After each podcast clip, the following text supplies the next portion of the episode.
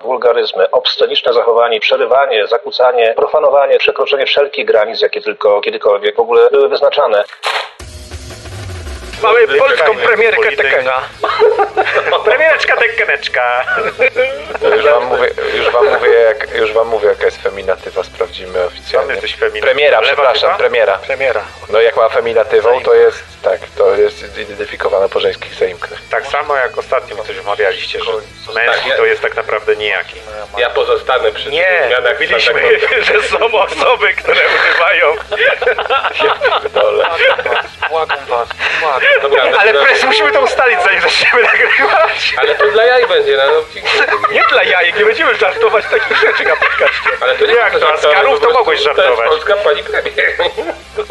Ja z niczego nie żartuję. Teraz tak mówisz, a kiedyś to mówiłeś Tak, no, inaczej. ludzie się zmieniają. No. Edukujemy się, nie musimy żyć w średniowieczu jak Nie, no, no się dla Ej, w piątki się kiedyś jadło bobra, bo myślano, że to ryba, nie? I to do końca A świata teraz będziemy pres myśleli, że rucha to ryba. bobra. Ale nie no, ale w sumie ryba też jest w sumie mięsem, a się ją wie do dzisiaj i co? Słuchajcie, Kto? tą rozmowę mieć... Nie, ryba nie jest, Którzy twierdzą, że ryba, nie ryba nie jest mięsem od jakichś, nie wiem, 100 lat chyba już w nauce, także... To też się wszystko zmienia. Niedługo na przykład, Dlaczego w wiesz, sumie trawa ryba będzie mięsem, bo tak. Czyli faktycznie już niedługo świnia. Ryba jest mięsem, przepraszam, tfu, od jakichś 100 lat No, już wiadomo, wszystko się że... zmienia, wszystko jest umowne. Tak, tak, tak, żyjemy przepraszam. W postmodernistycznej erze Żyjemy w postprawdy, umownym gdzie świecie. wszystko można ze wszystkim. Dobrze, więc skoro jesteśmy w umownym świecie, to zaczynamy umowny podcast. O, umowny O, dobra, to mi się podoba. Dawajmy. To jest dobry Na wstęp. 3-4. 3, 4. Poszło. Mowny podcast. Ja zaczynam. Cześć, To witajcie. moja. Tu się chodzi naciska, oglądasz się. Lubię ten kawałek. To się nigdy nie znudzi. Przepraszam go, ale Nie, no nie ma sprawy, no spoko. Cześć, witajcie na rozgrywce. Ja nazywam się Pres Perez, a to jest 225 odcinek. A reszta? A reszta to obojętne. Ze mną jest Amadeusz Łaszcz, czyli Deusz, Cześć wszystkim. Maciek Ciepliński, czyli Razer, Cześć wszystkim. Adrian Kornaś, czyli Jadek Cześć wszystkim. i jest też z nami oczywiście Król Kaz. Dzień dobry. I tak jak powiedziałem, to jest 225 odcinek rozgrywki, a czemu nawiązałem do żartu z tego polskiego filmu, którego nazwy już nie pamiętam? Nie wiem. My Jak się nie. nazywał ten film z młodym szturem? Poranek Kota? Poranek Kojota, jak zamawiali prostytutki i sztur powiedział, że dla niego Ale taka, że ty taka nas taka. zamówiłeś, czy teraz, bo nie wiem. Nie no, ten żarcik był przed chwilą, że reszta to obojętnie. Czyli najważniejsze, że przedstawiłem siebie, a reszta, a reszta to dzisiaj- Ła- ładnie się pan przedstawił. No, milionom słuchaczy. słuchaczy. Kas jest dzisiaj w dociekliwym y, nastroju, więc będzie ciekawy odcinek. Będą kąśliwe pytania. Ale jeszcze, żebyś nie pisał k- kaz na czacie potem, jak będziemy nagrywać, to nie, nie zamówiłem żadnych prostytutek, więc nie musisz Szkoda. słuchać domofonu. I jedziemy z odcinkiem numer 225, czyli Okrągła jest rocznica prawie. prawie, Aha. że Ale y, to jest jakiś to jubileusz. z- No y, to jedna drogą. czwarta do tysiąca. Jedna czwarta do tysiąca, jeszcze nie mój drogi, 250 to będzie jedna czwarta Ćwiartka, do prawie tysiąca. ćwiartka. Kurde, myślałem, że was wkręcę. Ale wiesz, że ja przez sekundę też pomyślałem, że to jest jedna czwarta do tysiąca. A potem szybko policzył. Raz, dwa, trzy, cztery, Nie, bo sześć. 25 to jest jedna czwarta setki, dlatego wiesz, jak chcesz Mhm. sobie tak ekstrapolować Ładnie. dalej, to możesz się pomylić. Ładnie to Słuchajcie, y, na okładce w ogóle rozpiski, No tej właśnie. tajnej rozpiski, któ- której nigdy nie widzicie, drodzy słuchacze, tylko widzimy ją my, nagrywający, mamy dzisiaj największy samolot świata, ponieważ zawsze dobieramy sobie obrazki do numerka odcinka, który akurat będzie nagrywany i jak ja wpisałem 225 w Google, to Serio? poznałem największy samolot świata. Tak, Kaz, serio, ty Antonow, nie przygotowujesz rozpiski, to nie wiesz, ale tak to działa. Te obrazki zawsze są e, skojarzone z 220, z, z, z konkretnym numerkiem odcinka. E, Teraz mamy 225 i jest to największy samolot świata, który na swoim grzbiecie w ogóle wywozi, wylatuje, wynosi, tutaj ojciec mi podpowiada, który z tyłu siedzi i Wynosi pracuje. śmieci. Pozdrawiamy mojego On ci ojca mówi, żebyś śmieci wyrzucał. Ty masz się wynosić. To tak jak w tym kawale, tak jak w tym kawale, mamo, idę do sklepu coś kupić, mieszkanie se kup. No. Bardzo mi się podoba, że ten obrazek to jest takie płynne nawiązanie do pasty o Micro- Microsoft Flight Simulator, gdzie, gdzie tam chłopaki tankowali samoloty. Ach, jest taka pasta, jest ona straszna, ale tak jest. W ogóle, w ogóle ja się zastanawiam, czy, czy, czy ta grupa, która teraz na socjalach się rozwija tak prężnie, czyli Matki Przeciwko Grom, to jest żart, czy to jest naprawdę? Żart. No a jak myślisz? To wystarczyło, że doszedłem do jednej trzeciej tej pasty i już się domyśliłem. Ale przeczytałeś całą? No Oczywiście. Bardzo Tak, dobrze. tak, ale ta pasta była powielana przez ten, przez ten tam portal, czy ten fanpage, bo oni są też na Twitterze, ale ja ostatnio widziałem listę gier y, jakby nie, niedobrych dla dzieci, czy coś takiego, właśnie promowaną przez te matki przeciwko grom, no i tam była dosyć... Bardzo dobrze, nie ma ani jednej gry, która jest dobra dla dzieci. Mhm. No, no, ale wiesz, no, była taka dosyć obfita lista, wydawała mi się zupełnie na poważnie, więc już zacząłem się zastanawiać, czy to jest żart, czy to nie jest żart. No, ale to nieistotne. Natomiast żartem nie jest to, że ten samolot wynosi na swoim grzbiecie promy kosmiczne do, do, do, do końca atmosfery. Co tato? Ale jak do końca? To jest niemożliwe. Już nie Jest tak jak my wynosi, wynosimy tata poziom z podpowiada. każdym odcinkiem. Oni może go transportują tylko, no bo przecież nie poleci ci konwencjonalny samolot na taką wysokość, z której prom mógłby już wystartować. No i przecież prom jak startuje, to... To był ogon gorąco. spalił temu On, Antonowowi. to jest przewożone. To jest transport tylko, no. To jest transport. To, tato, one tylko transportowały te promy z miejsca w miejsce, czy wynosiły... Tato! wynieśli się wynoś. Nie obchodzą twoje promy, wypierdalaj! Tata, a tata preza Zaraz powiedział... usłyszymy, jak pres jest taki wyciągany na, na korytarz. Nie, nie, oni, oni tylko Tato, do ja podcast nagrywam. z, z tych samolotów, czyli nie tylko do transportu to było. No dobra, słuchajcie, y, taka tutaj ciekawostka historyczna, y, naukowa. Myślę, że możemy dzisiaj częściej pytać twojego tatę. o Ale to było ciekawe. O każdy temat go zapytamy. Mój tata będzie temat. projektował dzisiaj pewnie do późna, więc będzie z nami cały czas przynajmniej Może to y, on, duchem. może on ograł w końcu te gry, które prez wiecie, tam ogrywa byle jak. Jeszcze raz? coś więcej powie. Mówię, że prez, no wiesz, ty zawsze masz tendencję do takiego szybkiego ogrywania gier, może twój tata bardziej dokładnie. Będzie Jego tata to prison architekta tylko Tata, pewnie, ma, albo tata wiesz. ma taką wiedzę dosyć obszerną z tych rzeczy i pamięta nazwy samolotów, pojazdów i nie tylko, też fakty historyczne. Jego ulubionym zadaniem, kiedy miał ochotę mnie podręczyć przez całe życie, było pytanie, Ruchanie matek. Już nie będę więcej. było pytanie y, s, y, stolicą Prez włącz kraju jest Lizbona. Nie, ale wiesz jak to jest ten, ten, ten żarcik, nie? Jak jest, jak jest, ha, ha, y, y, ja, Jasiu, Tak, znamy ten żarcik. Zawsze się z niego śmieję. Zobacz, jak... Zobacz, jaki Maćka rozbawił. No. Ale super, powiedz jeszcze raz. Cały tata preza. jest taki, Pres, jest taki żarty mem. od końca odpowiada po prostu. jest, jest, jest, taki, jest taki ten, jest taki po prostu komiks, jak taki Jasiu smutny, Siu- Jasiu smutny stoi i nad nim taki dymek, że ktoś z zakadru mówi do niego, haha, znowu ruchają twoją matkę, a Jasiu podnosi tak głowę i mówi, no weź tato, przestań, no. Ale, ty to, ale to twój tata teraz też słyszy to, co mówisz, czy nie? Tak. Tak, No, no, bo siedzimy w jednym fajnie. pokoju, przecież ja Tak mieszkam działa głos, już któryś Kas, miesiąc, Kaz, no. Nie, no to Tak, fajnie. Kas, bo normalnie rodzice nie wiedzą, co znaczy słowo ruchać, także No. jak się stajesz rodzicem, to już wszystkie przekleństwa nie umiesz, nie umiesz. Ale potem cię twoje dziecko uczy z I powrotem. tak, i jesteś przekonana, że twoje dzieci O. nie używają. Wszyscy na świecie używają przekleństw, ale twoje dziecko nie. To nie jest przekleństwo. O, no właśnie, no to ogóle ten problem. problem. Słuchajcie, moi drodzy, przechodzimy do sekcji newsów. Jeszcze nie, zanim newsy, to ja mam e, nawiązanie Żarcik. do poprzedniego. nawiązanie do poprzedniego odcinka, gdzie zamotałem się w kwestii cen gier i tego, ile procent gdzie idzie i jak wygląda odkupywanie gier i tak dalej. A niestety moi tak zwani koledzy, tfu, nie mieli jaj, żeby zwrócić mi uwagę, że to, co mówię, jest bez sensu. Za co Ja przepraszam. mówiłem, że Nintendo zarabia. Nie już daliśmy mówię. spokój, bo po prostu tym tak się była ciebie mowa. słuchało, że już woleliśmy odpuścić. Tak, tak, tak. W każdym razie, e, tak, zamieszałem się tam i, i, i powiedziałem głupią rzecz. Przepraszamy wszyscy w imieniu Adriana. Nie. Ja nie.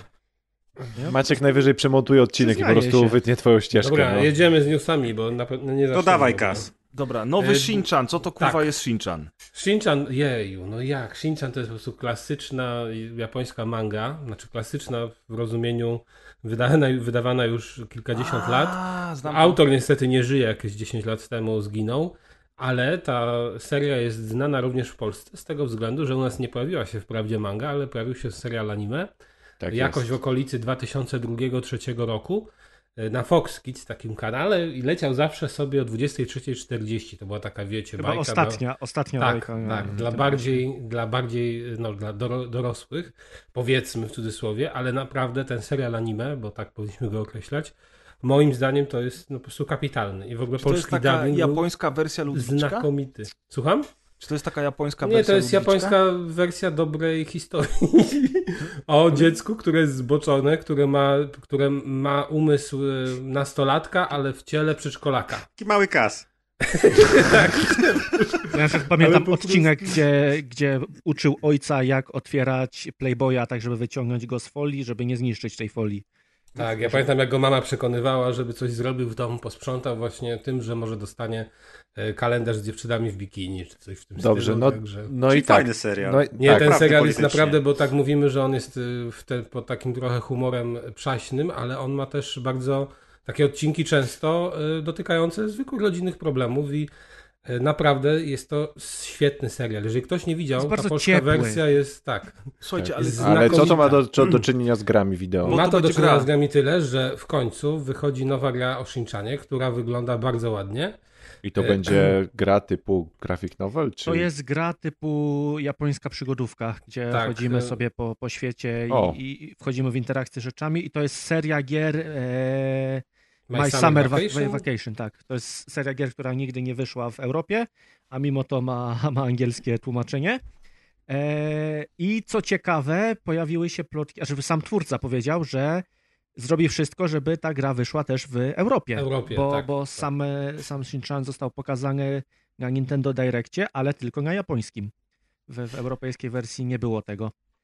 E, Słuchajcie, ale wytłumaczcie Przeuroczo naprawdę, wygląda co ten jest, tytuł. Co jest fajnego w, w dziecku z umysłem nastolatka, które jest napalone seksualnie? Obejrzyj tego, sobie ten Wiesz co, to jest, to jest bardzo mocno uproszczone i, i wiem Tak, jak to brzmi, tak. ale to tak naprawdę to jest Bo wiesz, to tak trzeba jakbyś- mieć kablówkę, żeby to obejrzeć, tak? Bo to jest. No na- wystarczą inne metody dzisiaj. Dzisiaj, tego, dzisiaj to jest nadawane na pewnym kanale, chyba na Foxie jakimś, ale tylko w wersji z lektorem. A ta wersja z polskim dubbingiem, ona 20 lat temu około leciała i po sieci pewnie gdzieś krąży i można zobaczyć. To są odcinki po 6-7 minut. Graficznie wygląda to obrzydliwie. Ja Pamiętam, że to była rzecz, która mnie odstraszyła od tego serialu. Jak obejrzałem pierwszy odcinek, to już później się tak wciągnąłem, że co noc siedziałem i oglądałem kolejne. I no na, naprawdę to jest, jeżeli chodzi o polski dubbing, to jest mistrzostwo świata tam, to co oni zrobili w tym serialu w ogóle. A to nie że dubbing w ogóle do takiej bajki powstał. Tak, Może tak. było na Fox Kids, to wiesz, to, to już w ogóle była Ale to duża no, rzecz. po prostu mistrzostwo świata. Obejrzyjcie sobie. Ja często wracam do tych. od- Niestety u nas wydano chyba tylko 64 czy 65 odcinków. E, Każdy mówię po 7-6 minut, czyli bardzo szybko się to ogląda, ale jest rewelacja. W Japonii oczywiście jest znacznie więcej. Teraz jest ta wersja z lektorem, ja jej jeszcze nie widziałem. Podobno jest gorsza. E, No ale ta wersja polska właśnie sprzed lat, no jest rewelacja. Naprawdę, to jest jeden z najlepszych anime, jakie widziałem w ogóle. Odpowiadając ci Prez na pytanie, to, to ten opis, że to jest napalony dzieciak w ciele e, nastolatka, to jest tak jakbyś Ricka i Mortiego próbował sprzedać tym, że, że dzieciak z wiecznie pijanym dziadkiem podróżuje w czasie na przykład, nie? To, wiesz, wie, Ale wiem, to że do- tak Dobrze, ale Adrian, ale to Nie da się tego dobrze, do co końca przed chwilą powiedzieć powiedziałeś, to brzmi mega dobrze nawet. No nie wiem, czy, wiesz, czy wiecznie najebany No. dziadek to, to, to jest dobry wzorzec? Co jest ciekawego w tym? No, A co wiesz, będziesz robił, jak będziesz miał 70 lat sam? Będę No. martwy. Oby. Ale gra wygląda całkiem ładnie, szczególnie tła. Postacie są takie dziwne, bo znaczy mają design Tak, taki. bo ten design jest dziwaczny właśnie. No, taki tego, dziwaczny jak z serial, a Anglii poza anime. tym Mhm. wybijają się, bo są tak jakby cel shadingowo y, cieniowane i są, mają bardzo duży aliasing, w sensie ząbki, w ogóle nie są wygładzone i po prostu znowu jest taki dysonans, że bardzo się odcinają od tego tła i tła są super, bo są malowane, to są y, jakieś tam japońskie widoczki takie właśnie To w ogóle z... wygląda trochę jak Nino Kuni dla mnie, nie wiem dlaczego. tak mi No, przypomina to taką bajkową nie wyglądało. Nino Znaczy ja wiem, trochę że bardziej pod bajkowo względem... wyglądało. no, Tutaj te tła są graficznym 2D lepsze, rysowane ale- płaskie i po nich się poruszają trójwymiarowe postacie, ale, ale te postacie się jakoś tak dziwnie odznaczają od tych teł, które są bardzo ładne. Tak, Czy wiecie, to na pewno nie będzie tytuł AAA. To jest, na, to jest No. pewne. Ale ja czekam bardzo, bo jest nawet wersja Shinchana dostępna na Switcha dzisiaj, ale niestety to jest taki Endless Runner yy, komórkowy. Słuchajcie, a kto mi wytłumaczy, na czym polega gatunek gry My Summer Vacation? Bo akurat to mnie najbardziej zaintrygowało z całego tego Yy, newsa. To nie jest gatunek, to jest nazwa serii. Mówię, to są japońskie przygodówki. To jest takie, że przeżywasz dziecięce wakacje, powiedzmy, czyli robisz wszystko to, co normalnie robisz w wakacje, a to się Czyli z kimś bawisz, a to byłoby to ganiasz, a to jakieś skarby odkrywasz, a to łowisz ryby, a to ktoś się prosi o jakieś zakupy. Ale jeżeli, jeżeli jesteśmy już w temacie wakacji, do których powoli się zresztą zbliżamy, to jeżeli nie widzieliście filmu Moje najlepsze, najgorsze wakacje, nie pamiętam angielskiego tytułu niestety, to koniecznie go sprawdźcie. Y, Z samym Rockwellem między innymi. Naprawdę, naprawdę przyjemne kino. Bardzo ciepłe i, i, i, zabawne. Także tak, właśnie sobie przypomniałem a propos My Summer Vacation. Najlepsze, najgorsze wakacje z 2013. Tak jest. Jaki jest angielski tytuł? O matko boska. My best worst vacation. Nie, Adrian, ale The way, way back. The way, way back. Byłem blisko. No. Prawie, Adek. Wiemy, że się starałem. Polskich Serio? tłumaczeń zagranicznych tytułów, nasi tłumacze jak za, zawsze są w formie, ale tak, zobaczcie Mam nadzieję, że jak Shinchan wyjdzie w Polsce, to O, będzie to mały będzie zbok tytuł. na przykład. Mały zbok, ja Mało nie kupiłbym. Mały Razem zbok. No i Osoba mało zboczna. Właśnie, nie można zakładać jego płci, nie wiadomo. Wiadomo. No ale on tam trochę lubi sobie tak do płci akurat y, no, pożartować Shinchan, więc... Proszę no, nie. Co ja, co, co, co, co ja zrobiłem? Dobra, to następny news. Kas, jedziesz. Ty Następny news, ja nie wiem o co tutaj chodzi, coś y, e, F Activision. Ale ja widzę, ja chodzi? wpisałem, ponieważ BlizzCon był i ja wiedziałem, że pewnie będziecie chcieli omawiać, więc mój komentarz jest fuck Activision i, i A, dziękujemy lecieć. za komentarz. Adrian. A, no to ja tu wkleję BlizzCon od razu. Ja z BlizzConu tylko wiem tyle, że pokazali remake Diablo 2, który wygląda dziwnie. Bo Czemu wygląda dziwnie według ciebie? Bo wygląda praktycznie, jak zmrużysz oczy, to wygląda identycznie jak Diablo 2, ale jak nie mrużysz oczu i patrzysz, to to Poczekaj, wszystko jest spróbuję sobie odtworzone w- odpalić, tylko Masz na po YouTubie prostu- sobie zrobię 240p, to może. No mało to wtedy będzie jak Diablo monitorze. 2. A jak się Okej. na to patrzysz, to zauważasz, że to wszystko jest odtworzone w 3D i tak naprawdę teraz symulowanie tego pikselowego Diablo 2D w takim powiedzmy dosyć tanim 3D wygląda jak ta, takie wszystkie klony Diablo z komórek dla mnie przynajmniej. To jest takie, takie dziwne. To, to wygląda jakby ktoś spiracił, jakby Chińczycy zrobili klona E, Diablo tak, 2. masz rację. To jak teraz to mówisz i na to patrzę, a sobie jeszcze zrzuciłem rzeczywiście do 244p. 240, 100 przepraszam, do 144 P. jeszcze możesz, wiesz, jak A masz nie, d- Pentium 75 tylko. To nie? rzeczywiście wygląda tak samo. To, to, to lepiej w sumie wygląda w niższej rozdzielczości. Czyli trzeba grać w rozdzielczości, będzie więcej klatek przy okazji. No. Ale ja ten, mam ale focha, że nie to- zrobili remake'u ani remastera jedynki. To jest w ogóle dla mnie niezrozumiałe. Ja rozumiem, Bo że jedynka jest krótsza. dwójka jest bardziej kultowa niż jedynka. Może Ja nie wiem, czy ona jest bardziej kultowa. Ona była łatwiejsza do odświeżenia, dlatego że ona mechanicznie jest dużo świeższym tytułem. Tak naprawdę od dwójki przez te No, ostatnie ale też 20 ma lat więcej niewiele się zmieniło w biomów. mechanice. Czy ja w ogóle się, ci- dla mnie śmieszne w tej całej aferze jest to, że ludzie W jakiej aferze? stawiają, no bo afera jest taka, że Blizzard wyciąga kasę i nic nie zmienił. E, I ludzie wyciągają na przykład zdjęcie, znaczy jakąś grafikę tego barbarzyńcy, najbardziej chyba charakterystycznej postaci, pamiętam ją z okładek i z różnych tam czasopism. No i pokazują jakby ten model w tej nowej grze i to ma jakby udowodnić, że ta gra jednak się zmieniła. Więc jeżeli już ludzie muszą takie coś robić, żeby udowadniać, że jednak się zmieniła, to coś jest z tym chyba nie tak. Ej, no ale widać gołym okiem różnicę pomiędzy oryginalnym Diablo 2 a tym, tym No ale właśnie o to chodzi, że masa ludzi, jak, jak to oglądała te zwiastuny, to mówiła właśnie na zasadzie, że nic nie ma żadnych zmian. I później To jest widziałem pełno takich zmian. grafik, że spójrzcie sobie jak to wygląda, a jak to wygląda. I że rzeczywiście tak. zmiany są... Ale- Nie no, zmian jest... jest- ogrom, tylko ja wcale nie, nie, nie, nie kleję tego nowego stylu wizualnego, który oni wprowadzili. Ja wolę oryginalne Diablo 2 niż to nowe, szczerze mówiąc. W sensie, Mhm. że to jest trochę tak, jak wy powiedzieliście, to wygląda jak podróbka Diablo 2. No, bo oni Mhm. jakby, to nie jest tak, że oni to zrobili w najlepszej teraz jakiejkolwiek grafice, jaka istnieje, nie? Że zrobili Najlepsze, to na najgorsze takim, wakacje. No nie właśnie. Tak jakby to zrobili na silniku Diablo 4, tylko nie, tylko Ale to to, jest ma wyjść na faktycznie na PC. żeby było Czy jak może, najbardziej- Może jest klon komórki. jak nie, najbardziej wyjść podobny na do dwójki. ale żeby było I na Switcha. 3D.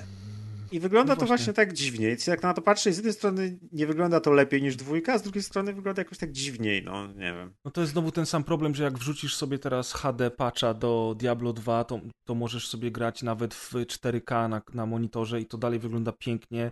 Możesz dowoli oddalać, przybliżać i po prostu Diablo 2 jest taką grą, która naprawdę broni się już mechaniką. To jest to, co ja powiedziałem. Jedynka niekoniecznie by się wybroniła, ale dwójka się broni. Znaczy, któryś z was jest takim super fanem Diablo 2? Bo już nie pamiętam nawet. Wiesz co, no A, chyba wszyscy No, jakoś ja tak... dużo grałem, ale ja wolę lubimy, jedynkę nie? jednak. Ja też wolę jedynkę, e, szczerze mówiąc. Dlatego jestem zdziwiony, że taka decyzja zapadła. No z drugiej strony Warcraft 3 też dostał, e, dostał remake, a jedynka i dwójka nie dostały. Dlatego ja mówię wam, to wszystko wynika z tego, że łatwiej było odświeżyć Mi się wydaje, że to jest jednak kwestia jedynkę. popularności. Te tytuły o wiele bardziej się schodziły, tak samo Warcraft, jak i, jak i właśnie Diablo drugie. Spotkajmy się po środku. Części. Spotkajmy się po środku i powiedzmy, że jedno i drugie, bo faktycznie dwójka chyba jeszcze, jeszcze lepiej sprzedała od jedynki, zresztą to nikogo nie powinno dziwić, bo dwójka jeszcze przed premierą już obrosła kultem, no bo kontynuacja Diablo 1, wiecie, nie? I to Mhm. były takie czasy, kiedy, kiedy te gry wpływały do mainstreamu bardzo szeroko, ale jeszcze były trochę jednak takimi grami, wiecie, dla piwniczan. E, I Diablo 2 było jedną z tych pierwszych gier, o których było tak głośno, że było o niej bardzo, bardzo głośno W Polsce wszędzie. też było głośno, bo była po polsku po prostu. Też, podana też, i- owszem. I ona po prostu, ona po prostu zaczęła, to była jedna z tych pierwszych gier, które naprawdę, naprawdę sprzedażowo robiła wrażenie po prostu, nie? Mhm. No, A jak, chcecie, a jak chcecie jeszcze więcej o Diablo posłuchać, to ja tylko przypomnę, że 4 lata temu został nagrany specjał rozgrywki nazywający się dla Diablo Death I można sobie tam też również. To ogólnie e, o luterach wspom- był- Tak, był o wspomnieniu. Diablo posłuchać. Kiedyś to było, słuchajcie. No, a co dalej? Co dalej z tym Blizzardem? No i jeszcze tylko tyle za- zauważyłem, że nie będzie, nie ma szans na Diablo 4 w tym roku. A to chyba nie jest zaskoczenie już. No raczej nie. I, i tego tam Overwatcha też nie będzie drugiego. To nikogo To nie obchodził. Overwatch zniszczył cały gatunek gier online, multiplayer, shooter, więc... No i dlatego Adek, e, fuck Activision. Nie Natomiast dlatego, ale Mając na myśli jeszcze duże Natomiast- firmy, to ostatnio ktoś chyba u nas na grupie, już nie pamiętam kto, stawił taką fajną grafikę dotyczącą Rockstara akurat. Jak zmieniały się serie GTA po 7 latach. Tam chyba jest ustawiona dwójka. To ja wrzuciłem tak, że Ty wstawiłeś? 7 lat minęło między pierwszym GTA i San A Andreas, jedynkę a teraz miałeś, 7 no. lat minęło między piątym GTA a piątym GTA. I co się zmieniło, tak. To jest piękne, to jest Ale wiesz, wtedy nie było GTA Online, a teraz jest. Jakbyś sobie zobaczył, Nie, ile kontentu prostu- przez 7 lat doszło w GTA Tak, Online. tak, ale wizualnie się nie zmieniło, Tutaj chodzi o wiesz. wygląd. Ten, o- ten obrazek po prostu jeszcze bardziej mi uświadomił, że czasy tego ogromnego postępu, których Mamy dawno za sobą, prawda? mamy już za sobą i to już nigdy Ale tak niedługo nie dojdziemy do takiego momentu, że będziesz miał, wiesz, zrobisz sobie kolejną taką grafikę, gdzie będzie pierwsze GTA, ostatnie GTA i znowu po iluś latach i to samo będzie, bo nie Ale zdążą jeszcze wydać następnej Wiecie części. co, ale, ale jeżeli chodzi o ten postęp, to mi się wydaje, że teraz po prostu ten postęp poszedł w, inny, w innych kierunkach niż, ni- niż my byśmy chcieli, czy niż my obserwujemy, no bo rzeczywiście graficznie i technologicznie, znaczy tak, postęp technologiczny cały czas jakiś tam mamy, postęp wizualny No tak. jest, tylko on jest y, dużo mniej zauważalny gołym okiem niż właśnie to, co było między chociażby GTA 1 i GTA San Andreas. Natomiast e, To- mi się bo to- wydaje, że mamy Mhm. teraz e, bardzo duży rozwój virtual re- reality, prawda? W VR-ze dzieje się bardzo dużo. Mamy bardzo duży rozwój grania mobilnego. Tam się cuda dzieją, o których my nawet, wiecie, nie wiemy, nie? To, no to, jest trochę, to jest trochę tak, jakbyśmy wzięli powiedzmy e, sytuację typu e, 7 lat przed e, pierwszym Fordem T i na przykład mieli bryczkę i potem 7 lat później Ford T i potem wzięlibyśmy na przykład 10 lat później samochód, jakiś kolejne, kolejna iteracja Forda T i byśmy powiedzieli, o zobaczcie, nic się nie zmienia, kiedyś była konie, a teraz potem mieliśmy samochód, a teraz mamy samochód i znów samochód. No tak, Jakby- ale mimo wszystko no, kiedy, tamten tak, skok był ale- największy, nie? Odbył się w krótkim czasie, ale, ale- miał największy- Ale, ale bo jakby chodzi, że wiesz, w przypadku GTA akurat od pierwszego do, do, do, do, do, do piątego, tak? Do San Andreas, przepraszam, to akurat y, trafiło, to jest jakby po prostu dobry przykład, żeby zilustrować, że tam w pomiędzy się zadziała, zadział taki przeskok do tego No 3D. No tak, no właśnie, to jest to właśnie. To jest Na to, samochód. To była rewolucja, teraz nie ma rewolucji, do tego dochodzi. Teraz jest bardziej ewolucja. Znaczy no trochę tak, no bo kiedyś w ogóle nie było 3D, więc przejście Tak, w no to to 3D była było ogromnym skokiem. Teraz. E, King's Bounty 2 odwidy- będzie z walkami 3D. To jest To? informacja. Z... King's Bounty 2 będzie miało, czy też miało, teraz przepraszam, jeżeli mylę, walki w 3D i to jest informacja z, od naszych kolegów z forum Ogatki. A słysza, słuchałem coś trochę, tak. Ale Jak czemu nas ma to zainteresować? Przepraszam, Właśnie. zbanty, bo... No bo walki w E, 3D, odnośnie musisz trzy- posłuchać, o walki to 3D, zobaczysz, tak, że tak, śmieszne. Tak, tak, bo teraz się, się mówicie o przeskoku 2D 3D, to ja chciałem tylko zaznaczyć, że w King's Bounty 2 walki 3D.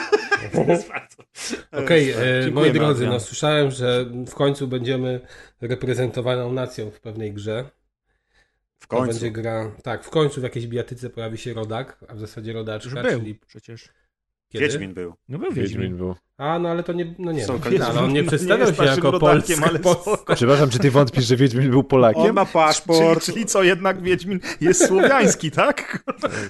Ale No, fakt faktem, podobna, Wiedźmin jest Polakiem. podobna postać jest do Wiedźmina w tym wypadku, do Wiedźminki. Konkretnie. Skłodowska też. On jest potomkiem husarzy. O.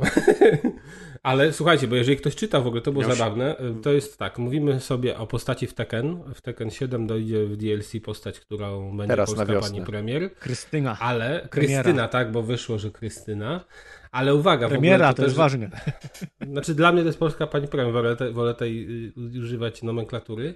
Natomiast ciekawe jest to dla mnie, że ta postać nie została ukazana w całości, a te grafiki, które widzimy, wskazują na y, podobieństwo bardzo duże do Siri i nawet tam ludzie zauważyli bliznę na policzku. I też taka koncepcja jest, bo kto czytał Wiedźmina, ten wie, że no, jakbyśmy zestawili te dwa światy, to kto wie, czy taka Siri faktycznie mogłaby nie być w naszej rzeczywistości premierem, bo wiemy dobrze, jak się Wiedźmin tam rozwijał, jeżeli chodzi o serię książek. No i to jest Więc Namco, mogłoby prawda? to jest. Prawdziwe. tak, Namco też ma powiązania Bandai. z, z Redami i Wiedźminem, więc To wygląda jak Siri, tak tylko daleko. zastanawiam się, dlaczego oni jakąś cisną w tym momencie panią premier, zamiast nie powiedzieć, że w nowym Tekkenie będzie Siri, bo jeżeli to ma być rzeczywiście Siri, to chyba Czy jeszcze dużo nie wiemy, to teraz jest to nie gdybanie. Z tą panią premier chyba po prostu mem się stworzył i ludzie bekę cisną, nie? Bo- Nie, Nie, no ona Jak jest to? w prowadzeniu fabularnym jako pani premier, która ratuje Oczywiście. Polaków. Tak, nie, ona będzie A, walczyć w Walczyć w imieniu imię wszystkich Polaków. Ona Znaczy, to, będzie to walczyć. wiem, że będzie walczyć w imię Polaków. To Siri jest Polką też, tak jak Razem- Wiedźmin Polakiem, więc... Tylko żeby Tak, nie ale było, ona że ona tam, że ona pójdzie i Do niej w tym na- trailerze fabularnym mówią pani premier. chyba. Aha. Tylko żeby ona Tak, tam tak. nie- poszła do Częstochowy i się nie zdziwiła, że nikogo tam nie ma, Znaczy, nie? Już pojawiły walczyć o się, pojawiły się takie e, memy dotyczące tego, jakie będą ataki, no, że na przykład atak broszką, albo że po zwycięstwie, Nie, to jest... albo że po zwycięstwie Broszka będzie to mówić, jest to nam biżuteria się po prostu boki. należało, czy to zwycięstwo się należało. Tak. To bardziej do bajonety by pasował atak. O Jezus! Biżuteria do kurwy nędzy. Ile wy macie lat? Nie wiem, Biżuteria Kas to do- powiedział. To... Biżuteria do kurwy? Kazowi- O co ci Kazowi chodzi? Co to jest specjalne? No broszka właśnie. W każdym razie, No, e, w właśnie. każdym razie ja w ogóle ja bym z- od innej strony chciał podejść, bo no, spoko, nie? Ja się ani mnie ziębię, ani grzeję. Uważam, że... Dlaczego? Ja się grzeję. No, Geralt był fajniejszy Ile w mamy Soul lat, że się jaramy tym, że Polak się gdzieś pojawia. A ona w ogóle No, śmiesznie wiesz, wygląda, bo... To No jest- niektóre mniejszości się jarają, że w jakimś serialu czy filmie się pojawia przedstawiciel, ja się cieszę, że... No i to jest wtedy sensacja na cały narodu kraj. Ja muszę tak. Ci przedstawić świat. Jest, jest tak, że jeśli Polak się pojawi w jakimś dziele popkultury, ale pojawi się w złym świetle, to są nawet organizacje, które walczą przed sądami, żeby to zostało zmienione. O dobre imię Wielkiej Polski, dobrze. Świat, E, ten świat jest dużo bardziej popierdzielony niż ci się wydaje, więc my nagrywający podcast, którzy się ekscytujemy tym, że coś się pojawi, to jest po prostu kropla w morzu tego, coś, coś, coś Ale mimo wszystko ja, ja jestem głębiej. podjarany. Chętnie bym zagrał teraz w Tekena. Spoko, nie, nie wchodźmy głębiej w, w tę króliczą norę z, z Polakami. Od razu rzucę newsa, że do Rainbow Six dla Eli e, będzie skórka z Resident Evil. O, fajnie, to akurat fajne. Właśnie, wiecie, bo, czemu? Bo jakby... Ela też jest przykład- Polką. To Ela czy Tak, Zofia? tak, E, Ela, Aha, Ela taka Zofia, Ela. są- Myślałem, że dwie Eli tak jak. Eli Page. Nie, nie, nie, są dwie operatorki w Tak. Rainbow Jest Sixie, które, które są Polkami, tak, A. Ela i Zofia. I w ogóle Ela y, będzie też jedną z głównych postaci w tej kooperacyjnej zombie strzelance Rainbow Six Quarantine, który został zmieniony z A wiesz, jak Ela ma nazwisko? innego. W- y, Bosak. E, no to Polsa, Poland Strong! O, to. Ale one są faktycznie, że tam polskie siły zbrojne, jakiś tam grom czy Tak, coś? oczywiście, ten? że A, tak. One są z gromu, one mają normalnie, wiesz, one mają mundury polskie i tak A dalej. Zofia też jest mają Bosak. użyte- Ojej, to są siostry. A to, a, To są siostry, a to nawet nie wiedziałem tego, widzisz. Albo matka i Y, córka. no, Nie, Słuchajcie, no, bo o co mi chodzi? że są siostry. O co mi chodzi? Y, Tekken i jego Z DLC. Wrocławia. Nie, spoko, Hmm. to jest ważna informacja teraz. Ale ten Tekken i jego DLC to jest trochę nie, nie dziwi, znaczy czy tego nie jest za dużo, bo gdyby Ale to było trzy as postacie były w Service... DLC. Nie no stary, przecież tych, tych season passów do Tekkena to już chyba ze trzy wyszły. No ale Ja chyba, pamiętam- jeżeli chodzi o postacie, to chyba jest tego, nie wiem, może źle czytałem, bo nie śledzę tego, ale tam czytałem, że to jest jakby czwarta postać. Nie, bardzo dochodzi- dużo wyszło season passów już do Tekkena. ale No może Dobra, ale były ze season passy skórkami, a nie nowe postacie, postaciami. czy... Nie wiem. No dobrze, no to musicie sprawdzić. Ja pamiętam, że był Negan z The Walking Dead dodany, że było dużo innych postaci No do właśnie, ta, ta osoba była wymieniona jako jedna z tych trzech dodanych i teraz ta ma być czwarta. Ja tak Mhm. czytałem, ale może... No to ja, może ja coś mieszam, ale mi się wydawało, że tam jest jakaś w ogóle masakryczna ilość nowych postaci, no, tak samo jak jest, to no, było... nie, nie śledzę. Tak samo, wiesz co, bo, tak samo było w tym, w Capcom vs. Marvel, Marvel Infinite. E, Podobnie chyba było, jeśli nie w Soul Caliburze, to w jakiejś innej bijatyce. Ja się tak zastanawiam nad tym, że... Teraz w wielu biatykach tak jest, Tak, ale te znowu, postacie. to, To znowu, to jest znowu coś, co, to jest znowu coś, co powinniśmy... O właśnie, Dead or Alive, przecież tam jest miliard dodatków. Mhm. To jest coś, co jest bardzo niefajne moim zdaniem, bo gdyby to było A Games as? Service... Powiedz Szczerze? Dlatego, że strasznie horrendalne ilości pieniędzy oni sobie życzą za to wszystko. I jak ja E, widzę, że do tak, tu się Capcom- zgodzę, ale... 12 znaczy, nie, postaci jest w Tekkenie w DLC-kach ogólnie. O, dodatkowo. czyli jest więcej. I te Dużo. zestawy strojów, te zestawy postaci i tak dalej, i to wszystko jest piekielnie Nie dobra, drogie. ale ty się teraz No, ale- czepiasz ceny, czy Właśnie. czego, że się dodają ceny. zawartość? Nie, fajnie, chodzi że oni tą grę rozwijają, tylko że te ceny są po prostu makabryczne i faktycznie Dead, Alive, Dead or Alive pamiętam też, że ma makabryczne ceny, tylko że akurat Dead or, do, Dead or Alive jest w ten sposób zrobione, że podstawowa wersja gry plus paru wojaków, czy tam y, tych walczących jest za darmo. I wtedy I rotacja resztę możesz chyba sobie... jest tam. Jest jeszcze jakaś rotacja, dokładnie. Tak samo było też chyba w tej, y, w tym eksie od Microsoftu, jak się nazywa? Killer Instinct? Killer Instinct. Tak samo było. Teraz w ogóle Killer Instinct Ale- jest w Game Passie ze wszystkimi dodatkami. Z drugiej strony- w temat jest zamknięty. Wolałbyś, żeby wyszedł Tekken 8 z tymi 12 nowymi postaciami za 250 zł? Y, Pytanie brzmi, ile musieli ludzie zapłacić za te 12 postaci, No, bo ja bym się nie zdziwił, 25 gdyby zł za każdą. No to widzisz, no to masz drugie tyle za grę. No Nie? tak, no ale no, no, czyli na to samo wyszło. Czy byś dostał Tekkena 8 z nowymi postaciami, czy dokupujesz sobie po jednej postaci tam No, nie ale wiem to, co to, ile. była, no, to by był nowy No tytuł. może i Przy tak. czym, no. czy musisz na przykład też kupować wszystkie postacie? No możesz właśnie. sobie kupić, możesz Wiadomo, sobie nie chcieć kupić tych musisz. postaci, wtedy za nie Wiadomo, nie że płacisz, musisz, nie? Maciek, Typa z wiadomo, Final Fantasy musisz. na przykład. Masz je w filmikach, w intrze, masz je w menu, one ci są podświetlone na różowo, No ale że ty co- tej konkretnej ale nie, nie masz. musisz, no przecież jak No to jest upierdliwość, oczywiście, ale ja chodzi, typa z. Final Fantasy nigdy bym nie kupił, chociażby tak mi go samo- reklamowali w intrze nawet, nie? No, To tak proste. samo jak w Call of Duty po prostu, co jest dla mnie skandaliczne, że w pełnopłatnej grze, nawet już więcej niż pełnopłatnej, bo teraz to ona i 350 kosztuje na niektórych platformach, masz wielki prompt, który wyskakuje ci prawie za każdym razem, jak uruchamiasz grę, że masz se kupić Battle Passa. Albo, że ten Battle Pass coś tam, coś tam. Czy jesteś pewien, bo Battle Pass. No straszne to jest. To jest. y, No, niestety, tak powinno no. być w mobilkach darmowych, a nie w grach za 250 i więcej złotych. I też jakby pod tym kątem patrzę na te cholerne wszystkie bijatyki i te nieskończone ilości po prostu nowych DLC-ków, które dokupić można, ale dobra. Zmienił się, zmienia się forma dystrybucji i zarabiania na grach, więc teraz mamy tak, no i już, już jest za późno, żeby płakać. Jesteś to. podłączony do internetu cały czas, więc też cały czas możesz być reklamowany, zarzucany reklamami, bo też w każdym momencie możesz teoretycznie wejść do sklepiku i coś kupić, więc to jest właśnie takie, no, powiedzmy takie w cudzysłowie, a always online, nie?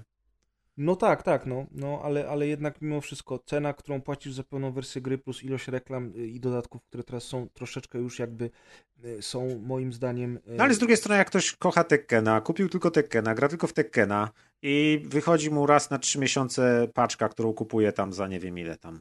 Za No, za- wiesz, 25 coś. zł. No 25 powiem zł, tak. jeszcze mniej, no. No to Mhm. nie wyda, nie kupi. Idealną, jasne, no. idealnym przykładem na się będzie na- cieszyć, że ma więcej swojej idealną gry ulubionej. Kontrą do tego Tekena jest właśnie Splatoon, o którym chcieliśmy powiedzieć jeszcze chwilę. To nowy Splatoon będzie trójeczka. I powiem szczerze, że kiedy ja usłyszałem, że będzie Splatoon 3, to pomyślałem sobie, pomyślałem sobie no mech. Jakoś już jedynka to była gra, która miała stać się taką grą na, no powiedzmy, generację. No ale Tak, wyszła tak. na Wii U, Mhm. więc później na Switcha wydali jako dwójeczka. Ale ta dwójeczka, moim zdaniem, aż tak mocno się nie różniła od jedynki. Ale, ale zebrała dobre recenzje przecież. E, Tak, no pewnie. No, trójka pewnie też tak zbierze, ale też jakby ja w ogóle nie mam, jak widziałem ten trailer, kompletnie nie mam y, ochoty kupować trójki mając dwójkę. Jakoś nie widzę tego, żeby. No nie wiem, że te gry mi się wydawało, że to jedynka, dwójka aż tak mocno się nie różniły i ta trójka póki co też nie przedstawia się na coś rewolucyjnego, chociaż dop- dopiero mieliśmy pierwszy trailer. E, No ale jest właśnie czymś nowym, tak? E, I teraz pytanie, czy to jest ok, że wydają jakby nową grę, czy mogliby jednak wzbogacać to co jest? No bo wiadomo, że graficznie, no to tam gór nie przeniosą na To, Switchu. to, to jest dyskusja I- przeniesiona z FIFA, Call of Duty, Overwatchy i wszelkiego typu No, gier, które są no opierają na, na, na, na, na grze można, sieciowej, można też więc to tak odnieść. Natomiast wiesz, no to jeszcze silnik was zależy, nie? Na czym jest napędzany, może on będzie inny, nie wiem. Natomiast no tutaj też ja się zacząłem zastanawiać. Kompletnie na mnie szału nie, zrobiło, nie zrobiła ta zapowiedź. No ale wy tutaj wypisaliście, jeżeli chodzi o newsy, że nie będzie wyboru płci. I Tak, faktycznie. ja dorzuciłem e, tego newsa i to jest fajna sprawa, ponieważ w tej grze i też w kilku innych e, nie wybiera się płci na początku, a wybiera się styl. Więc można sobie stworzyć Bo- dowolną postać, wyglądającą sobie jak się chce. zresztą Ten wybór płci nie ma sensu tak naprawdę, nie, nie, nie jest potrzebny. to, to chyba, to chyba To nie jest to chyba, to, to chyba nie jest przypadek, ponieważ jak sobie zobaczycie na logo Splatoon 3 i to logo ma, jest, składa się z koloru białego, czarnego, fioletowego i żółtego, Czyli dokładnie czterech kolorów, które są na fladze mm, Osób niebinarnych. wspierające osoby niebinarne. Więc Ale czy te inne loga akurat wcześniejsze też tak nie były w Splatunie, tak z ciekawości, bo... Może już od dawna wspierali. Podobne. E, Być może tak, e, e, bo w tym samym newsie jest napisane, że wielu fanów jest przekonane, że dwie nie, postaci... inne kolory były. Że dwie postaci z dwójki e, ze sobą się umawiają, czyli W Pearl Splatunie i 2 Marina. był zielony, taki jaskrawy, także nie, to były nie te kolory, więc No nie wiem, w każdym razie no to te postacie są takie, no bo to są, wiecie o tym, czy nie wiecie, że to są niby te ludziki, nie? ale tak naprawdę są to ośmiornice, później Mhm. się zmieniają, więc one w ogóle są no takie kreskówkowe, więc tutaj akurat ten wybór płci to chyba no, nie miał znaczenia. Tak mi się wydaje, no tylko wygląd tej Nigdy postaci nie ma się zmieniał, jeżeli bo, chodzi o... bo zawsze zmienia się tylko wygląd. No nie, no, ma znaczenie. Tutaj umiejętności na przykład się nie zmieniały, o ile pamiętam, w, tych, w tym wyborze No postaci, i bo się normalnie wybierało swoją skórkę. nie są zależne od płci. E... No nie, ale... Mam jeszcze dwa newsy. Kolega. Z reguły w grach były zależne od płci, niestety. Albo stety. Tak, to no, nie, nie jestem fanem tego rozwiązania. E, Kolejny news jest taki, że Zelda obchodzi 35 lat i teraz oddaję Ale głos... Zelda? Gry z Zeldą? Gry z Czy- Zeldą. I oddaję głos teraz e, wszystkim ludziom, których to obchodzi. Dziękuję.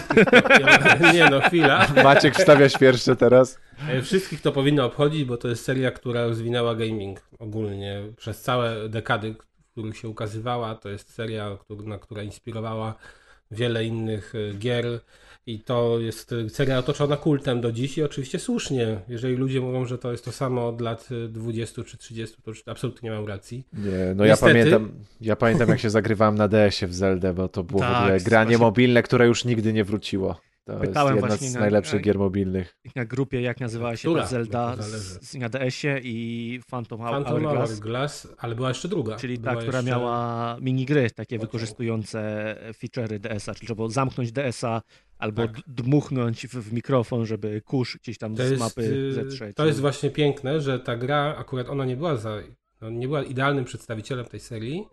Ona miała swoje wady i wielu, wiele osób ją hejt, hejtuje, bo ona miała na przykład takie rozwiązania, że do dungeonu praktycznie tego samego się wchodziło po kilka razy i to było żmudne, ale miała takie rozwiązania właśnie wykorzystujące to, co Adek powiedział, e, możliwości tej konsolki, że czuć było po prostu magię takiego, no, no Nintendo zwyczajnie.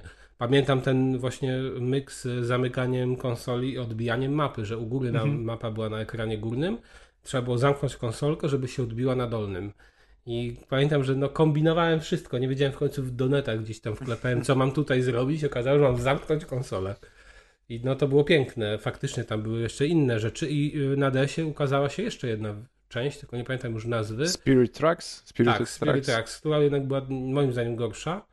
No ale ta te, te seria z reguły no, wytaczała też, tak jak trochę Marian, to jest taki, taka druga seria Nintendo, która wytacza kierunki branżowe. Wytycza. E, wytycza, no wytycza. E, no y, zobaczymy co będzie dalej. Na razie wszyscy się jarali, że będą jakieś nowe informacje odnośnie Breath of the Wild 2. Nic nie było. Pojawiło się za to, o, pojawiło się za to, e, pojawiła się za to informacja o tym, że Zelda z Wii, Skyward Sword, będzie wydana na Switcha i będzie cały czas miała kontrolę ruchem, ale będzie też możliwość kontrolowania normalnie przy użyciu zwykłego pada. Nie wiem, czy się tym jarać, czy nie. Ludzie są zawiedzeni, że Nintendo znowu sprzedaje grę starość w pełnej cenie. Właśnie, bo to jest chyba Natomiast- jedyna kwestia tutaj sporna, dlatego że Nie, no wznowienie- sporną kwestią jest to, że nic nowego nie pokazali, tylko odświeżony tytuł. Jakby to, Znaczy, to jest w największy ogóle na ból. całym Direccie, tak? Że nic nie Tak, że ogólnie, no, że ta 35-lecie serii, a nie ma wzmianki o czymś nowym. To jest No e, bo problem. y, fani y, już pokazali im, że mogą tak robić i będą tak robić dalej. To jest to, co Adrian powiedział dzisiaj o, o, ty, o tej sprzedaży i wciskaniu reklam w pełnopłatnych grach i że jesteśmy już na etapie, na którym trochę jest za późno na to, żeby płakać.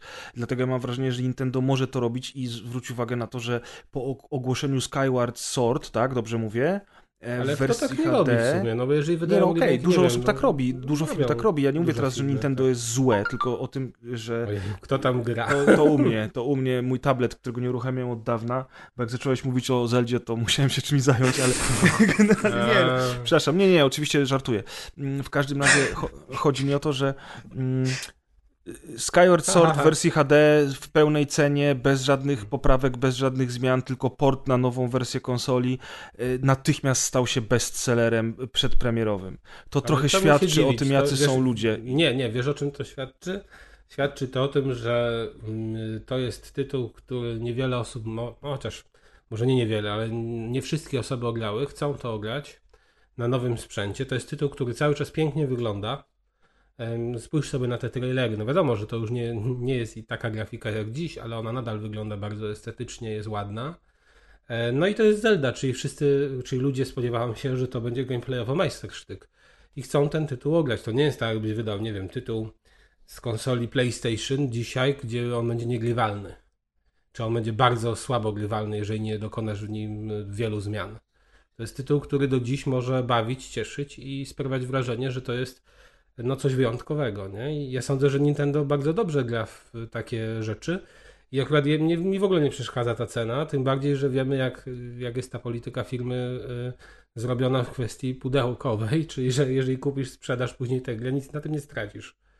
Więc kompletnie znaczy- mnie to nie, nie, nie ziębi, nie grzeje, że To znaczy, będzie to jest twoje cenie. zdanie na Ja wiem, temat tak, ja tej gry, zdaniu, nie? oczywiście. Bo ja nie jestem taki pewien, czy ktoś, kto nigdy do tej pory w Zeldę nie grając, sięgnie po ten tytuł dzisiaj, będzie mówił tak samo jak ty, że on się nie zestarzał gameplayowo. Ale ja nie mówię, ale dobrze, okej. Ja teraz powiedziałem bardziej o osobach, które nie grały akurat w ten tytuł, ale znają Zeldy. Czy ktoś nowy sięgnie? Nie wiem. A poza tym wciąż sięgnie po nią na Switchu, a nie na, na Wii U czy coś. Tak, nie? tak. Jakby, No, Znaczy na Wii, bo to akurat na no, Wii więc było. mógłby sobie chcieć zagrać, ale już nie kupi Wii i tak dalej, a ma dostęp do Switcha. A swoją drogą, a propos tego narzekania, że to ta część wychodzi i że znowu jest to samo, no to znowu, a, a, a, a ta sprzedaż jest jaka jest, rekordowa, no to wychodzi na to, że znowu y, te głosy, które się przybijają, to jest mniejszość, która i tak by tej gry nie kupiła i tak i sobie może marudzić, a najwyraźniej jest masa ludzi, która chętnie za to zapłaci i są zadowoleni, Tak, więc by znowu... no. za drogo, to by ludzie nie brali, nie? Oczywiście, tak samo Diablo 2 się sprzeda super i Tak. Wiesz. Oj, o, się sprzeda bardzo super, nawet bym powiedział No, coś no, tak no. podejrzewam. Słuchajcie, bo w końcu zdrowie, ma- nie no. powiedzieliście nic o czwórce, Maciek, a przecież pokazali bardzo duży kawał no. czwórki i Amazonkę. Mówiliście o tym? Maciek powiedział, że nie coś że nie w tym w tym roku, więc roku. olewamy. No pokazali A, to ja tylko- Amazonkę, no To jak już tam. jesteśmy znowu przy Diablo, tylko chciałem powiedzieć, że moim zdaniem to wygląda bardzo spoko e, i ten, ten styl graficzny taki bardziej realistyczny mi odpowiada, chociaż ja nie wiem, czy on za szybko się nie zestarzeje, ten styl graficzny, jeżeli mam być szczery, ale spodziewałem się czegoś, co będzie bardziej wyglądało jak gra na komórki, a tymczasem, no, po tym gameplayu Amazonki, to jestem całkiem, e, całkiem zadowolony. Zobaczymy, jak mówicie, że to dopiero w przyszłym roku wyjdzie, to w ogóle nawet nie ma co tutaj faktycznie tracić czasu. A jeżeli chodzi o tą Zeldę Kaz i o to, co ty powiedziałeś, to chciałem tylko powiedzieć, że jak obejrzałem trailery tej wersji HD, to nawet naszła mnie ochota, żeby w to zagrać. Wygląda No, to... często wygląda to klasy- spoko. No, wygląda to bardzo ładnie, aczkolwiek no, ta kontrola ruchem była mocno dosyć krytykowana, jak wychodziła ta gra. Ale pamiętam, że do niej, bo mam oryginał, dołączali, i ciekawe, czy to będzie też w przypadku wersji switchowej, dołączali taki zest, taką płytę CD z orkiestrowymi wersjami różnych utworów z różnych Zeld, bo to było też jakieś chyba 25-lecie wtedy. I zarąbista była ta muzyka. Ta płyta jest świetna i ciekawe, czy tutaj też to wydadzą, czy jednak będzie, jednak warto nadal kupować wersję na Wii ze względu na płytkę dodatkową. Zobaczymy. Jak już mówicie o remasterach, remake'ach i tak dalej, no to Legend of Mana też, też, też wyjdzie kolejny Tak, raz. ale to ona...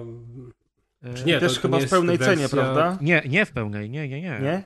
A to nie jest będzie? wersja, która nie była, nie, wiesz, nie została wydana na zachodzie? Nie będzie to pierwszy raz na zachodzie?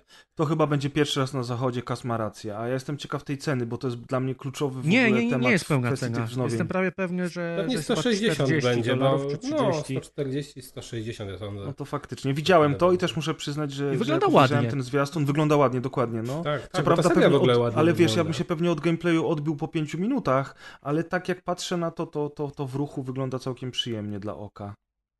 Mhm. W przeciwieństwie do nowego ISA, na którego z Kazem czekamy, ale powiem ci Kaz, że ten nowy IS, ten monstrum, który zresztą już ma pierwsze recenzje Znaczy, i ma no, bardzo dobre już- recenzje. Wiesz co, powiem ci szczerze, że akurat mi na przykład siódemka już się nie podobała, jeżeli chodzi o grafikę. No tak, strasznie no. to wygląda, nie? Taka kupa, Wyglądało to już, to już źle. mamy 2021, a, a to wygląda kurczę jak gra z PS3, no. Nie wiem. Tak, nie wiem. ale tutaj chodzi bardziej o gameplay, a jednak te ISy mają taki gameplay, który dzisiaj jest no niewykorzystywany chyba w wielu innych produkcjach. Dla mnie to jest taki wyznacznik, że widzę ISA, to wiem czego się spodziewać. I Ale nie umiem powiedzieć, jaka inna gra by mogła to podobne odczucia we mnie wywołać. Widziałem Kaz w paru recenzjach, bo oglądałem sobie na YouTubie w oczekiwaniu na europejską premierę, że bardzo wielu recenzentów chwali ten gameplay w nowym ISie, bo on jest No podobno dobrze. zróżnicowany i y, jak to oni mówią ładnie, że on jest, ta, jest taką ewolucją w stosunku do tego, co to było, ale pamiętajmy o tym, że to jest chińska bajka i recenzują ją fani chińskich bajek, więc No no tak, wiele ale nie oczekują od gameplayu. No. Tutaj, no nie, no chińska bajka, jakby historia czy świat to co innego, a gameplay to co innego. Te gry są od zawsze bardzo dynamiczne, bardzo szybkie, żywiołowe, taki system walki, y, idziemy na pałę i rozwalamy wszystko co po drodze i to jest naprawdę na speedzie, jakbyś cały czas w innych grach miał włączony tryb turbo. I to Mhm. jest jakby taka wyraźna cecha ISów i dla mnie to jest coś, co ewidentnie no, no jest miodne nadal. I ja liczę też na tę grę, ale wiem, że może wyglądać źle. Pamiętam na przykład ten poprzedni tytuł, niestety mam go na Switchu. Też nawet kupiłem w dwóch egzemplarzach. Czemu niestety? Mam na Vita. No bo jednak do, do, doczytywanie jest dosyć długie i... A, że też- źle chodzi. No nie, nie chodzi idealnie, nie? To jest ten problem akurat. y, No to jest zdaniem. problem Switcha chyba z wieloma grami. No i co? wygląd nie, tej gry jednak jest, no oni bardziej postawili chyba na taki realizm i ten realizm no nie sprawdza się. Lepsze były te mniejsze postaci, wiesz, takie bardziej kreskówkowe. No tak. Tutaj to troszeczkę gorzej wygląda, no ale zobaczymy. Ja też liczę na to, że ta najnowsza część będzie dobra, przynajmniej dobra. Fakt, że im dalej w las, im lepsza, niby lepsza grafika w tych grach, to Adolf Chrystus wygląda co najmniej dziwnie, ale to nie jest temat na teraz. Ja was przepraszam za ten mały off-top. E, A w międzyczasie sprawdziłem przechodzimy Legend do- of Mana na PS4 125 zł. No, a to spoko. No, no jest, to- jest Chociaż to, I to ta zastanawiam gra się ma tylko, 30 lat, dlaczego nie? To i tak jest, jest dużo, e, no ale- zaznaczone 1 do 2 graczy. Tam jest jakiś koop, multi, Tak, coś? tam chyba były koop. Zresztą w innych też były koop. Ale wiecie co, ja tak mówię, że spoko Cześć. cały czas, a właśnie uderzyła mnie jedna rzecz. Jak Kas powiedział, że w sumie to jest nadal dużo, a ja powiedziałem, że ta gra ma 30 lat. Gdyby ta gra wyszła na Gogu, kosztowałaby 40 zł. I ja wiem, że konsole, Ale że gdyby tam wyszła są tylko inne na. PC, na Steamie też kosztowałaby mniej. No tak jest, Tak. no po prostu, że gry na konsole zawsze będą, tu chyba, chyba zawsze będą droższe, zawsze były droższe i no nie wiem. No plus z drugiej No strony, tak okej, już ta gra ma 30 lat, ale czy w developmencie to aż tyle Tak, jest, jest ułatwienie, żeby było taniej? Ale jakim developmencie? Przecież to jest port. No, dobra, no ale to są- przecież nie wzięli gry z PSX-a i nie dali zapisz jako PS4. No sądzę, Adek, że wyprodukowanie Jak to to tego jak jest to się robi? prostsze i dużo tańsze niż wyprodukowanie czegoś od zera. No nie wiem, na przykład Bravely A tak z to się nie tak robi, to się bierze plik po prostu z PSX-a i się po prostu tylko zmienia podmiankę. Nie, podmienia się czy ten, rozwinięcie pliku, nie? tak, tak. Rozszerzenie. No. Z tym dużo tańsze no, polemizowałbym, bo nie wiemy jak wyglądał development. No ale też znowu wyjdzie, czy ludzie chcą za tyle kupić, czy nie chcą. No już wiemy, że chcą, więc jakby No, temat ja do powiem tak, skoro, skoro, wyda- skoro teraz takie modne są porty gier e, z tych wcześniejszych e, konsol i z wcześniejszych lat, to musi to być jednak albo tańsze w produkcji, albo łatwiejsze w produkcji. Tak, no powiem wam, gry. powiem wam odbiór ludzi, e, bo sobie właśnie przed chwilą, jak o tym rozmawialiście, to puściłem trailer jeszcze raz i pierwszy komentarz z największą ilością lajków na oficjalnym e, kanale Square Enix na YouTubie brzmi I absolutely almost broke down into tears seeing this today. Thank you so much. No No bo ludzie to super. debile, no. No. Także Nie no, byli No tak jakby mi puścili teraz, że, że na Switcha wychodzi Fallout 1 i ja w związku z czym z tego powodu się popłaczę i zesram. No nie, no, ale No jakbyś proszę nie cię, mógł no. od 20 lat zagrać w tego Ale Fallouta 1. jak wygląda Fallout 1, a jak wygląda Legend of Mana? To jest No. różnica Czy jednak. nawet nie, nie wygląd, ale Jaka nie- różnica? nie miałeś Przepraszam, opcji czy ty właśnie zagrania. szkalujesz? Taka, że, jed, że, Fallout, że Fallout wygląda źle. dobra, niech się biją. Adek, czekaj, oglądamy to. No. Mana wygląda wygląda cały czas kreskówkowo Stawiam na prezent. Chociaż nie, gaz ostatnio ma masę dobrą. Ty, ale to Wyrównana są, walka. to są dwa inne style graficzne Kaz i to, że ty lubisz Ja wiem, ale chodzi o bajki. to, że jeden styl może się bardziej zestarzeć, a inny mniej. Jak No dobrze, punkt dla ciebie w sumie. Kurde, Maciek miał rację z tą wagą. A, widzisz jak cię zaszedł. Dobra, e, kolejny Ale news. nie od tyłu. Wycho- Sony dzisiaj zapowiedziało, że nowy VR PlayStation, więc tym razem oddajemy głos wszystkim, kogo obchodzi VR. Ja się Dziękuję. chciałem zapytać tego, kto wrzucił Ja, ja, ten news. e, Niech powie jakieś szczegóły. Bo E, ja powiem nie szczegóły. To ja, mo- ja mogę powiedzieć Powiedz, szczegóły, nie bo też dzisiaj czytałem. E, Przede wszystkim e, news e, brzmi tak, że oni mówią, że mają w developmencie nową edycję No VR-u, właśnie. więc nawet nie ma nie żadnych tym dat, szczegółów. Ze szczegółów, jakie wiemy, to przede wszystkim to, że będzie łatwiejsze połączenie, czyli że będzie tylko jeden kabel do konsoli, to chcą zrobić z takich istotnych newsów, oraz e, przemodelowany kontroler. Tak, to będzie korzystał z feature'ów nowego e, z DualSense'a, przy czym nie ma napisane z jakich feature'ów. E, Tak. Ob- obstawiam, że chodzi o te haptyczne wibracje, ale No, to no, nie było jest super. to napisane.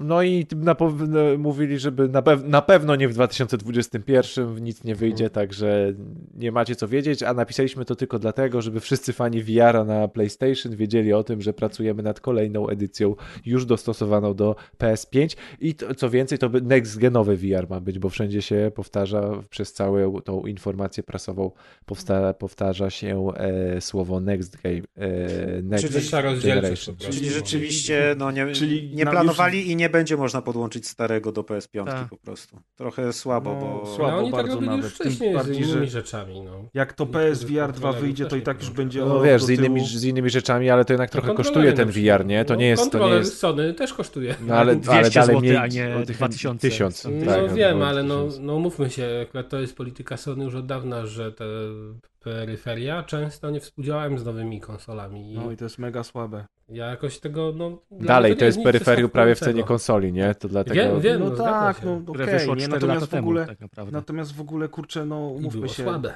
jak oni mogą mówić o tym, że za rok wyjdzie y, y, nowej generacji VR, jak oni już są Nie, w tej oni nie powiedzieli Nie, nie mówię, że mówią, za rok. nie- Na nie pewno nic w tym, roku, na pewno nic w tym roku Nie, i że nie, w sumie to dopiero pracują. Czyli najszybciej tym. za rok. No dobra, no na pewno to nie będzie lepsze od nowego Oculusa, prawda? No to komu oni kłamią, że to będzie jakaś super nowa generacja? No nie będzie, no. Dla będzie PlayStation lepsza to wersja. będzie nowa no, będzie. generacja. No dobra. A chyba, Xbox że w tak. ogóle nie ma, więc No. wiesz. No. Xbox tam nawet słaby w ogóle, kogo obchodzi Xbox? Nie wiem. Ja bym na Kinekcie jeszcze pograła tutaj. O, Kaza obchodzi, ale Kinek tylko. W Milo na przykład byś pograł, prawda? Tak, tak. W takie jak było na zapowiedziach na przykład. To to każdy by pograł. Ale to jest dobre, nie? Tę grę zapowiedziano ile? 12 lat temu? I do tej pory nic podobnego nie No wyszło. Peter Molinu się zaszył w krzakach i dewelopuje, nie? Na pewno. Stuka Na kostkę. pewno. Eee, Myślisz, że znowu- Sześć dni w Faludży. Dlaczego to wróciło? Właśnie Ja nie, czemu wiem to jest w ogóle w dlaczego. Ale tą, tą grę kiedyś robili. y, Była ogromna kontrowersja ze względu na to, że ta gra ma opowiadać o wydarzeniach w, w, wojny w Iraku z 2004. Z cywilami No i- chyba, nie? Co? Też. Z cywilami coś będzie też w tym. No ogólnie tam było dużo Mm. kontrowersji a propos tej całej wojny, y, a gra miała powstać jakby dosyć szybko po, po, po, tych wydarzeniach i pamiętam jak też na podcaście o tym rozmawialiśmy i też była właśnie ta dyskusja, kiedy jest odpowiedni czas, y, kiedy minie już na tyle dużo czasu, że można na przykład wydać jakąś grę o tym. No i ostatecznie po różnych tam protestach y, ta gra, bodajże chyba Konami miałoby ją wydawać i dosłownie tuż przed premierą została w ogóle Nie ma się z- dziwić, dlaczego Konami tak wszędzie teraz. No. Topiła pieniądze. I Tam była teraz... bardzo ciekaw- ciekawostka z tą grą, nie? Bo- to jest tak, najważniejsze. tak, jakby, jaki była- był plan. te ogromne kontrowersje wtedy wywołała. No i teraz powróciła. Yy, Jest niby nowy zespół i nowy wydawca, ale Na z, komórki. z tego co czytałem, to tam jest chyba główny szef, który wtedy nad tym pracował, to jest też w tym nowym zespole, bo on jakby stworzył chyba nowy zespół do tego. W każdym razie gra wraca, ma wyjść yy, chyba w tym roku. Yy, No i ogólnie właśnie no jest jakby, jakby teraz największą sensacją nie jest ten temat, jaki ona porusza, tylko to, że znowu wraca wychodzi, tamta kontrowersyjna gra, o której już wszyscy jakby zapomnieli, nie? bo lat już minęło sporo więcej, więc właśnie też najprawdopodobniej będą mniejsze te e, jakieś oburzenia społeczne i tam tych weteranów albo coś, no bo a i też czytałem, że ma być jednak e, nie poruszać tych takich różnych kontrowersyjnych tematów, no bo generalnie No się rozchodzi o to, sensu. że Amerykanie dosyć tam nieczysto grali w Iraku, stosowali jakieś takie zakaza, przez konwencję y, środki bojowe różne. No i zdziesiątkowali Irakijczyków. Tak. Co za zaskoczenie w ogóle. I ta nie? gra miała to Wow, jakby serio? pokazywać. Wow. Mia, miała ukazywać te wszystkie rzeczy bez pudrowania. No i dlatego pewnie były te kontrowersje. Tam jest, tam jest ciekawostka taka, że ta gra miała być w ogóle bardziej dokumentem, y, w którym będą się prawdziwe y, wyznania żołnierzy i cywilów pojawiać i tak dalej. Tak, bo brali rzeczywiście- przy jej tworzeniu brali udział weterani, którzy brali udział Tak. w tych bi w bitwach tam. I teraz jest pokazane w tych nowych zapowiedziach, że rzeczywiście te dokumentalne wstawki mają wrócić. W jakiej formie nie wiemy. W trailerze to są takie typowe dokumentalne wstawki, gdzie jacyś ludzie się wypowiadają, ale, ale pod kątem tego realizmu dokumentalnego jakby mnie ta gra najbardziej interesuje, bo to nie będzie kolejne Call of Duty, ani nawet, nie wiem, jakiś tam Ghost Recon. Ona też gameplayowa ma być trochę inna, bo to nie będzie jakaś taka głupia strzelanka, tylko coś takie powiedzmy bardziej re- realistycznego, czy może, może niekoniecznie symulacyjnego, ale, ale Trzy jakieś takie w ciągu właśnie... całej kampanii jednej. No i to by było super, Kas. Kurczę, grałbym No. w taką grę, człowieku. To jak Właśnie takich gier nam brakuje. Call of Duty, nie? Była na Otóż to, otóż to. No zobaczymy, zobaczymy. No.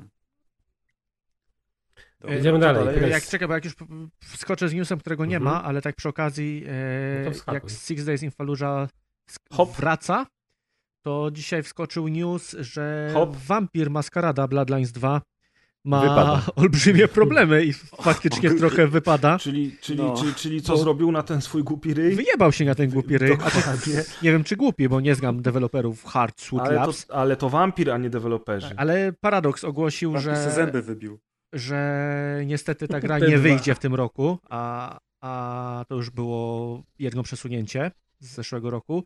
A No. dwa, co ogłosili, że deweloper już nie będzie pracował nad tą grą. Ups! Wycofali preordery i, i coś tam grubo musiało się zadziać. kwas. Grubo no. nie poszło, grubo nie poszło, tak. Co, a co ciekawe, no parę dni temu pytałeś mnie, czy, czy, czy jakieś newsy z tym, w tej sprawie się nie Tak, pojawiły. No i Wykrakałeś.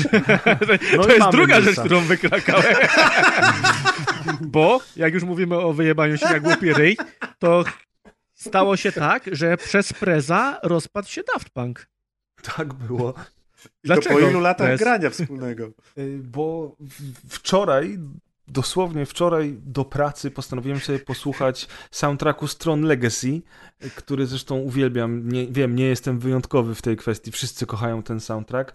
No i jeszcze do tego odpaliłem sobie w ogóle na Spotify wersję rozszerzoną, deluxe, z takimi utworami, których, których do tej pory nie było w, w wersji pudełkowej tam, czy tam w wersji CD, bo niestety nie stać mnie na winyl tego soundtracku, bo kosztuje jedyne, słuchajcie, jedyna wersja dostępna na polskim Allegro to jest sześciopłytowa wersja z jakimiś nadrukami, O z czymś tam jeszcze, kosztuje y, tylko niecałe 7 tysięcy złotych, a teraz będzie kosztować jeszcze więcej. No i tak w, mniej więcej w trzech czwartych e, słuchania właśnie tego albumu. Zobaczyłem wiadomość od Adriana o tym, że Daft Punk się rozpadł. No i powiedziałem, a ja właśnie słucham Musiałeś Daft to zrobić. Nie No i Adrian doszedł do wniosku, Medium, że jest to tak. moja wina, więc no, biorę to na siebie, no przepraszam. was. 28 lat działalności. 7 lat krócej niż Zelda. Jeden pres. One To man. ładne. Ale tam wiadomo, dlaczego się rozpadli? Czy Nie, nie powiedzieli oficjalnie. Kłócili się? Nie, powiedzieli, że mają... Wykorzystywali nielegalne obrazki. Oj, oj. A Nie, nie mogłem się znudzić czemu. po 28 latach, kama. A, 28 lat, to myślisz, że kurczę, ktoś by... Może jeden chce sadzić marchewkę, a drugi grać na O, a banku. macie, a, a jak za statystyki, ludzie się rozchodzą po 30, nie? Czterech No. czy po pięciu latach się w tych hełmach po kryzys prostu taki już. podstawowy, pierwszy. Już. Ja miałem Nie, kryzys, po jak cię poznałem od razu po dwóch godzinach, więc Po, nie po dwóch, po dwóch latach co dwa to miesiące chodzi, kryzys. to, to, chodzi o, to chodzi o stężenie fenyloetyloaminy, które mniej Czego? więcej po dwóch... Potem ci wytłumaczę. Fenyloetyloaminy. Możesz pisać takie hasło w Google. i, i kwiatki. Możesz sobie wpisać w hasło w Google i się dowiesz, czemu ci się, czemu potrafisz tworzyć i ci się nie, niektóre osoby w związkach podobają, a inne nie i dlaczego ci się podobają przez określony czas, a potem to spada. Przez trzy Więc minuty. ja cię, A później ubierasz spodnie. Oj, oj, oj. O Jezu. Dobrze, jedziemy dalej. Kolejny VR. I znowu można oglądać dziewczyny. Co Maciek? No, Co się stało, Maciek? stało się tak, że muszę od razu podziękować Simplexowi, który mnie oświecił.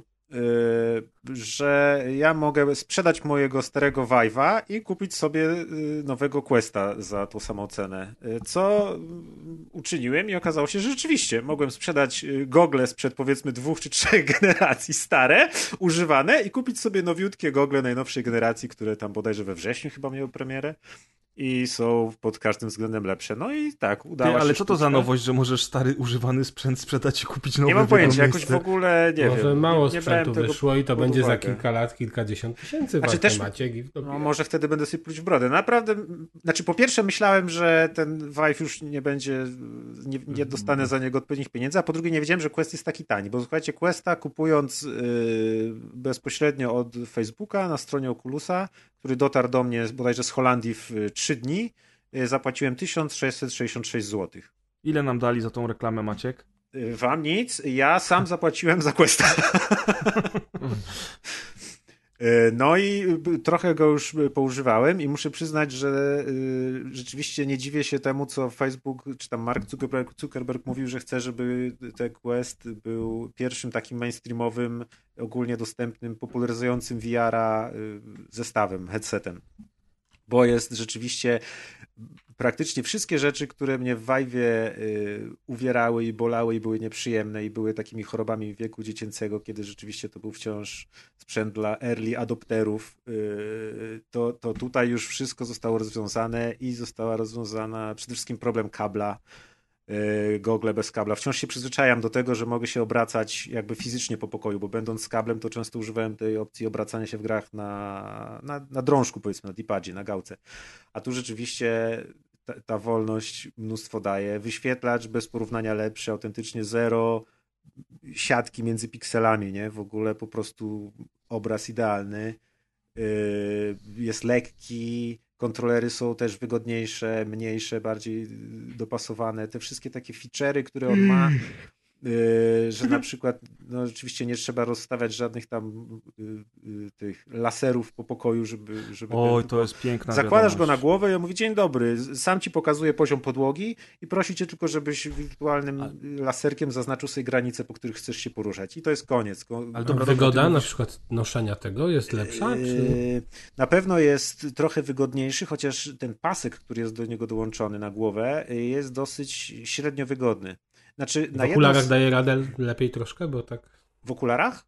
Mhm. Yy, No w Vive'ie nie miałem problemów. Tutaj niby jest trochę ciaśniej, niby producent podaje, że oprawki do 14 cm wchodzą. Ja mam 15,5 takie dosyć duże teraz i no weszły. Co prawda w tą gąbkę trzeba je wcisnąć, ale nie jest tak, że się nie mieszczą i że się nie da włożyć, więc o to się trochę Mhm. obawiałem. Yy, Ogólnie gogle na samej baterii yy, działają około 3 godzin, co niby jest trochę mało, ale z drugiej strony no 3 godziny spędzić w VR-ze to, to rzeczywiście też jest, jest sporo. I właśnie te paski, one nie są zbyt wygodne, yy, no ale na takie krótkie sesje powiedzmy da, da się grać, chociaż ja już sobie zamówiłem taki z AliExpressu yy, uchwyt bardziej komfortowy i też zastanawiam się, żeby sobie nie kupić tego, mm, Boże, battery packa takiego, w sensie no Jezu, takie jak do ładowania telefonów, jak to się Czyli mówi. żeby jednak dłużej grać. Poczekaj Maciek, ale, ale zaraz, nowego Oculus Questa kupiłeś za 1600 zł? Tak, nowe To jest dwójeczka, sklepu dwójeczkę, Oculusa. tak? Tak. Dwójeczka, Ale tak. co, ja mogę sobie też zamówić za tyle, czy co? Tak. Tak, No to nie jest drogie. One są- jest taka cena? tyle kosztuje. One są takie What? tanie, ponieważ Facebook najprawdopodobniej po prostu dopłaca do tego. I wiesz, oni się nie cackają z pieniędzmi, chcą po prostu zapchać tym rynek, dlatego to jest... I kupujesz to press na oryginalnie na stronie Oculusa Facebooka pod tak, stronie. bo możesz na, na Elixie, na. Allegro są tam po 1800 zł czy coś, ale to się nie opłaca, bo normalnie do, dostajesz... co zrobię, jak się wprowadzę do siebie, to kupuję takiego w takim razie. No, jest naprawdę super, Nie sprawdzałem lepiej też... jakbyś sobie kupił teraz i oglądał mieszkanie, wiesz, siedząc w tym smut, smutkiem zalanym mieszkaniu w Oculusie. Dokładnie, póki nie masz Nie musiałby remontować. Maciek ci jakieś zmontuje, wyrenderuje wnętrze ładnie. Jakieś ładne i nie będziesz musiał w ogóle remontu kończyć, No słuchaj. właśnie. Biurę będzie sikał. Ready Player One sobie zrobisz. Yy, I sprawdzałem oczywiście połączenie z PC-tem, działa rzeczywiście niesamowicie super. Znaczy po prostu przez router 5 GHz musi być yy, Oculus w tej samej sieci co PC i autentycznie przez aplikację Virtual Desktop yy, kupioną na, na, na te Google Questa łączysz się ze swoim pulpitem, możesz grać w gry dzisiaj jedną grę, którą będziemy omawiać, ja sobie dzisiaj postanowiłem ostatnie pół godziny skończyć siedząc w goglach VR w salonie. Y, Odpaliłem sobie taką scenę takiego wielkiego kina i na takim rzutniku kinowym kończyłem grę. Taką 2D zwykłą, najzwyklejszą ze Steama. Plus Mega. oczywiście odpalanie gier z PC-ta też działa, czyli wszystkie te, nie wiem, Half-Life Alyx, y, inne rzeczy można sobie grać z, ze Steamowego PC-ta. Działa, działa niesamowicie. Nie wiem, jak to działa po prostu tak dobrze. Najwyraźniej te sieci są takie dobre, ale autentycznie żadnych opóźnień, ten obraz, nie widać żadnej kompresji, to wszystko działa, jakby było natywnie podłączone kablem po prostu. Dobrze, to ja mam jeszcze pytanie, czy rzeczywiście mam już teraz zamówić, czy mogę poczekać spokojnie miesiąc albo dwa, czy ta cena nie skoczy w górę? Bo może to jest tylko cena teraz, a oni za Nie, chwilę od dowalą, może początku to jest jakiś early access. Większych chyba, no, chyba. większych chyba nie dadzą. Y, pi- Pierwszy quest też teraz jest jakiś po taniości, ale oni go będą wycofywać, ale kosztuje Nie no, po co pierwszy tam, quest teraz? y, koło tysiaka. No jakby Ten ktoś pierwszy to ma te chciał. wszystkie kable, nie kable, wiesz. Nie, też tak? nie ma, on też jest bezprzewodowy. Jest trochę słabszy po prostu i jakby szy- szybciej się jego okres przydatności do użycia pewnie skończy, bo jednak te gry, które wychodzą na gogle y, i nie wymagają komputera, tylko działają po prostu na goglach, no to będą się stawać z czasem coraz bardziej. Dwójkę No ale od razu. no Ale to się, to oczywiście się to, jest tak, jakbyś teraz kupił Xbox Series S. Pozdro Kaz. Jest. To bez sensu. Są dwie wersje, bo nie można rozszerzać pamięci w tym questie. Ja kupiłem wersję mniejszą, 64-gigową, jest wersja jeszcze 256, ale na tej 64-gigowej te gry zajmują zazwyczaj od 1 do 2 giga. Jest niewiele gier, które za- zajmują więcej, więc naprawdę można sporo zmieścić z tego i nie widzę potrzeby, żeby tam ktoś chciał mieć 50 gier zamiast, nie wiem, 20 nagle na, na goglach, czy jeszcze więcej. No mega, mega No opcja, jestem, nie? jestem mega zadowolony, naprawdę i to, to że nie Kurde. trzeba tego wszystkiego podłączać, to jest ogromne ułatwienie. Te gogle się usypiają w sekundę, bo one mają czujnik, czy masz je na oczach, czy nie, więc je zdejmujesz, one się wygaszają, zakładasz, one od razu działają. Poza, może się też tam wyłączyć przyciskiem, one się wtedy włączają, nie wiem, Czyli możesz sobie od 40 razu sekund. założyć na szybko i sprawdzić, że dalej nie ma gier na VR i ściągnąć szybciutko. To są bardzo fajne, bardzo fajne gry na VR. Zaraz Prezowi podeślę całą listę promek, które będzie mi musiał załatwić. Spoko. Yy, Jak zapłacimy te wszystkie kary za copyrightsy, to Tak. Ale wy- Wejdź wygoda do w więzienia, używaniu- tylko se pogramy. Wy, wygoda w używaniu jest naprawdę niesamowita. To jest ten Zaz- moment, kiedy naprawdę Symulator chyba każdemu już można to polecić. Po- Powiem, powiem wam, że zazdroszczę, bo nawet nie wiem, czy bym Ty też będziesz do w tym nowego, więzieniu. do nowego... czy bym sobie do nowego, że tak powiem, PC-ta nie sprawił, ale niestety ja nie mogę używać VR-a ze względów, nie wiem, fizjologicznych, ponieważ no po trzech minutach już e, jestem tak jak po jeździe kolejką górską, po Mhm. trzech minutach gola na sobie i niestety fizjologia mojego organizmu nie pozwala mi używać, a bardzo chętnie bym się, tak jak mówisz, rozsiadł przed tą salą kinową i coś sobie na przykład, nie wiem, Filmy się super właśnie. ogląda. Ta rozdzielczość w Vive'ie na przykład czcionki, takie rzeczy jak na przykład y, HUD w Dangerous, Elite Dangerous, one były ledwo czytelne, nie? A tutaj No, ta, tak ta, było. ta rozdzielczość jest chyba półtora razy większa czy coś, no to jest jakieś tam chyba 3K czy coś, no dosłownie, wiesz, ja odpalam Oj. pulpit i wszystko mogę sobie czytać, przeglądać strony, komunikator, to jest normalnie jak wirtualny ekran monitora, Czyli nie ma jak tam, że odpalasz sobie przez jakieś. Elgato grę z konsoli na PC, to też możesz w VR-ze, tak? Tak, tam jest opóźnienie, bo tam oczywiście można sobie popatrzeć, tam nie wiem ile tam, 50 milisekund, 30 milisekund jest opóźnienia yy, przy, przy, przy dobrej sieci, więc yy, totalnie... Deusz, ja jeszcze tylko chciałem powiedzieć, że ty nie, nie możesz do swojego peceta do, tak, dołożyć wiemy, bo, wiaru, bo go nie masz. dopiero kopią, tak, Krzem Ale mógłbyś założyć VR, żeby zobaczyć swój sprzęt. To tak jak, jak ja moje Tak. mieszkanie Razem wyremontowałem. będziecie siedzieć. że ja swój sprzęt to mogę zobaczyć nawet teraz, nie wiem, ale... Myślałem, że już przyznaliśmy się na podcaście, że to, że siedzimy bez gaci, to jest mit.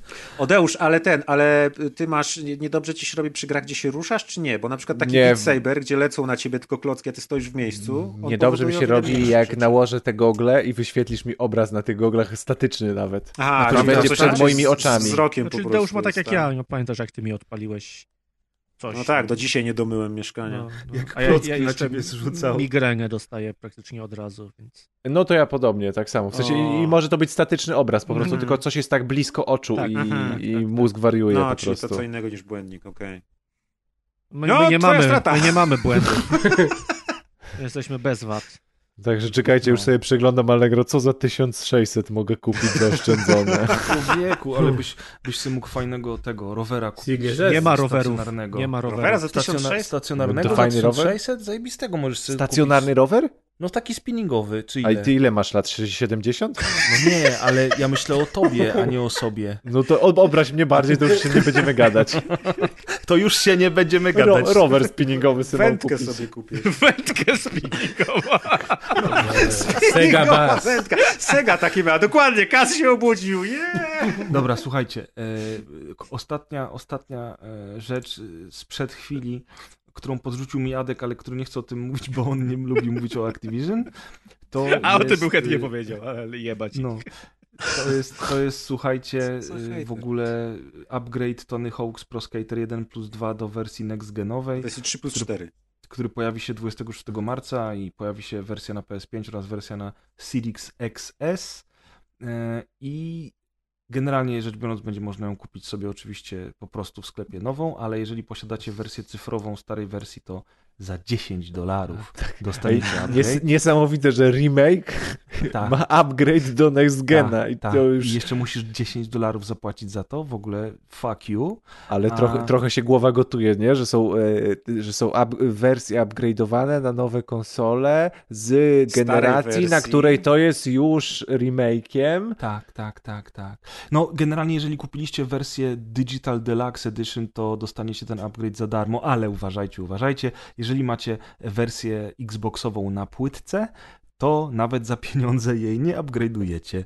Dziękuję. No bo Xbox, no wiadomo. Dlatego Kto mam Series S. Xbox? O.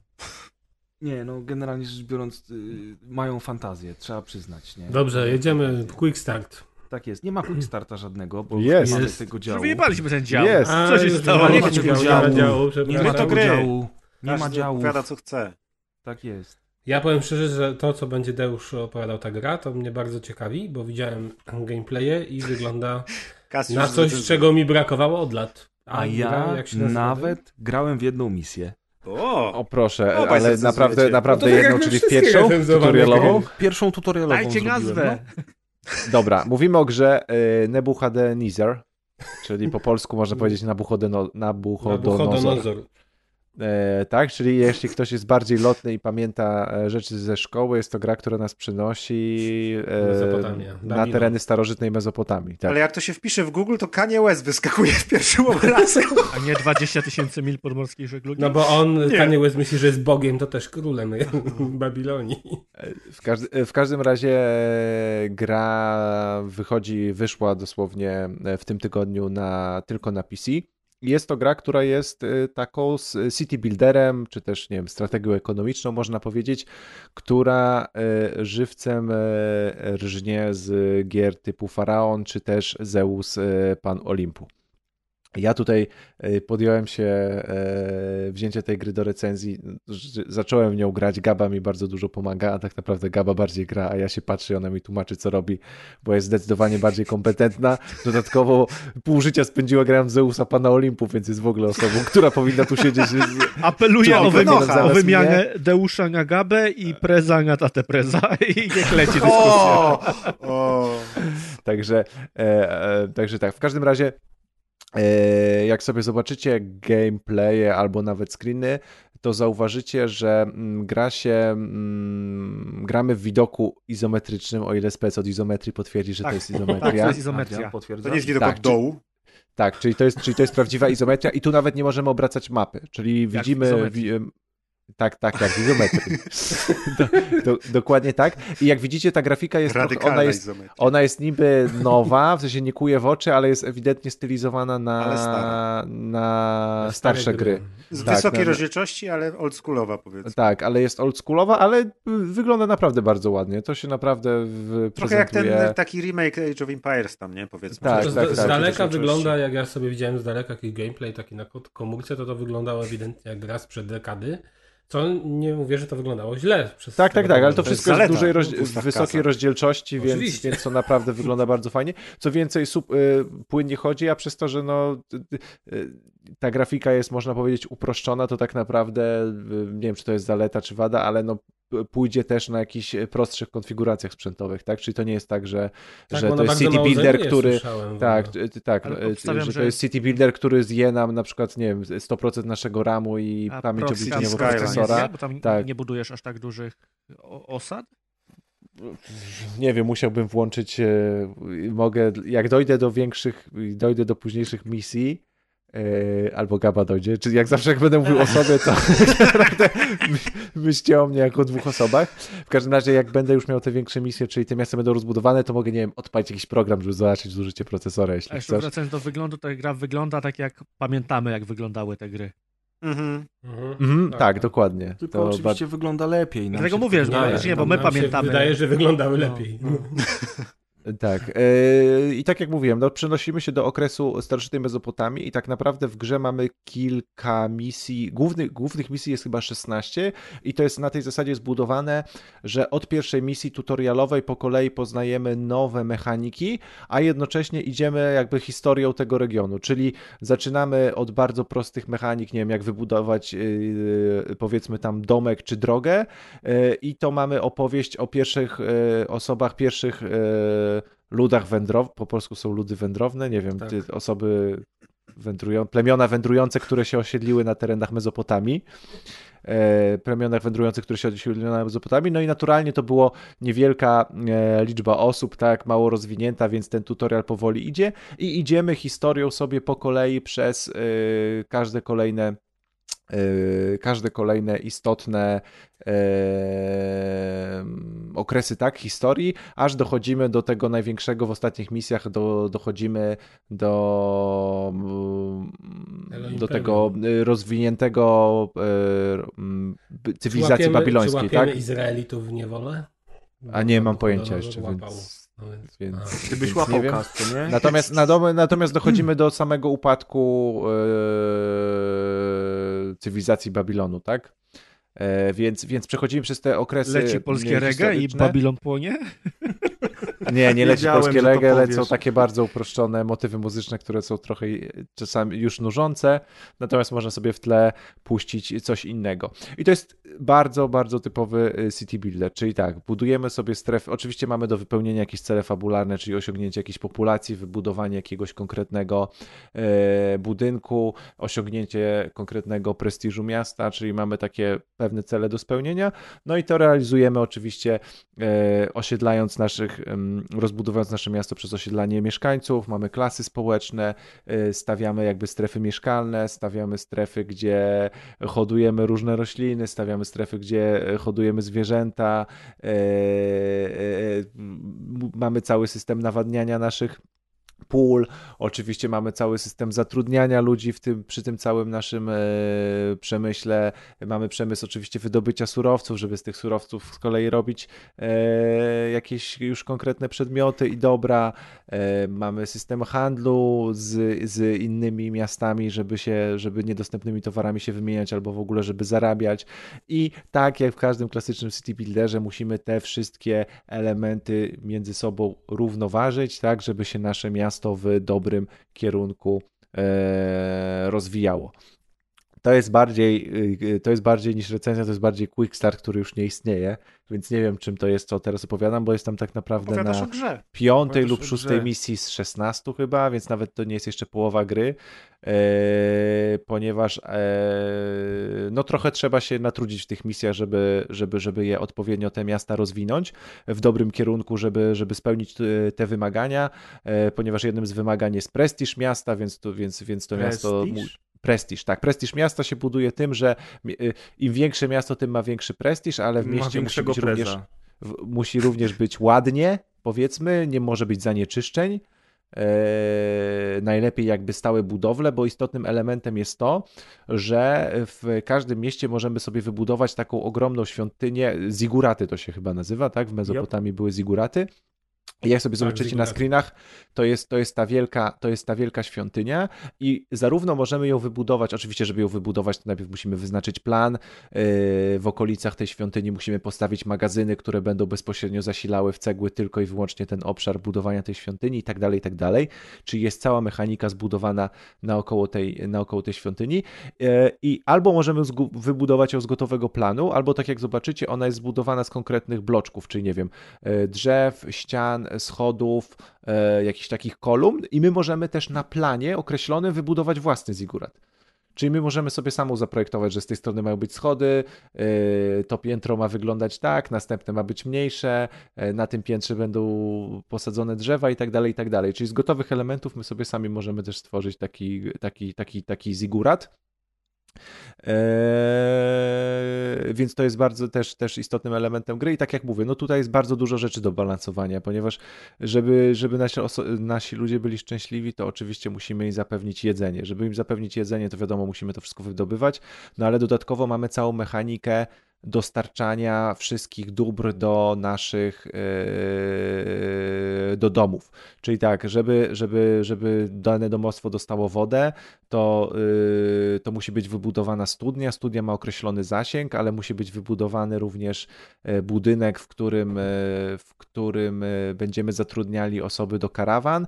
No i sami ustalamy trasy karawan, czyli mówimy, że dane karawana ma jechać, nie wiem, od tego, od tego magazynu, z tego magazynu zabrać chleb, chleb, tymi ulicami przejechać i jak przejeżdża tymi ulicami, to jednocześnie ten chleb może rozdawać. Następnie z tego magazynu ma pobrać, powiedzmy, nie wiem, jakieś garki, glinę i rozwieść tą trasą E, a następnie powrócić do tego pierwotnego magazynu, no i tak na zapętleniu musi krążyć. Ale to Czyli jest my... chyba akurat fajne, bo wydaje mi się, nie, nie, jestem teraz pewien, że właśnie w tych Zeusach... Tak, było właśnie ta mechanika. Że y, tam, ale tam był taki problem, pamiętam, że korkowały się często te drogi, jeden, że na przykład nagle to były moim zdaniem błędy, że po prostu był taki korek, że te karawany w ogóle nie przychodziły. Nie, tutaj, tutaj chyba możesz wyznaczać tak. właśnie. No, tak, tutaj w ogóle fajne. wyznaczasz, wyznaczasz, którędy one, one chodzą i tak jak mówię, no targ, studnia, wszystko ma określony zasięg, więc powyżej tego zasięgu nie pojedzie, więc wszędzie musisz odpowiednio zoptymalizować e, ilość magazynu oraz gdzie mają być, bo oczywiście magazyn ma zasięg.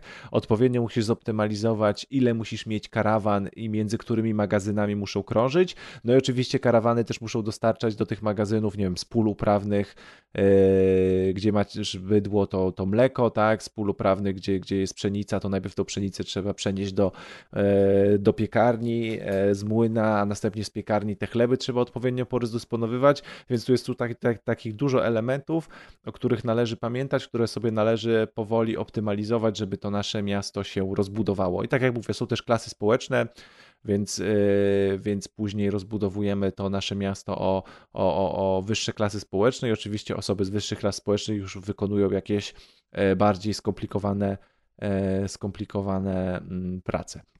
I e, no, tak jak po tych mówię, po tych piątej, na przykład chyba szóstej misji w tym momencie, to jest bardzo wciągający City Builder, czyli te, e, te takie min-maxowanie i, i, ustalanie tych tras i optymalizowanie tej liczby magazynów, e, patrzenie, gdzie najlepiej postawić pole uprawne i na których polach, bo oczywiście te pola uprawne mają swoje też zasięgi, e, z których będą, no, no, no, no, gdzie będziemy sadzili zboże, czyli gdzie jest optymalnie to postawić, jak zrobić system nawadniania, bo oczywiście system nawadniania polega na tym, że kopiemy kanały, następnie stawiamy e, pompę na granicy kanału i rzeki, no ale pompa ma określone ciśnienie, czyli ona powiedzmy na, pompuje na, nie wiem, na 30 kratek, więc żeby y, kanałem 60-kratkowym popłynęła wodę, to trzeba gdzieś postawić drugą pompę i zrobić dopływ od drugiej pompy. Czyli po prostu musimy, musi być również odpowiednie ciśnienie wywarte na pompach na cały nasz na, na, cały nasz tak, tak, tak, na cały nasz system nawadniania no i bardzo łatwo widać, czy nasze pole jest nawodnione, bo wtedy zaczyna rosnąć trawa na tej całej pustyni, na której my to budujemy.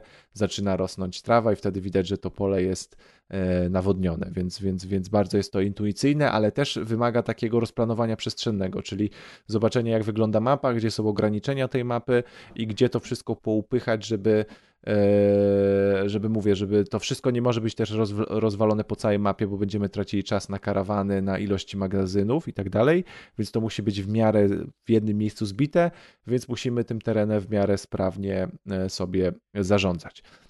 Więc tak jak mówię, jeszcze nie grałem całej, liczę, bardzo mnie ciekawi, jak to będą, jak będą wyglądały ostatnie etapy, gdzie te miasta już naprawdę, to, to, to, te, te, ta cywilizacja babilońska będzie bardzo mocno rozwinięta, dojdą nowe surowce e, i może jakieś nowe mechaniki, to może jeszcze o tym wspomnę, ale na, na tą chwilę to jest gra, jeśli ktoś lubi, lubi, lubi city buildery albo nie wiem, pała jakimś sentymentem właśnie do gier typu Zeus Pan Olimpu, to jest gra, na którą zdecydowanie warto zwrócić w tym okresie uwagę, szczególnie, że ona na Gogu e, kosztuje 70 zł. I jest po wow. polsku.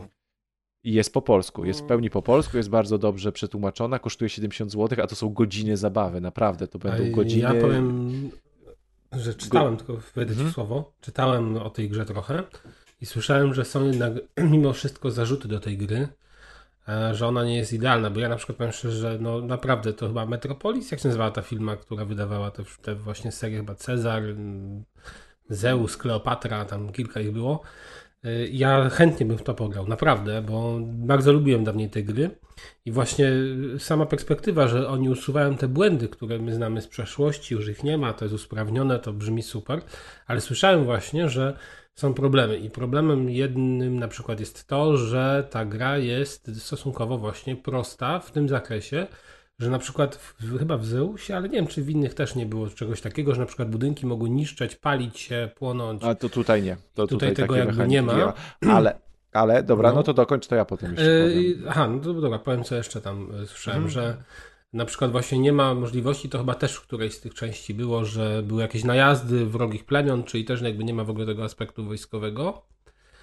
Eee, To akurat dla mnie jest plus, bo, bo ja zawsze bardzo się irytuję, jak, jak mam świadomość, A, że no. ktoś może mnie zaatakować, i, bo dla mnie te gry są relaksem, a, a, a to, że zaraz mogę jedną błędną Tak, decyzję... klikasz i patrzysz, jak tak, rośnie. błędną No. decyzję podjąć Mhm. i jakiś event wyskoczy mi, rozwalą wszystko, to, to tak nie chcę. A właśnie są jakieś No eventy? że dosyć duża powtarzalność. O. Yy, I bogów nie ma. O, sorry, jeszcze to tak, nie ma Bo- bogów, oni nie wpływają, e, czyli nagle ci nie przyjdzie Zeus nie i nie spali istnieje, wszystkiego.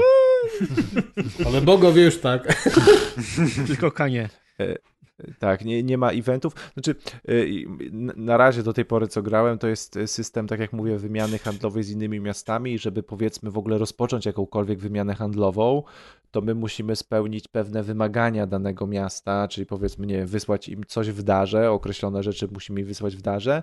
No jeśli mamy relacje handlowe, to potem może się wydarzyć tak, że w danym mieście powiedzmy yy, nagła jest potrzeba nagła jest potrzeba tego, że oni mają na przykład deficyt ryb i czy my się zgodzimy wysłać im, nie wiem, jakiś nadmiar, powiedzmy ileś tam sztuk e, surowca, jakim są ryby. Jeśli my to spełnimy, to poprawiamy nasze relacje, jeśli nie, to nie. No i może się tak są, tak? okazać, tak, tak, tak, może się, może się takie chwilowe, można powiedzieć, questy albo do poprawy naszej sytuacji handlowej, żebyśmy więcej mogli sprzedawać, tak, większe były zyski, albo w ogóle do pogorszenia takiego, żeby w końcu się ten nasz kontrakt handlowy zerwał, tak, z tym miastem, albo żebyśmy coraz go- gorzej handlowali, więc tego typu są eventy, że powiedzmy opłaca się nagle w pewnym momencie y, zrobić jakąś nadprodukcję i się wtedy musimy spocić, żeby w naszym mieście, które do tej pory robiliśmy, żeby wszystko było na tip-top i żeby się zużywało na tak szybko, jak się produkowało, no to nagle musimy powiedzmy jakąś tam nadprodukcję wysłać pewnych, pewnych e, surowców. No podejrzewam, ja nie jestem też specem w tych city builderach, tutaj trochę... Yy, To już wiemy, że to Gaba. Tak, że Gaba, a po drugie tutaj chciałem być trochę spadkobiercą Kuldana, który zawsze wszystkie city buildery i tego typu gry na rozgrywce recenzował, więc on tu pewnie dużo, większy, dużo więcej smaczków by wyłapał. Natomiast tak jak mówię, e, przede wszystkim cena, bo to jest naprawdę prawdopodobnie grana no, no wiele godzin, jeśli ktoś sobie A jest lubi jakiś free play? e, takie Taki- city... taki, wiesz- E, Twórcy w ogóle pracują, bo chyba free playa jako takiego nie ma, ale będzie zaraz dodany. E, Endless Mode będzie dodany, Mhm. tak? Mhm. Jeśli Tak, o to tak, ci tak, tak, chodziło. tak.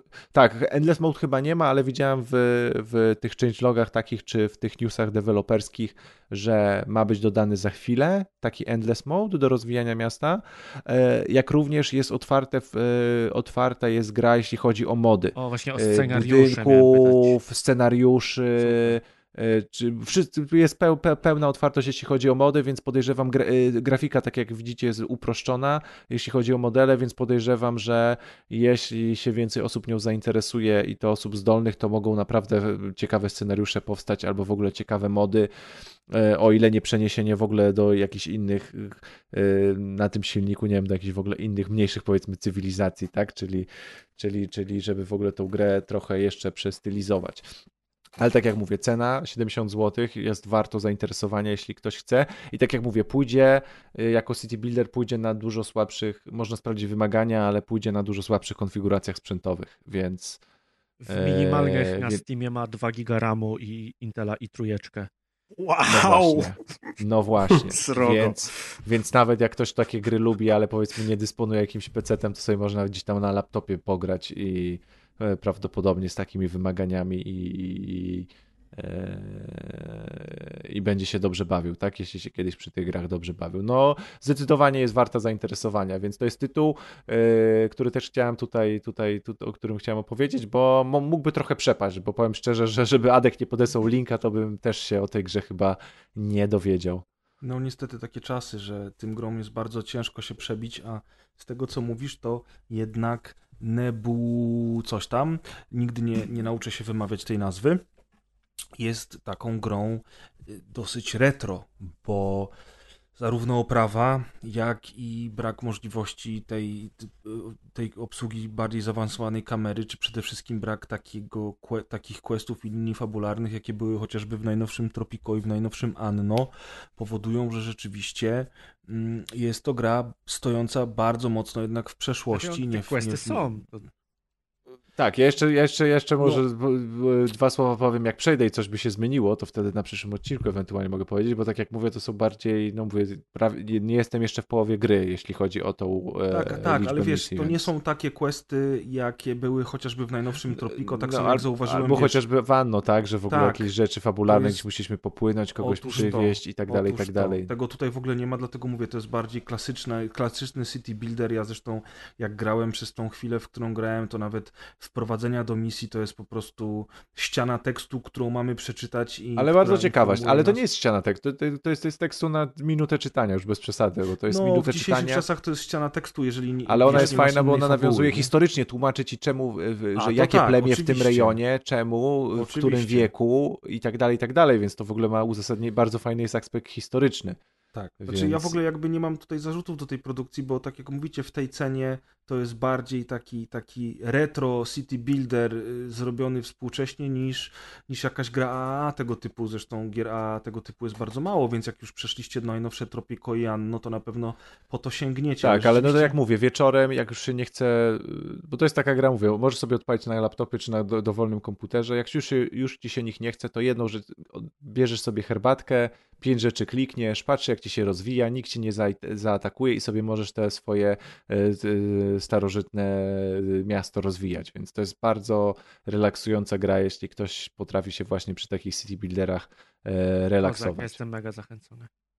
Dodatkowo, Ad- Adrian, jeśli, e, jeśli to cię może jeszcze zachęci, nie wiem jak jest w późniejszych misjach, ale w tych pierwszych, jakby źródłem przychodu jest e, ogólnie jakby mm, no, handel z innymi miastami, natomiast my, naszych mieszkańców musimy, natomiast jakby miasto jest samowystarczalne, czyli nasi mieszkańcy sami produkują jakby jedzenie, które e, muszą wyprodukować. Oczywiście możemy mieć mniejsze i większe bezrobocie, dążymy do tego, żeby bezrobocia nie było, natomiast nie jest tak, że nagle pewnego względu, e, z pewnego względu powiedzmy kosztów, nie wiem, utrzymania miasta, bo nie wiem, bo prąd kosztuje i tak dalej, i tak dalej, czyli tak jak jest we wszystkich city builderach, nie jest tak, że nagle coś klikniesz i po 20 minutach nagle twoje miasto zaczyna przynosić straty Tak. i nie wiesz, co się dzieje. Tu jest tak, że jak puścisz play, to ewentualnie cały czas się będzie miasto na zapętleniu, ale nie będziesz tracił pieniędzy. Okej, kozak, kozak. Bo pieniędzy ci jakby może przybywać, jeśli nic nie budujesz, bo oczywiście budowanie ci traci pieniądze, ale jeśli nic nie budujesz, to nie jest tak, że tu masz jakieś, nie wiem, koszty Czyli energii i tak dalej, że możesz- podatki się nie równoważą powiedzmy z wydatkami, Może tak? takim brute force'em trochę przejść tę grę, że po prostu będziesz tak długo nic nie robił, że, że coś tam... Nie, ponieważ nie wzrośnie ci na przykład ten prestiż, tak? Czyli są Okej. wskaźniki, które, które żeby rozwinąć to musisz, ale chodzi o to, że nie zepsujesz. Okej, okej, fajne. Więc, więc mówię, więc sobie raczej nie zepsujesz, więc nie jest tak, że ona nie jest przez to stresująca, bo czasami mówię, tak jak w, w, w City Skylines gdzieś nagle te wydatki się i ilość tak podatków jest. do ilości wydatków tak y, się nie pokryje, to nagle z super bogatego miasta możesz spaść poniżej, y, poniżej kreski i nagle możesz nie mieć pieniędzy, żeby cokolwiek gry, nie? wybudować. Takie Detroit. Tak. Tak, tak, tak. Więc, więc, więc to jest też dla osób, które nie są, że tak powiem, biegłe w takich grach, to też jest, e, to też może być istotną, istotnym elementem. Czyli dobra na początek. Na wstęp No to- gier, których już nie ma. Ale liczymy, że będą się pojawiać częściej.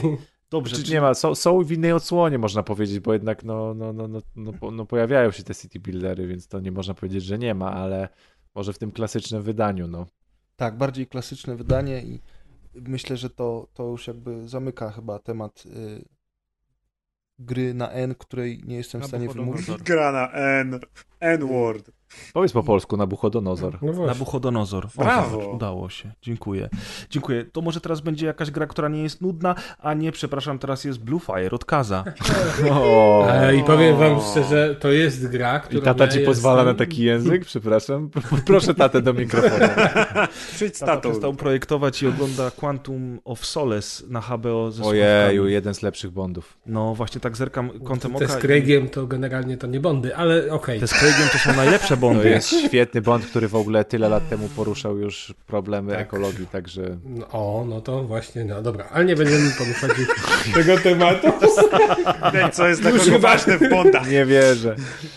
Ja Ja tam wszystkie 10 Bondy widziałem poza z tymi z Craigiem. I A, wszystkie poza. Poza screen. No tak, Kurde, to chyba poza ja też. Ale ja nie naumyślnie, tylko tak się złożyło. Chętnie Ja grałem obejrzę. we wszystkie Fify powyżej tych od 9.6 w górę.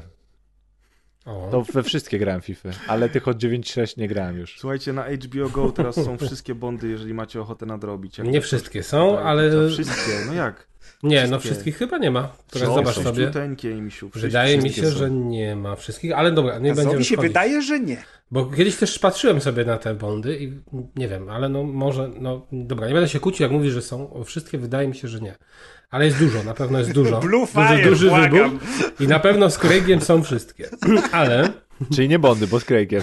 Ustalmy to. tak, tak, te filmy z Craigiem, gdzie on A to czemu stara się ustalmy? imitować A to- Osobą a to o czemu- a imieniu czemu- Craig. O, A sorry. czemu, przepraszam, a czemu Bondy z Craigiem to nie Bondy, bo jeszcze ustalmy to. Nie, no, nie będziemy tego ustalać już. Nie, Nie, widziałeś, Deusz, wchodzić. widziałeś za oknem ile śniegu było ostatnio? Ale z tym będziesz gadał o tym o globalnym E, ociepleniu dobrze. w ogóle. Ale ja nie w ogóle nie o tym chciałem, dlatego że chciałem wiem. powiedzieć o czymś ciekawym.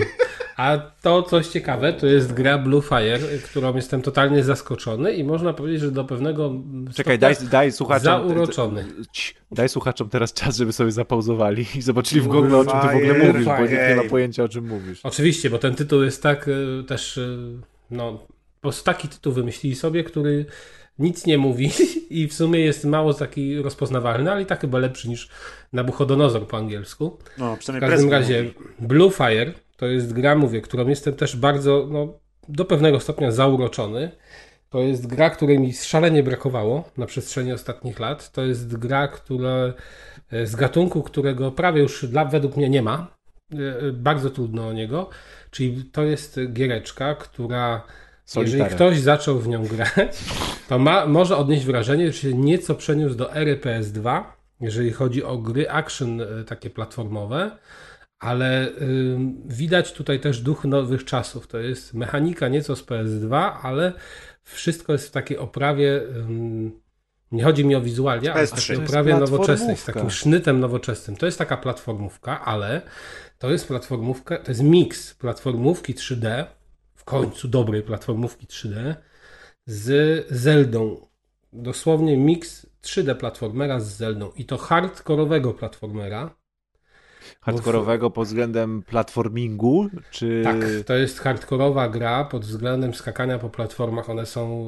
mm, To jest gra, która jest. y, mm, Czasem musisz, na przykład masz takie wyzwania, ale no zaraz może chwilę o tym powiem. To jest gra wymagająca, po prostu trudna.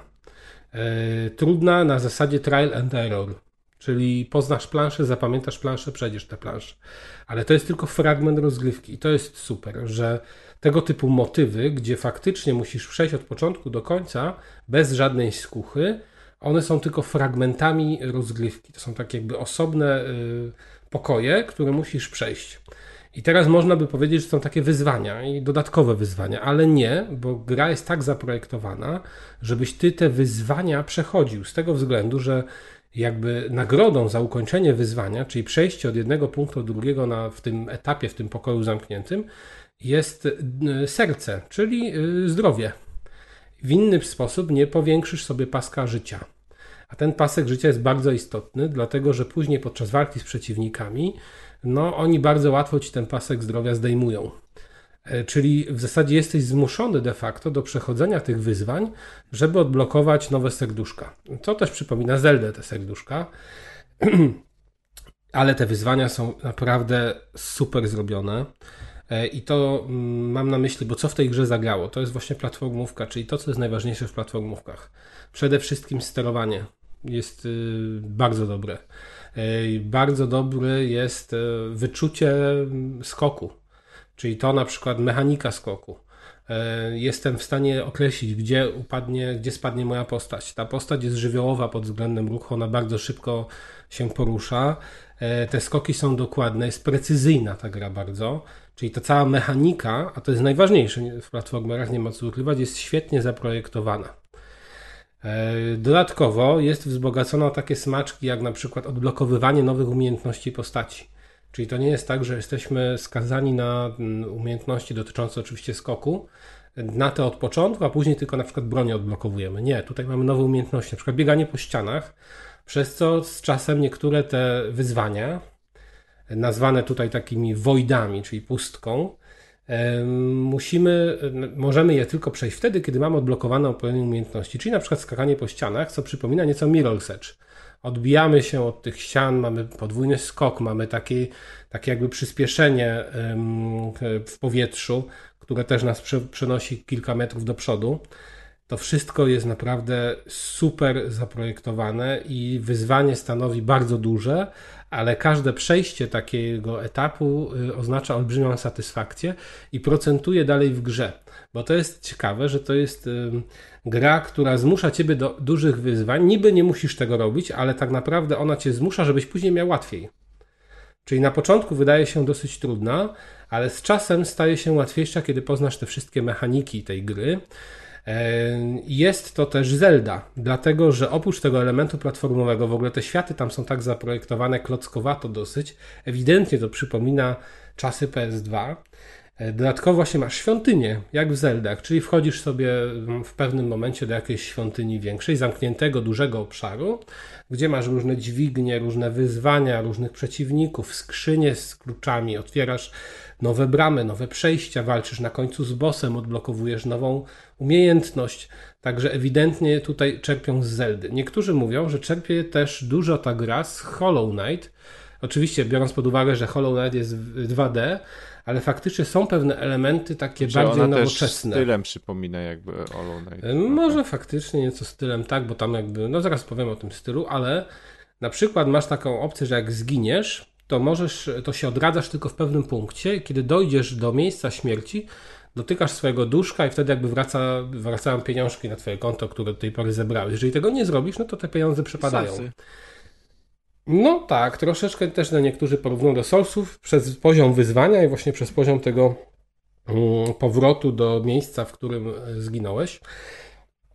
Mm, Jeżeli chodzi o tę warstwę taką przygodówkową, to jedyny taki problem, który ja dostrzegłem i niektórzy mówią, że to właśnie jest coś unikatowego, to jest brak mapy. W tej grze w ogóle nie ma mapy. E, I to mnie trochę zaskoczyło, bo tam jest bardzo dużo przejść, dużo lokacji.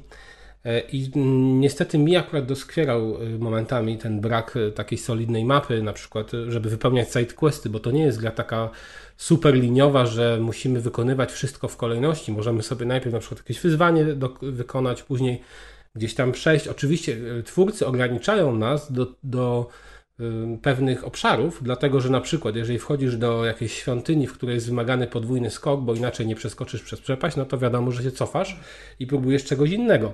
Ale tu też jest, to też jest ciekawe, to też często się zdarza w tego typu grach, że czasami ludzie y, są w stanie wykorzystać niektóre elementy świata w taki sposób, że twórcy nie zdawali sobie z tego sprawy.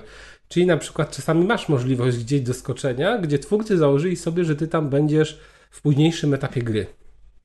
Na przykład gdzieś jest jakaś rura, która wymaga teoretycznie dobiegnięcia do niej poprzez biegnięcie po ścianach, ale poprzez wybicie z drabinki gdzieś nieco wyżej może ci się fuksem raz na pięć przypadków zdo, zd, y, udać się do, dotrzeć do tej rury wymaganej i przejdziesz ten etap. A to jest fajne, ja cię- lubię takie rzeczy w grach. Tak, i ona cię nie blokuje przez to. Możesz sobie tam iść i może ci się uda akurat przejść. I na przykład ja tak miałem, że patrzyłem sobie na YouTubie, że ludzie najczęściej odkrywali taką nową broń, która jest z- jakby zaprojektowana w ten sposób, żeby dojść do niej, kiedy już masz podwójny skok. A ja nie miałem tego podwójnego skoku i gdzieś tam sobie pokombinowałem, jakimś fuksem gdzieś na jakąś rynnę wskoczyłem, przeszedłem ten fragment, który wymagał podwójnego skoku i udało mi się tam dalej dotrzeć do tej broni. Już ją miałem wcześniej.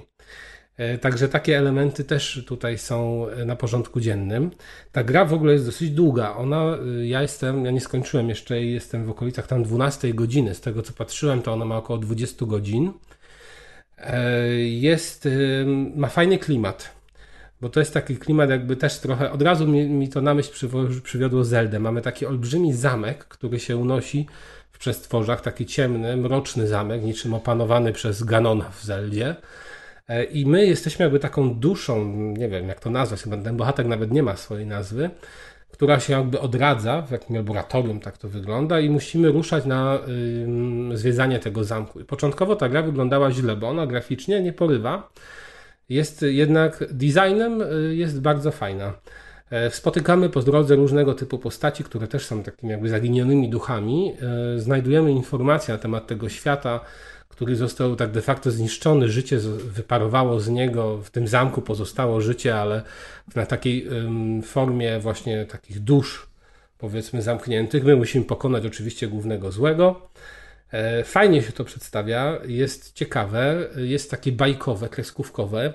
Ten bohater w ogóle jest fajnie zaprojektowany, jest taki śmieszny, jakby nosił maskę. Zobaczycie, że jak on zawsze umiera, to jakby ta maska mu opada, a tak naprawdę jest jakby takim pewnie płomykiem duszy, ubranym w pelerynkę i właśnie w maskę i, i zawsze na plecach ma takie dwa miecze, z których korzysta podczas walki.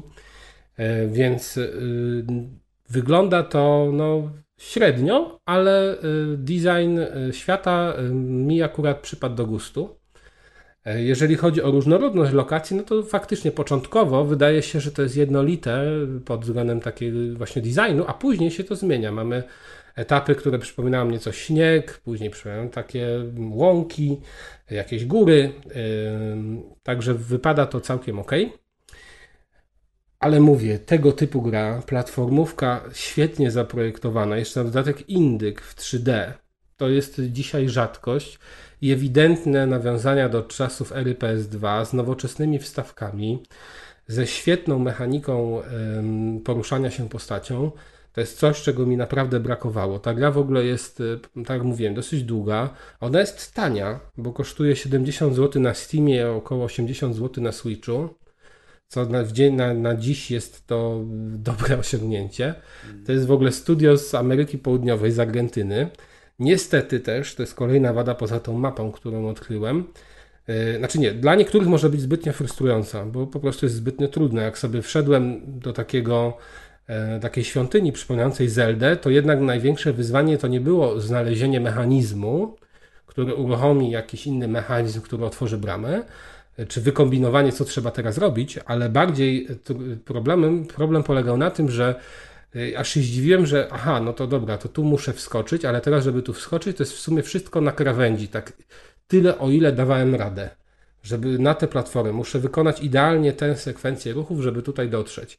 I na pewno wiele osób się pod tym względem odbije, że ona będzie dla nich za trudna. Kolejną taką wadą, już typowo wadą dla wszystkich, to niestety są błędy bugi. Ta gra nie jest wolna od bugów yy, i to są bugi niekiedy, z tego co czytałem opinie innych ludzi, które um- uniemożliwiają ci ukończenie gry. Ta gra dopiero co się ukazała, także twórcy ją naprawiają. Jeżeli chodzi o wersję na PC, to już patche jakieś powstały i podobno naprawiają większość problemów. Jeżeli chodzi o Switcha, niestety jeszcze te patche są w drodze, podobno mają być w tym tygodniu. No ale są problemy, na przykład kiedy nasza postać spadnie z wysoka, czasami mi się zdarzało tak, że podczas naciśnięcia skoku postać nie skakała, przylegała do ziemi i traciłem punkty życia, aż mi postać umarła. E, Albo były takie sytuacje, że faktycznie y, wskakiwałem, nie mogłem wskoczyć na jakąś platformę z tego względu, że gra to uniemożliwiała. To nie był mój problem, bo wchodziłem po drabinie, to powinienem normalnie wskoczyć, a tutaj się okazało, że nie mogłem tego zrobić, bo gra tutaj tego nie przewidziała. Albo nie zaliczyła mi jakiegoś questa, e, pokazując, że mam zdobyte mm, tam elementy z tego questa, ale ostateczne podsumowanie było na przykład 0 na 30 znajdziek, czyli błąd. I takich bugów jest niestety dużo, podobnie jeżeli chodzi o framerate, on też nie jest idealny na Switchu, naprawdę ma dosyć sporo tutaj możemy mieć punktów do narzekań na tym tle i mam nadzieję, że to patch naprawi. Ale poza tymi elementami to jest świetny tytuł. I jeszcze to nie przypadnie do gustu osobom, które starałem się tylko przejść do przodu, aż żeby skończyć. Bo na przykład tutaj jest bardzo kw- kwestia ważna, jeżeli chodzi o pieniądze. Za pieniądze możemy dużo rzeczy kupić. Nasza postać na przykład może dysponować dodatkowymi, umiejętnościami, które kupujemy. E, No i to jest takie trochę farmienie tych pieniędzy. Ich jest dużo, one są rozrzucone po różnych skrzynkach, beczkach w grze, no ale faktycznie zdarza się tak, że wychodzisz z lokacji, wracasz do tej lokacji tylko po to, żeby sobie natrzepać tej gotówki. I Ja faktycznie na przykład początkowo zauważyłem, że jest możliwość zdobycia takich elementów ratujących zdrowie postaci, tylko muszę je kupić. No więc sobie farmiłem te pieniądze, żeby je kupić i później to mi ułatwiło bardzo mocno życie e, w kolejnych etapach gry. Jeżeli ktoś by tego nie zrobił, tylko szedł na pałę przez tę fabułę, no to mogłoby być to dla niego naprawdę już mega frustrujące w późniejszym etapie. Czyli to jest gra, gdzie warto się zatrzymać, pofarmić, poekspować trochę postać, mimo że tu nie ma żadnego pa- paska expa, ale jednak poprzez nowe bronie, poprzez nowe umiejętności ona się, ta nasza postać jakby buduje. Warto to robić. Jeżeli ktoś tego nie robi, no to będzie miał problem. Poza tym świetny tytuł, ja jestem naprawdę mile zaskoczony i o taki, takie indy, takich indyków to właśnie jak najwięcej, żeby powstawało. Więc polecam każdemu fanowi y, dobrych platformówek, wyzwań platformówkowych właśnie w 3D, a nie w 2D, bo 2D mamy zatrzęsienie, a 3D nam brakuje. Tego typu gier polecam. Super sprawa Blue Fire. Na, niestety na ten moment jest tylko dostępne na PC-tach i na Switchu. Z tego co czytałem, to jest planowana wersja na PS4 i na Xboxa, ale chyba nie w tym roku. Tylko w przyszłym. No szkoda. No, ja sądzę, że akurat no, no, a, Adkowi mogłaby się spodobać ta Ja nie cierpię platformówek. Jak to? Przecież Hollow Knight lubiłeś. To jest Metroidvania, właściwie Castlevania, a nie platformówka. No, ale to też Gra jest... oparta no, o to jest typowa 3D Gra platformówka. oparta Ja o chciałem- walkę głównie. To jest Hollow Knight.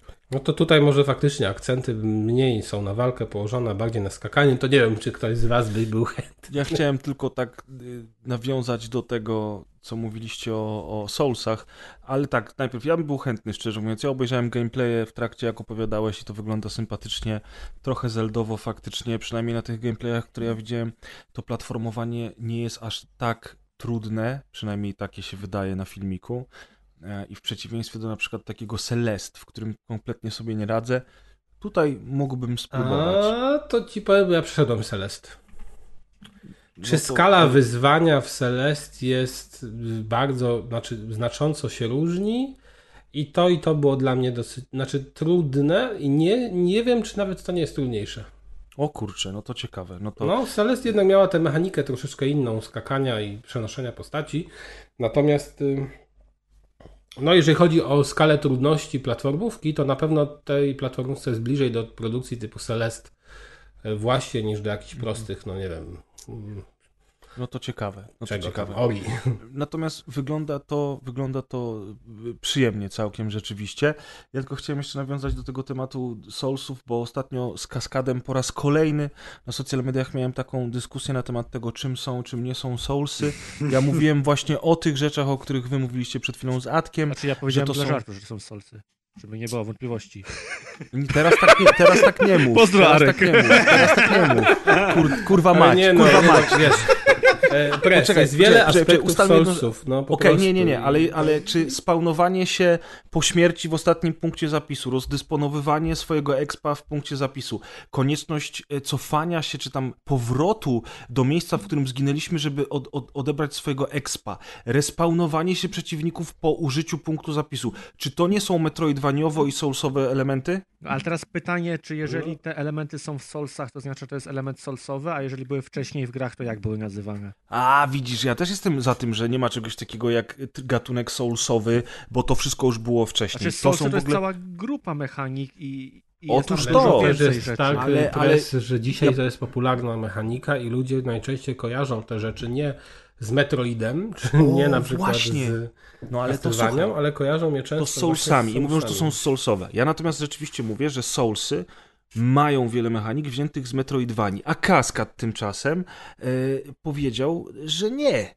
I to są zupełnie dwie inne sprawy. Nie możesz usnąć od tego. Ja nie słuchałem tej jeszcze, rozmowy, nie jeszcze, jeszcze, Nie czytałem, czy nie słuchałem, nie wiem, ale I no, Kosman są też tak napisał elementy, na, są na Twitterze w tej wspólne. dyskusji. Z nimi rozmawiaj o tym, a nie z Gabi. nie, nie, nie, nie, nie, nie, bo ja po prostu usłyszałem, nie, bo ja usłyszałem, usłyszałem tą dyskusję przed chwilą w tej grze i uderzyło mnie to, że przecież, kurczę, no, Soulsy mają elementy zaczerpnięte z Metroidvanii i mówienie, że Soulsy i Metroidvania to są dwie inne rzeczy, nie jest prawdą. Czy jest No może... może- bo są dwie inne rzeczy, a mają w... część wspólną. Soulsy Ale że, te, ale, że, ale że te części wspólne nie są wspólne, rozumiesz? Tego Na się przykład w Castlevanii nie ma czegoś bzdura. takiego jak zdobywanie, nie wiem, pójście do miejsca, gdzie się zginęło i tam będzie tw- twój ekwipunek. Masz Tego nie ma. normalnie. Ale masz save pointy, gdzie Ale możesz... już na przykład masz też, nie wiem, odblokowywanie skrótów, prawda? Żeby nie chodzić w kółko za każdym razem do jakiegoś miejsca. Tak, ale takie rzeczy to też w Zeldach było Nie, od lat. nie, nie, nie masz Jak skrótów. odblokowywanie skrótów. Nie wiem, czy w Soulsach takie, tak, ale nie gram za No bardzo. przecież ma- skróty. W Castlevanii nie masz są. A, w skrótów, masz odblokowanie nowych skilli, które ci dają przejścia. Yy, ale nie, no chwila. W No tak, też no. możesz otwierać sobie drzwi, które na przykład umożliwiają ci przejście do danej lokacji dołem, tam kanałami, ale z drugiej strony... No to jak Dachami, kaskad się więc- zna tak jak ty, Adek, to temat jest do zamknięcia, dziękuję. Są takie elementy, nie znaczy. Ka- Przyszedłem Jedi Fallen Order. To nie jest Oj, to, nie jest Castlevania! Oczywiście, ale mam, to była dokładnie ta sama dyskusja z Kaskadem. Zresztą Kaskad niedługo wpadnie na jakiś odcinek i sobie o tym pogadamy. Przed chwilą się kłóciłeś o Soulsa, a teraz już o Castlevanie.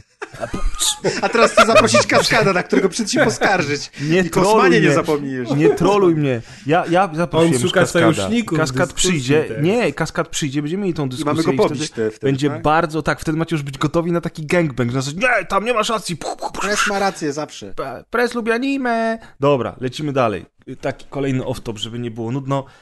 E, I teraz y, mam nadzieję, że nie będzie nudno podczas y, opowieści o kolejnej grze, która też jest w sumie niszowa i nie, nie jest jakimś reprezentantem szerokiego gatunku, Mm, więc może nie zaśniecie, y, a może zaśniecie, to zależy wszystko od Maćka i od gry Little Nightmares 2.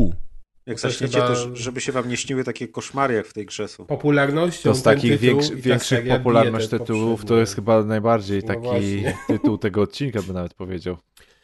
No, ale czy ten gatunek jest jakoś szeroko reprezentowany w ciągu roku? Platformówki są reprezentowane, 2D, takie spojrzenie. Kas gasi, każde, każde po prostu Znaczy, dzisiaj. dawno nie grałem, ale tak, no, no sorry, ale no, press są. Platformówki jest taki gatunek, tak. Tak, jest. Tylko że, tylko, że czy to jest taka typowa platformówka? Macie? Horrorowate platformy. Czy to są Soulsy? Czy to są Soulsy bardziej, Czy czy Castlevania? Castlevania? A, kurde. Opowiadaj. Hmm. No nie, może ty opowiesz, jak się przygotowałeś do odcinka, bo miałeś przejść pierwszą część. Tak, spróbowałem podejść drugi raz do pierwszej części. Ja w ogóle, ja w ogóle uwielbiam Limbo i Inside. Bardzo no i masz już tego. kolejne przykłady, że takie gry są. Tak. No i właśnie o tym mówię, że to jest. Cztery gry przez 10 lat. No właśnie, o to mi chodziło, nie? Także sam siebie zaorałeś, Kaz, właśnie. Ale ten, ale bo to nie są takie platformówki jak Celeste chociażby, chociażby ze względu na poziom trudności. One też mają w sobie takie mm, pewne narracyjne elementy, które nie są aż tak rozbudowane w innych platformówkach, nie mówiąc już o tych wszystkich takich zakulisowych czy psychologicznych aspektach, które były zarówno w Limbo, jak i w Inside. No, Celeste też była psychologia tutaj. Masz rację, Niestety. przepraszam, zwracam honor. Rzeczywiście tak było. Tam była całkiem niezła, niezła, niezła historia w tej grze i jakby ten morał, który gra ze sobą niosła, faktycznie. W każdym razie e, ja lubię tego typu gry. Ja bardzo chciałem przejść Little Nightmares, bo klimat i, i, i, i styl graficzny i to wszystko, co ja widziałem, bardzo mi się podobały. Niestety za pierwszym razem na premierę się od jedynki odbiłem i teraz chcąc jakby pograć w jedynkę przed dwójką, znowu się odbiłem. Em, Dotarłem chyba do tego samego momentu dwa razy, może kawałek dalej teraz i jakby niestety, ale sterowanie Mhm. chyba najbardziej im przeszkadzało. Ta interakcja z otoczeniem, która nie działała tak do końca jak powinna, i to, że y, teoretycznie widok jest z boku, czyli tak jak to było w, w Limbo czy w Inside, ale jednocześnie ta nasza postać y, w pełnym trójwymiarze się porusza, więc przy elementach platformówkowych nie jest to na pierwszy rzut oka widoczne, czy ty skacząc dobrze trafisz, czy nie trafisz. I ja o tym wszystkim mówię dlaczego. Dlatego, że jestem ciekaw, co Maciek powie o tych, o tych wszystkich rzeczach w dwójce, bo podobno dwójka wszystko to robi lepiej. No to, że- żeby sprawdzić, czy rzeczywiście robi lepiej, to powinienem jedynkę przejść. Y, czego nie zrobiłem, nie odpalałem jedynki, więc nie mam zupełnie porównania, ale Fajnie. wydaje mi się, że w ogóle nie robi tego Wspaniale lepiej. Się idealnie. Fresh takie pytania tutaj no, 5 minut przygotowała. Na moje oko w ogóle tego nie robi lepiej ja i robi to w ogóle wszystko tak samo i w ogóle mogę powiedzieć, że nawet właśnie jestem troszkę zawiedziony tą grą. Yy, Ale przepraszam, przepraszam, sekunda, ale przeszedłeś dawno temu jedynkę. tak, wtedy tam na, na premierze, czy tam tuż po premierze, no, tak. Okej. Yy, I Little Nightmares 2 jest, yy, chyba mo można tu użyć hasła, że yy, lepsze jest wrogiem dobrego, czy, czy nie wiem. W sumie nie wiem, czy to pasuje. Może się pospieszyłem. Memento mori. Szybciej nie znaczy Mori. Feng Shui. Yy, to jest dokładnie taka sama gra jak jedynka. Mam wrażenie, że i sterowanie, i, i, i wszystko jest takie samo, styl graficzny, ta estetyka, co może być z jednej strony zaletą, z drugiej strony wadą, ponieważ jeśli komuś się podobała jedynka, to może spokojnie zagrać w dwójkę i znajdzie tam to samo. Ale z drugiej strony, no niestety znajdzie tam moim zdaniem dokładnie to samo, bo ja grając w to nie miałem już tego samego uczucia, które miałem przy jedynce, bo Little Nightmares rzeczywiście wyróżnia się mocno tym, tą estetyką swoją i to jest niby platformówka, ale gra się w tą grę głównie jakby dla tej estetyki, bo tam mechanik jest tyle co kot napłakał, tak naprawdę mamy tylko chodzenie, skakanie i przycisk od interakcji, którym, które polegają zazwyczaj na tym, że trzeba sobie przesunąć jakąś skrzynkę, żeby móc z niej skoczyć wyżej, albo złapać się jakiejś dźwigni, żeby ją uruchomić, i, albo przynieść gdzieś jakiś y, przedmiot, żeby go gdzieś tam w innym pokoju uruchomić i to jest koniec. Y, Żadnych dialogów, y, żadnych y, wyborów, żadnych innych ścieżek, bardzo liniowa gra, więc y, głównie mnie ona przyciągnęła swoją estetyką, która jest dosyć y, niepowtarzalna. Wydaje mi się, że no, nie kojarzę przynajmniej takich gier tak, tak wyglądających z takim stylem. Yy, No ale właśnie coś w tym jest, że zupełnie jakby tak się cieszyłem, że Little Nightmares 2 super, jedynka mi się tak podobała, zagram dwójkę i, i grałem, grałem i tak stwierdzałem, że hmm, nie wiem, to już kompletnie nie robi takiego wrażenia. Też nie wiem, czy, czy nie przez to, że jednak no rzeczywiście zabrakło jakichś ciekawych pomysłów i czy to na jakichś powiedzmy bossów, y, czy na lokacje, bo y, zwiedzamy tutaj na przykład szkołę, szpital i takie kamienice mieszkalne i to jest wszystko bardzo fajnie zrobione, ale bardzo do siebie podobne i jakby me, też nie ma za dużo mechanik takich y, nowych, które by coś właśnie świeżego w, wprowadziły. Jest taka mechanika powiedzmy teleportacji, która się później w drugiej połowie gry, czy nawet w jednej trzeciej końcowej gry pojawia i tam się coś może trochę fajniejszego dzieje. I tak naprawdę to ostatnia, powiedzmy, godzina gry, ona trwa gdzieś tak 4,5 godziny, 5. Jest troszkę dłuższa, gdzieś z dłuższa niż jedynka chyba. I ta ostatnia godzina wydawała mi się najciekawsza. Coś się zaczynało dziać, były jakieś ciekawsze y, lokacje. Sama końcówka to w ogóle było takie odświeżenie, że żałowałem, że tam tylko się powiedzmy pół godziny gra, bo, bo, bo w końcu było coś innego, powiedzmy be- bez spoilowania, coś innego niż te takie y, szare, zamglone, pełne deszczu, smutne, zdewastowane y, lokacje jakiegoś dziwnego, porytego miasta. Y, No więc tak. Y, Co jeszcze, co jeszcze? No a propos, Kas tak opowiadał o tym Blue Fire, o tych elementach właśnie y, zręcznościowych, skakania, jak to jest tam wszystko dokładnie zrobione. Tego kompletnie się nie da powiedzieć o Little Nightmares, ponieważ tutaj skakanie i interakcje są bardzo fizyczne. W sensie oparte o jakiś tam ich silnik fizyki. Yy, tak samo było w jedynce, chociaż nie pamiętam, czy to było takie frustrujące. Tutaj bardzo często mi się zdarzyło, że właśnie a to gdzieś spadałem. yy, Po części przez tą kamerę, o której teraz wspominam, że rzeczywiście jest, jest tutaj głębia tego ekranu, też się liczy, a kamera jest często blisko ziemi osadzona i tak naprawdę nie wiemy, jak głęboko tego ekranu jesteśmy. I często się zdarzają takie sekcje jakiegoś skakania czy coś, gdzie po prostu ginąłem autentycznie po 10-20 razy po prostu. Ale faktycznie ze względu na kamerę, tak? Y, ze względu na fizykę tego, bo, bo Mhm. po prostu często po prostu biegniesz, wiesz, pięć razy biegniesz tak samo i trzy razy spadniesz z deski, a dwa razy nie spadniesz. No, no to nie? faktycznie, no to, to w Blue Fire jest zaj, no, zarąbiście. Ta, ta Kamera w Blue też. Fire nawet na filmikach widać, że ta postać jest po prostu super responsywna, a tutaj przez to, że ta gra jest właśnie bardziej nastawiona na taką filmowość i na jej takie przeżywanie nie czysto gameplayowe, tylko bardziej y, jakbyś oglądał jakąś animację, to te postacie się, wiesz, wolniej zbierają, one są inaczej właśnie animowane. I też na Tak, przykład... ale jak- w Limbo też właśnie podobnie. Znaczy, ja akurat nie grałem w Little Mi- Nightmares 1, ale w Limbo też to było takie.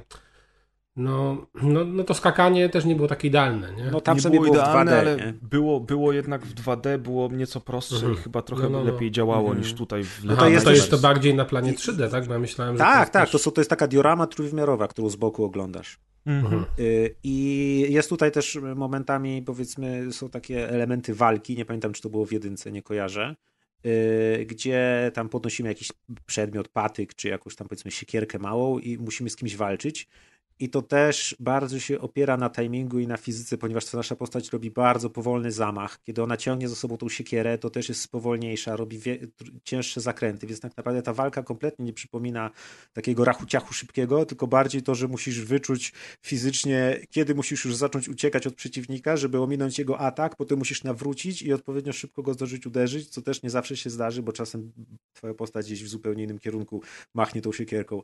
Więc naprawdę miałem zadziwiająco dużo momentów, kiedy ta gra mnie autentycznie już zaczynała frustrować, gdzie po prostu biegnąc szósty raz i spadając znowu w tą samą przepaść, mówiłem, Jezus, już dajcie mi przeskoczyć i chcę pójść dalej, bo naprawdę widać czasem są takie momenty, gdzie musisz zrobić wszystko dokładnie tak, jak sobie deweloperzy wymyślili. Czy to podczas takich scen ucieczek, czy, czy nawet podczas jakiegoś platformowania jest tak, że jak nie wybijesz się z ostatniego piksela deski, to gdzieś tam nie doskoczysz. A z drugiej strony czasem się odbijesz wcześniej i doskoczysz. Jest to właśnie kompletnie takie ciężkie do wychwycenia. Właśnie przez tą taką fizyczność tego wszystkiego. I to w, jedynce nie pamiętam, że mnie tak irytowało. Tutaj trochę irytuje. Na szczęście y, są checkpointy dosyć często, więc y, dużo tego progresu nie tracimy. Chociaż No to- też na przykład jak giniesz, to ekran się powoli ściemnia. Potem ekran się powoli rozjaśnia. Widzisz, Tak, że ta postać siedzi sobie, śpi.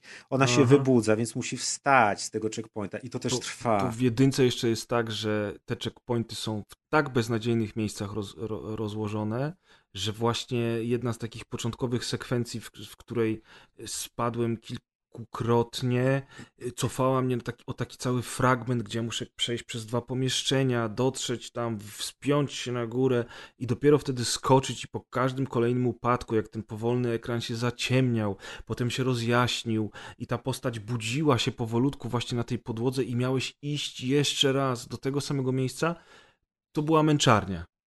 Męczarnia. To się właśnie sprawdza, jak oglądasz tą grę. Jeśli ktoś nie popełnia błędów, albo ty jeśli nie popełniasz błędów, to wtedy wszystko fajnie filmowo wygląda, ale jakby od strony gameplayowej to jest dosyć upierdliwe i po prostu kolejny raz ładowanie tego, to człowiek traci cierpliwość. Szczególnie, że wie, że właśnie błąd, że zginął nie ze swojej winy. Bo ja ze swojej winy zginąłem tylko kilka razy tak naprawdę, a tak to wszystko zwalam na tą grę. Ale znowu, tak samo jak jedynka, ta gra lśni w swoich y, wyreżyserowanych momentach. To są zazwyczaj momenty pościgu, gdzie coś nas goni i gdzie akcja przyspiesza. I y, bo właśnie co jakiś czas się trafiają takie pościgi, a normalnie gra polega na tym, że praktycznie tylko chodzisz, skaczesz, musisz znaleźć sposób, jak gdzieś wydostać się z pomieszczenia, pójść dalej, znaleźć jakiś kluczyk, gdzieś jakąś ścieżkę i tak dalej. A kiedy są te momenty wyreżyserowane, które są zazwyczaj pościgami, gdzie przy czymś uciekamy, to jest naprawdę super, bo wchodzi muzyka, animacje, to co się dzieje w tej grze, kiedy na przykład iście powiedzmy nawet potwór jak z Inside, czyli taka góra mięsa, zaczyna cię gonić po jakimś korytarzu i widać, że rozpycha to wszystko, jak od razu mi się przypomniała e, anime Akira, gdzie też było coś Mhm. takiego, gdzie po prostu to ciało się tak rozrasta, pękają ściany, on za tobą goni, ty uciekasz, to jest wszystko wtedy, ta, ta fizyka filmowa wtedy nawet pasuje i o ile nie zginiesz 50 razy podczas takiej ucieczki, bo jest jakiś cholerny skok, którego nie możesz wykonać, a spóźnisz się ułamek sekundy i, i już jest za późno, ale tak, są te momenty bardzo fajne, tylko znowu, jak sobie przypominałem y, na YouTubie momenty z jedynki bardzo fajne, wyreżyserowane, to one były równie fajne.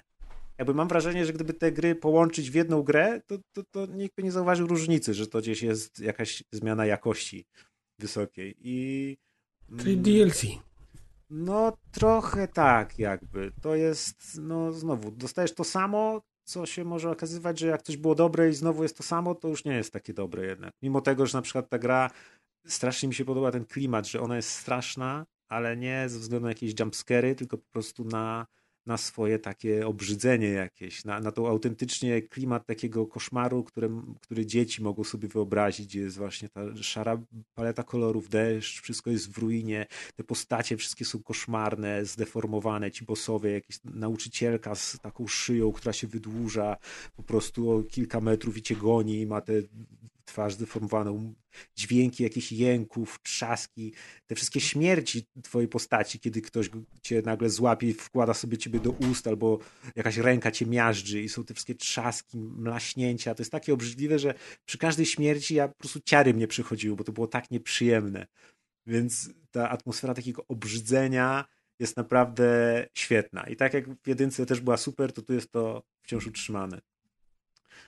No ale mimo wszystko muszę powiedzieć, że jakby no, no nie, nie powiedziałbym, że się zawiodłem, ale jednak lekkie rozczarowanie może czuję, że to jednak y, jakby, jakby tak miała trzecia część wyglądać, to już bym nie chciał, żeby to takie było, bo to jest jednak... Ile się można bać? Mm, ile, ile razy można to samo mielić, nie? Jakby dwójka nie wprowadza dużo nowych pomysłów, ona robi to samo co jedynka, więc to już jest takie, no dobra, nie? Ale... No też myślę, że jakby było, nie wiem, Inside 2 i byłoby tym samym Inside, to też już by nie zrobiło takiego mm -hmm, wrażenia jak mm -hmm. pierwsze Inside. Szczególnie, że tu też mimo wszystko jest ta warstwa fabularna, oczywiście bez żadnych dialogów, trzeba się wszystkiego domyślać i są takie fajne, drobne twisty i, i, i jak się ją tam całą przejdzie jest i do, do jedynki są oczywiście nawiązania, to się wszystko łączy. Patrzyłem, że wyszedł też jakiś komiks yy, Little Nightmares, wyszła gra też na Androida Very Little Nightmares bodajże, yy, która też się fabularnie z tym łączy. I te wszystkie postacie, ta, ta dziewczynka w tym pomarańczowym yy, sztormiaku też się tam prze, przewija i tak dalej, więc jest tam jakby to uniwersum spójne między tymi wszystkimi grami, więc to jest, to jest fajne. No ale tak, moim zdaniem nie ma się co na to rzucać. Jak komuś się podobało, to i tak niech zagra, ale może sobie poczekać na, na przecenę, bo nie jest to jakieś nie wiadomo co. Jest to dalej więcej tego samego, co jest niby zaletą, ale jednak, jak się okazuje, wcale niekoniecznie. No, to ja już nie muszę grać w jedynkę. Ani dwójkę. Ani dwójkę. Dziękujemy Maćku za, za to omówienie Little Nightmares 2, natomiast ja wam opowiem teraz parę słów o grze Rustler, która wyszła właśnie w Early Access i jest to polska odpowiedź na pierwsze GTA. I mówię to zupełnie poważnie, mhm. dlatego że Rustler jest GTA w średniowieczu. I y, to tutaj nie chodzi tylko o sam rzut izometryczny, chociaż pierwsze GTA to w ogóle było w takim top-down, więc tutaj pewnie Adek powinien się wypowiedzieć. Tylko nie top-down, błagam, nie znowu to samo. Tak, y, generalnie rzecz biorąc, jakby jeżeli chodzi o pomysł na gameplay, zasady tej gry, wiele mechanik nawet, to jest to po prostu GTA 1 przeniesione do średniowiecza. Wcielamy się w osobnika o imieniu Guy, który jest takim bandziorem, trochę menelem. E, oglądamy jego perypetie w intrze nagrane przez prawdziwych aktorów i widzimy, że jest on nieprzyjemnym jegomościem, który lubi sobie wypić i dać komuś po mordzie. Często samemu też te, tak, tak. Często też y, samemu po tej mordzie obrywając. No i Gai jest takim właśnie naszym typowym bohaterem z, z GTA, który pracuje dla rzezimieszków, robiąc różne e, bardzo niemoralne często rzeczy, a całość przedstawiona jest w rzucie izometrycznym, który czasami zmienia się w top-down, zresztą bardzo, bardzo umiejętnie i zręcznie, kiedy wjeżdżamy do miasta, a jak się domyślacie, w średniowieczu dużo tych miast ani wysokich budynków nie było, więc rzut w przeciwieństwie do pierwszego GTA nie musi być cały czas z góry, więc kiedy wyjeżdżamy z zameczków i osad, to zamienia się w lekko izometryczny rzut, wszystko pociągnięte jest delikatnym cel shadingiem, wygląda całkiem ładnie, e, to jest taka takie GTA współczesnych czasów, czyli, czyli widać, że to jest produkcja niewielkiego studia, która nie jest produkcją za duże pieniądze, w związku z czym e, nie jest to taki widok jak chociażby w w tej grze czeskiej bodajże Maciek, w którą się zagrywaliśmy Kingdom swego czasu, czyli Kingdom Come, tylko to jest właśnie taki rzucik,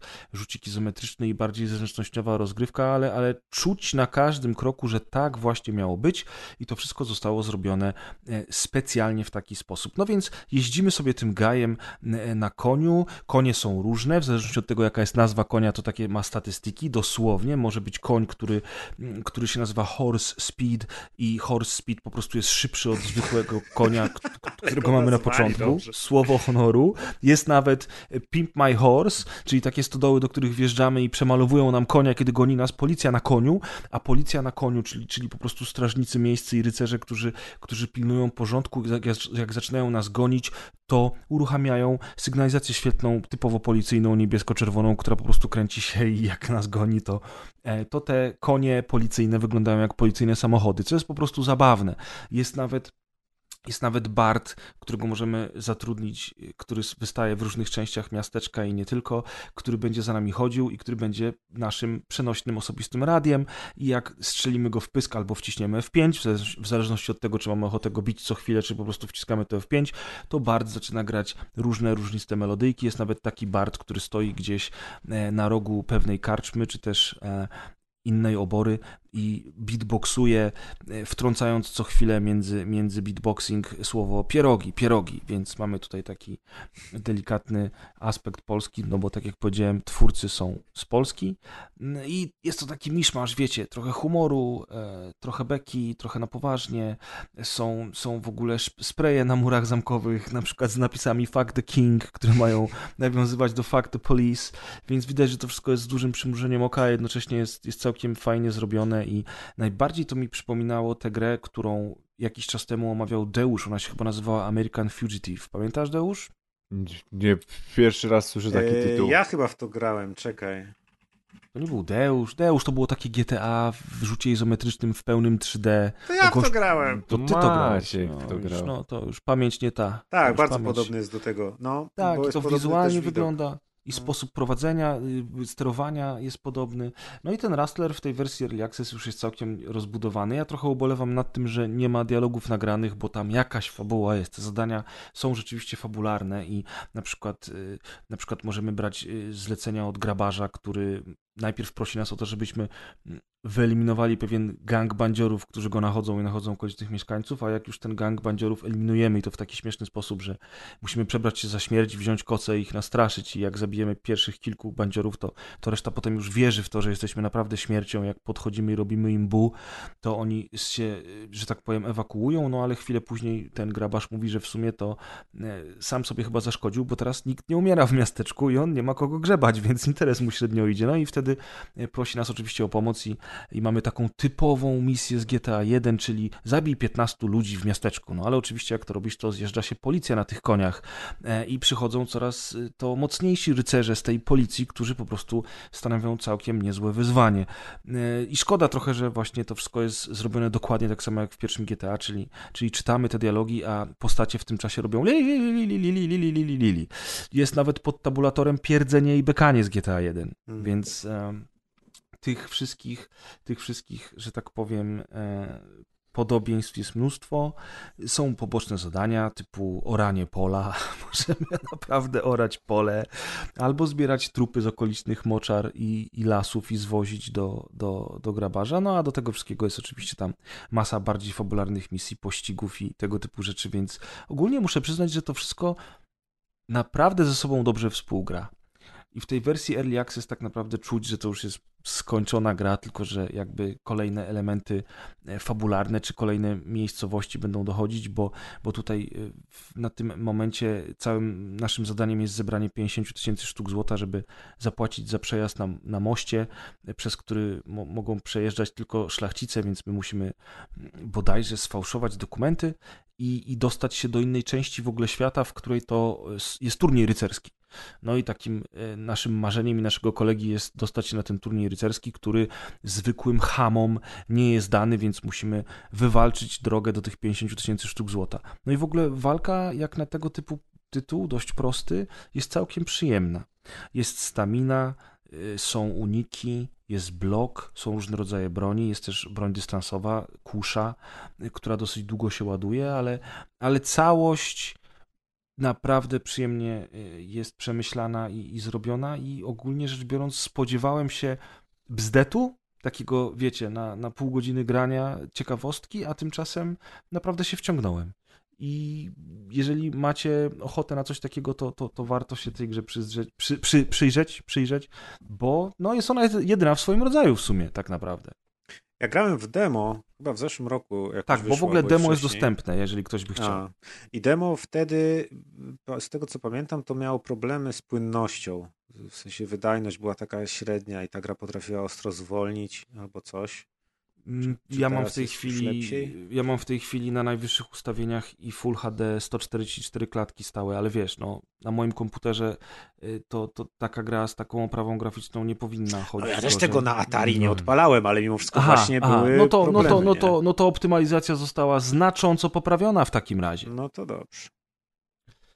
Tak, więc Rustler jest, jest ciekawą ciekawostką. Uważam, że, że, że, że, że w ogóle jako gra jest po prostu przyjemny i sympatyczny i, i warto po niego sięgnąć, no.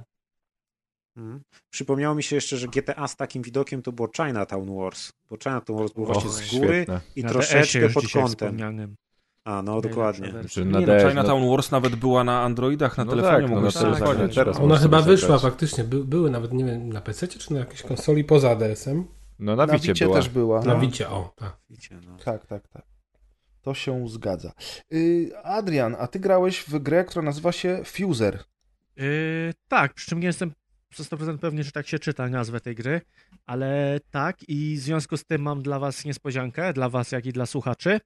E, Sięgnijcie sobie teraz wszyscy pod krzesła, na których siedzicie i macie tam białe rękawiczki, gwizdki i neonowe stiki, ponieważ przenosimy się za konsolę. Ale mam się spiąć teraz, czy... Przenosimy się za konsoletę DJ-ską i lecimy na manieczki. Eee, Fuser, Fazer, Fuser to jest nowa gra studia Harmonix, czyli studia, które zrobiło m.in. Rock Banda. I chyba to jest najpopularniejsza ich seria. Eee, I mam wrażenie, że ta gra przeszła trochę bez echa, Bardzo bez echa, ja bym nawet powiedział. co jest smutne, a tak się stało, że akurat w ten weekend był, były darmowe dni na Xboxie z, z grą i uznałem, że wreszcie spróbuję. Ono ma też Odpaliłem- demo, jak coś. Tak, ma demo, ale nie wiem jak demo działa. E, Odpaliłem darmowy weekend i przepadłem. Przepadłem na cały weekend, przestałem grać w No Man's Sky'a, którego ostatnio dość sporo gram, bo chciałem jak najbardziej wykorzystać ten czas. E, okazało się, że to jest świetna, świetna gra i, i sprawdza się do wszystkiego, bo nawet miałem taki moment, gdzie odpaliłem grę tylko po to, żeby grała muzyka i poszedłem sprzątać i co jakiś czas tylko wracałem i przełączałem sobie płyty tam. E, ale tak, co to jest za gra? E, teraz musicie się skupić, ponieważ wytłumaczenie mechanik tej gry jest No dość, dość skomplikowane, ale gwarantuję wam, że gra się w to łatwiej niż, niż e, będę to opisywał. Teraz tak. Na początku gry wybieramy sobie zestaw naszych wineli, jakie będziemy chcieli używać. Mamy do wyboru multum ich. Naprawdę lista piosenek jest... Muzyka, jakie są gatunki, wszystkie, czy... Eee, wszystkie popularne, czyli masz i, i pop, i rap, i elektronikę, i nawet jakieś tam latynoskie brzmienia, i bardziej klasyczne w stylu na przykład Ricka Astleya. Eee, wszystko, co możesz w klubach usłyszeć. Nie Mhm. ukrywam, że bardzo mnie cieszy, że jest dużo rapu, przy czym to jest taki rap bardziej e, też klubowy, czyli na przykład Cardi B, ale na przykład mamy też DMX-a. O nie, Cardi B nie wspomina, bo ona szkaluje Polskę. nie, nie to? Przecież... Nieważne. No, Nie E, znacie afery z Cardi B? To wam potem opowiem na Mm. bloopersach. dobra. Tylko mi Okej. przypomnijcie. Okej, okej. W każdym razie tej muzyki jest naprawdę dużo, przy czym to jest tak, że trzeba tą popularną muzykę lubić. Jeżeli ktoś jest fanatykiem jazzu albo alternatywy, Wędkarstwa. to tak, albo wędkarstwa i spinningu, to raczej tu nic dla siebie nie znajdzie, bo, bo to mimo wszystko polega na miksowaniu ze sobą różnych gatunków muzyki, więc jak słuchasz tylko jednego, no to ciężko będzie ci się przekonać do tego, żeby to robić i Nie będziesz z tego miksować radość. wtedy. Będziesz możesz, możesz, Połączyłem właśnie fakty. Nowe wideo, remix Edyty Górniak i Tupaka, który dzisiaj śmiga Tak. po YouTubie, to jest Tak. twoje dzieło. Nie jest moje dzieło, ale dokładnie na tym polega ta gra. I jak tylko to odpaliłem od ciebie, to sobie uznałem, że, że dokładnie to robię To w grze. Edzia Górniak i Tupak mogłaby powstać we Fuserze. Mogłaby powstać, przy czym mamy 50 Centa tam, a nie Tupaka, niestety. Trochę gorzej, no. Trochę gorzej, ale... tak. Więc tak, wybieramy sobie zestaw naszych wineli, odpalamy grę i naszym oczom ukazuje się olbrzymia konsoleta na pół ekranu na cztery sloty. Cała gra polega na tym, że korzystając z naszych wineli, możemy sobie w te sloty wsadzić odpowiednią ścieżkę z danej piosenki. Ścieżki są cztery, jest wokal i są trzy instrumentalne. To jest w większości kawałków, no bo w elektronice z reguły nie ma wokalu, a tam są jakieś e, na przykład scratche DJ-skie. E, ale głównie zaznaczone jest to symbolem e, wokalu. możemy sobie w dowolnym momencie przenosić dowolną ścieżkę w dowolny slot na dole. Jeżeli chcecie, możecie sobie ustawić cztery same wokale i, i będą leciały razem, jak wam tak wygodnie. Przy czym to jest opcja dopiero po jakimś czasie, ponieważ gra ma kampanię i wprowadza po jednym elemencie na, każdą, na, na każdy stage, na każdą, każdą scenę. Ponieważ elementów jest tyle, że jakby dali wszystko naraz, to nie da się tego wyłapać. I teraz tak, mamy te nasze cztery ścieżki.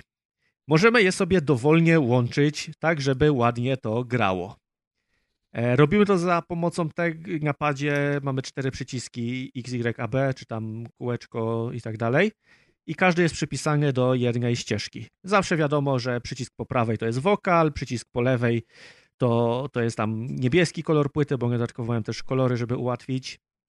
No ale tak, no wrzucanie tego w dowolnym momencie, no to jednak piosenki mają swój rytm, więc to nie może być tak, że jest w dowolnym momencie. Więc mamy jeszcze na wykresie, czy powiedzmy, że wykresie, przesuwający się pasek postępu danej piosenki, w którym momencie ona jest, podzielony takimi paskami. Każdy pasek to jest kawałeczek piosenki przesunięty, znaczy, no powiedzmy kawałek piosenki. I w momencie, gdy najedziemy na naszą płytę, to na tym pasku pojawią się zaznaczone momenty, gdzie najlepiej będzie to umieścić. Czyli obserwując ten pasek, wiemy, że jeżeli w tym momencie wrzucimy sobie wokal, to on jakoś rytmicznie będzie pasował do reszty. I to jest ta prostsza wersja, bo w kolejnym etapie odblokowujemy, że każda z linii tych melodycznych wrzuca się w innym momencie. Więc na naszym wykresie pojawiają się cztery kolorowe kropki zapętlone w różnych miejscach i teraz, jeżeli chcemy wrzucić wokal, to on będzie spoko w tym miejscu, ale dwa takty dalej już fajnie będzie wrzucić perkusję. I trzeba cały czas to obserwować. Dodatkowo, jeżeli gramy kampanię, to mamy jeszcze raz, że wyzwania od słuchaczy, czyli nagle, nagle na ekranie pojawia się, że ktoś chciałby posłuchać na przykład rapu. I teraz musimy wykorzystać z naszej płyty rap w dowolną rapową ścieżkę. Czyli to mogą być albo skrecze, albo wokal, albo bity, albo bębny, co tam chcemy. Ktoś inny może uznać, że mu jest sobie obojętnie jaka piosenka, ale żeby to był dance albo rock. I tak rzucane są te żądania, które oczywiście trzeba dopasować e, do taktów. To nie musi dobrze brzmieć, ale trzeba to zrobić w odpowiednim momencie, bo jak zrobimy w złym, to stracimy punkty albo nie zdobędziemy ich aż tyle, ile byśmy chcieli, bo oczywiście wszystko jest oceniane na punkty. Dalej. Mamy coś takiego jak pasek zadowolenia ludzi. Eee, musimy zmieniać cały czas lecące płyty, bo inaczej oni się nudzą i ten pasek spada i zdobywamy coraz mniej punktów. Kolejna rzecz to są takie wyzwania od gry, które nam mówią, że teraz ma być jedna rapowa płyta i żółta ścieżka ma być wyciszona. I musimy tak długo grać, dopóki nam to, to wyzwanie jest na 10 sekund. I teraz przez 10 sekund musi to być zaliczone, żebyśmy zdobyli więcej punktów. Łącząc to wszystko, dostajemy e, grę, w której musimy ogarniać wszystko. Musimy patrzeć na to, jakie mamy płyty, co które ktoś żąda, że ok, on chce rap, e, tam mam mieć wyciszony wokal, więc ja nie mogę go teraz rzucić na niebiesko, bo jeszcze latino musi lecieć w tle. I cały czas w głowie analizujemy to, co, co możemy wrzucić, czego nie możemy. A to nawet jeszcze nie są wszystkie opcje, jakie mamy dostępne. Bo jeżeli najedziemy sobie kursorem na, na tę naszą płytę, która już jest na konsolecie, to tam mamy kilka dodatkowych opcji. Możemy zrzucić płytę, możemy wyciszyć całą resztę ścieżek, możemy w ogóle zmienić tylko głośność, eee, możemy przełączyć slota, bo to, że mamy cztery te nasze miksery, to nie oznacza, że możemy mieć tylko cztery płyty, bo możemy jeszcze wrzucić sobie tak jakby w zawieszenie płytę, po to, żeby w odpowiednim momencie płynnie się przez to przełączyć. Mamy coś takiego jak automatyczne przechodzenie między tym, co mamy w, w tle, że tak powiem, co daje jakieś fajne efekty, bo na przykład zmieniają, już to się dzieje automatycznie po kliknięciu, zmieniają się BPM-y, wchodzą jakieś skrecze i płynnie przechodzi z jednego kawałka w drugi kawałek. Eee, dalej, bo to dalej nie jest wszystko. W pewnym momencie odblokowałem sobie taką opcję, która jest, i teraz kurczę, nie pamiętam jak to się nazywa, taki kontroler z padami do, do wybijania bębnów na przykład. E, MPC-ka? tak, to jest taka MPC-ka, tylko chciałem nazwę ogólne tego urządzenia, a nie konkretnej firmy. E, no to jest chyba kontroler z padami. W każdym razie to się wyświetla na ekranie i w tym momencie sobie na przykład perkusją ustawiamy bita, zapętlamy, nagrywamy to, żeby to dogrywało się cały czas w tle. I to oczywiście jest cały czas z, połączone z tymi płytami, które gdzieś tam lecą, więc fajnie, żeby to ze sobą pasowało. Oprócz tego mamy całą kustomizację sceny. To, to już na szczęście ustawiamy przed e, zagraniem.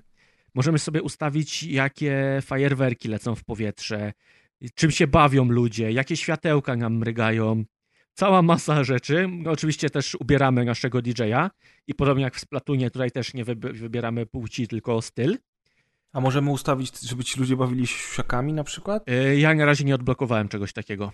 Ale nie można takie... ustawić płci, nie słyszałeś? No, ale ale, ale DJ-owi, a on mówi, czym się ludzie mają bawić, ale... wiesz, w publice, nie? Ja mam na przykład ustawione takie e, lizaki biało-czerwone, jak się na choinkę wiesza. No to prawie. Więc to no. jest prawie, prawie jak, jak siusiak. Naprawdę tutaj jest tyle opcji i ja przykład jak powiedziałem o tej MPCC, to, to są, powiedziałem tylko o bębnach, a tam można odblokować 30 innych instrumentów, które będą zupełnie inne, inaczej brzmiały. Widziałem, że dalej są jeszcze efekty, które można nakładać na to wszystko. Ja grałem cały weekend, a nie widziałem nawet chyba 10% tej gry.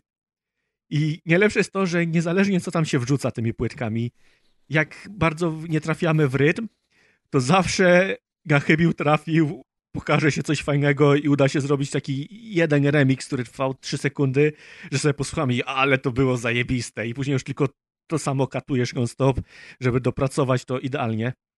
E, bardzo fajny jest tryb kamp e, nie kampanii, tylko właśnie free play, gdzie nie jesteśmy oceniani i możemy się bawić dowolnie. Wrzucamy sobie płytki, jakie chcemy, wrzucamy sobie miksy. Bardzo polecam wyszukać na YouTubie najlepsze miksy, co ludzie robią, bo robią tam cuda. Mimo, że, że to, to, to sterowanie wydaje się bardzo mało precyzyjne, to oni i tak dają radę tam skręcić takie rzeczy, że, że przyjemnie się tego słucha w tle. A, A co, co trzeba wpisać, żeby znaleźć miksy ludzi? Yy, Fuser Mix. Nie, nie okej, okay, ale wiesz, no... No tak, no, no tak, i tam best mixes. Ale jakieś dobre. Cokolwiek. No, musicie na wyświetlenia patrzeć. Widziałem, jest jeden taki koleś, kurczę, będę teraz jego ksywki. No dobrze, ale wpisałem Fuser Mix, dostałem teraz My Best Mix Fuser od Kasi i skąd ja mogę no wiedzieć, czy masz. Kasia ma dobry mix, czy ma nie? Ma dobry. No, odpal to zobaczysz. Ale, Kasia ma zawsze dobry. Czekaj, a czy to, wydaje mi się, że to jest właśnie ten... Ej, ale pytanie, nie? Gdzie mam znaleźć miksy dobre? Mówisz Kasia szczery, przez I, Kasia przez X? Tak, jeśli mam być szczery, to to jest dobry miks. To, to, to, to są właśnie te miksy, o których mówiłem. to właśnie te są. Ale ja mam takie pytanie, bo widzę, widzę, widzę jak wygląda ta gra i teraz widzę, że do góry masz winyle jakby mhm.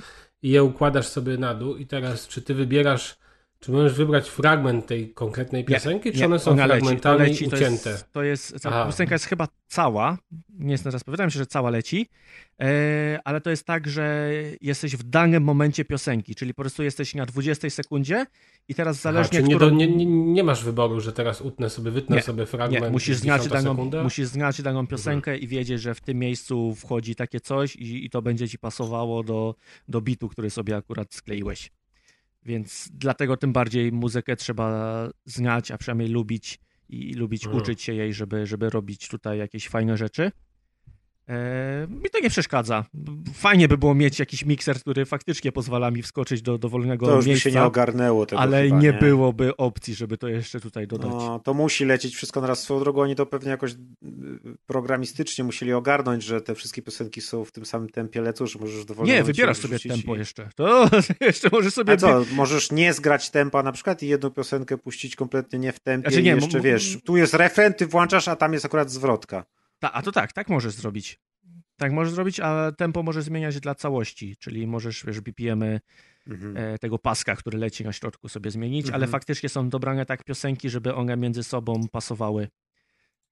No właśnie, no to pewnie było Ale wiecie, roboty. połączenie sobie na przykład DMX-a razem z Rickiem Astleyem, no pięknie, w ogóle DMX wchodzi do wszystkiego super. Albo Rage'ów z jakimś takim popem. Taką radość miałem.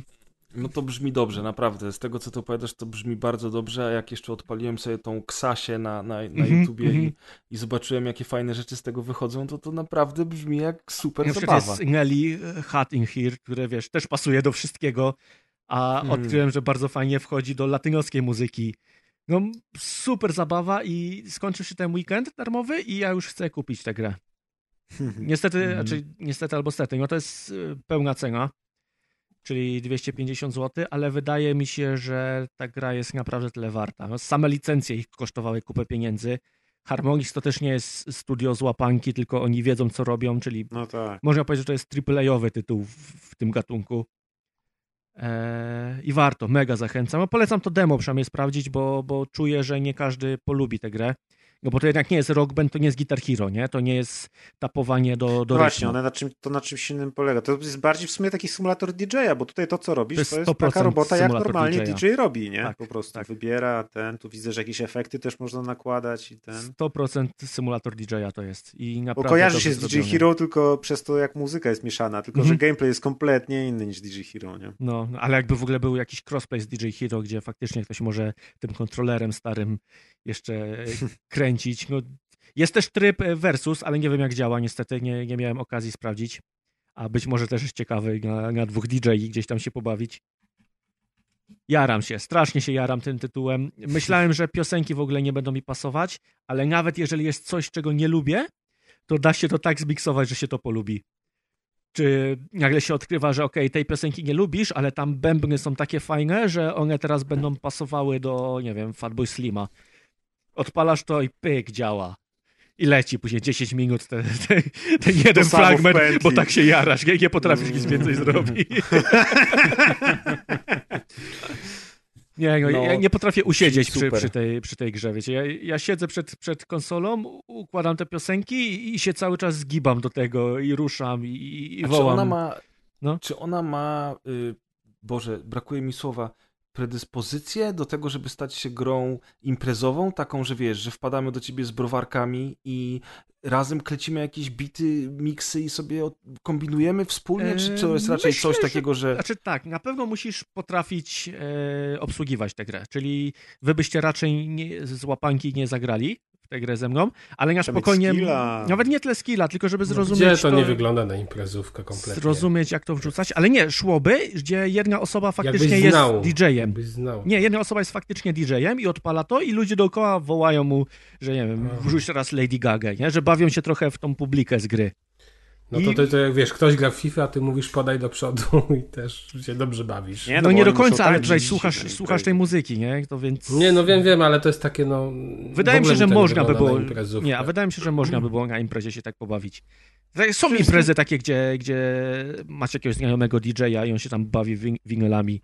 No właśnie, gra muzyka, ludzie się bawią i to takie jest w tle Ale pasujące. to wiesz, nawet jak, jak jeden obsługuje tylko, a, a ktoś inny mówi, słuchaj, a dorzuć, dorzuć ten podkład do, Mhm. do tego refrenu i wiesz, i nawet właśnie, to ja myślę, że to na imprezie też można by było Można wydaje mi się, że można było. Fajnie, żeby ta jedna osoba znała podstawy obsługi tej gry, ale... ale Lepiej myślę, w to że... grać na imprezie niż w Blue Fire czy Little Nightmares. Oj, no. zdecydowanie, zdecydowanie. No, no, wszystkie te gry muzyczne Ale nad na Mario Party już byś się zastanowił. rozwijają skrzydła. No wiadomo, no Mario Party jest, jest po to, żeby właśnie grać e, w to na imprezach. Jest No jeszcze nic, ja jeden jestem, fajny Ja system, jestem zainteresowany na maksa. bo nie? możemy winyla wrzucić od razu, jak tapniemy przycisk, a możemy przytrzymać przycisk i wtedy go bierzemy do łapki i mamy precyzyjnie, raz, że wtedy precyzyjnie wybieramy, w, w którego slota to wrzucamy, a dwa, możemy sobie dokładnie w rytm to wrzucić i, i wiecie, bawić się w ten sposób, że masz w powietrzu płytę i wrzucasz ją w tym momencie i teraz tu wyciszasz, tutaj dajesz głośniej, tutaj ostrożnie sobie wchodzisz tymi bębnami. No, cudo to jest. Właśnie to brzmi bardzo skomplikowanie. Czy pad jest dobrze zrobiony pod to? Jak Jest, jest, wygodny jest- jest, to sterowanie? Wiesz obawiałem się, że, że nie będzie szło to grać na padzie, No ale przez to, że te mechaniki są wprowadzane tak krok po kroku, to na spokojnie jest to wszystko do, do obsłużenia i tak naprawdę tylko czterech przycisków używasz. Aha. A w zależności gdzie masz kursor, to te przyciski inaczej działają. A czy nie gra się krzyżykiem, tylko trzeba... Nie, trzymasz, znaczy, y, jak kursorem ruszasz gałką. Smyrasz po tym, tak? Mhm, mhm. Ja tu widzę jeszcze jedną bardzo ważną dla mnie zaletę tej gry. mm, obserwuję tą wielką scenę z tymi namiotami i tą śmieszną ośmiornicę, która jest sceną i tych ludzi. I to nawet dla, tak, dla mnie, który ja bardzo dużo na koncerty chodziłem i podróżowałem za, prze, za czasów przedcovidowych, to nawet tutaj jest dużo takiej radosnej energii, tej kolorystyki takiej właśnie festiwalowej, Tak. na którą się nawet po prostu miło patrzy. I tym bardziej właśnie, wiesz, w sytuacji, gdzie nie wiem, tam spotykasz się w dwie czy trzy osoby kiedyś tam wiosną i ktoś ma tego fusera, no to super może być ta zabawa. Naprawdę jestem, kurczę, miło zaskoczony. I to jest o tyle ciekawe, bo ja grając, jak nie miałem czasu nawet spojrzeć na tę scenę, nie? No, no, nie ja wiem, co tam w tle ja się na pewno DJ nie sobie, Ja na pewno sobie demo chociaż ściągnę, więc też, żeby zobaczyć. Myślę, że, że ogarniemy to już. Mm. Bo ja byłem wielkim fanem DJ Hero, także gdzieś jeszcze... Spokojnie się tu odnajdzie. Szczególnie, że na tyle, na ile cię znam, to lubisz tą muzykę, jaka tu jest dostępna. Wydaje mi się, że tylko Kasby nie lubił tej muzyki, która jest tu dostępna. Przepraszam, czy można zmiksować Monowara z e, czymś tam E, innym? Przepraszam, ja Rodzaj też szybkowara. Przepraszam, ja bardziej lubiłem Monowara DJ Hero niż Guitar Hero. Zdecydowanie O, bardziej proszę. mi A odpowiadało kto to tu jest miksowanie. nowoczesny?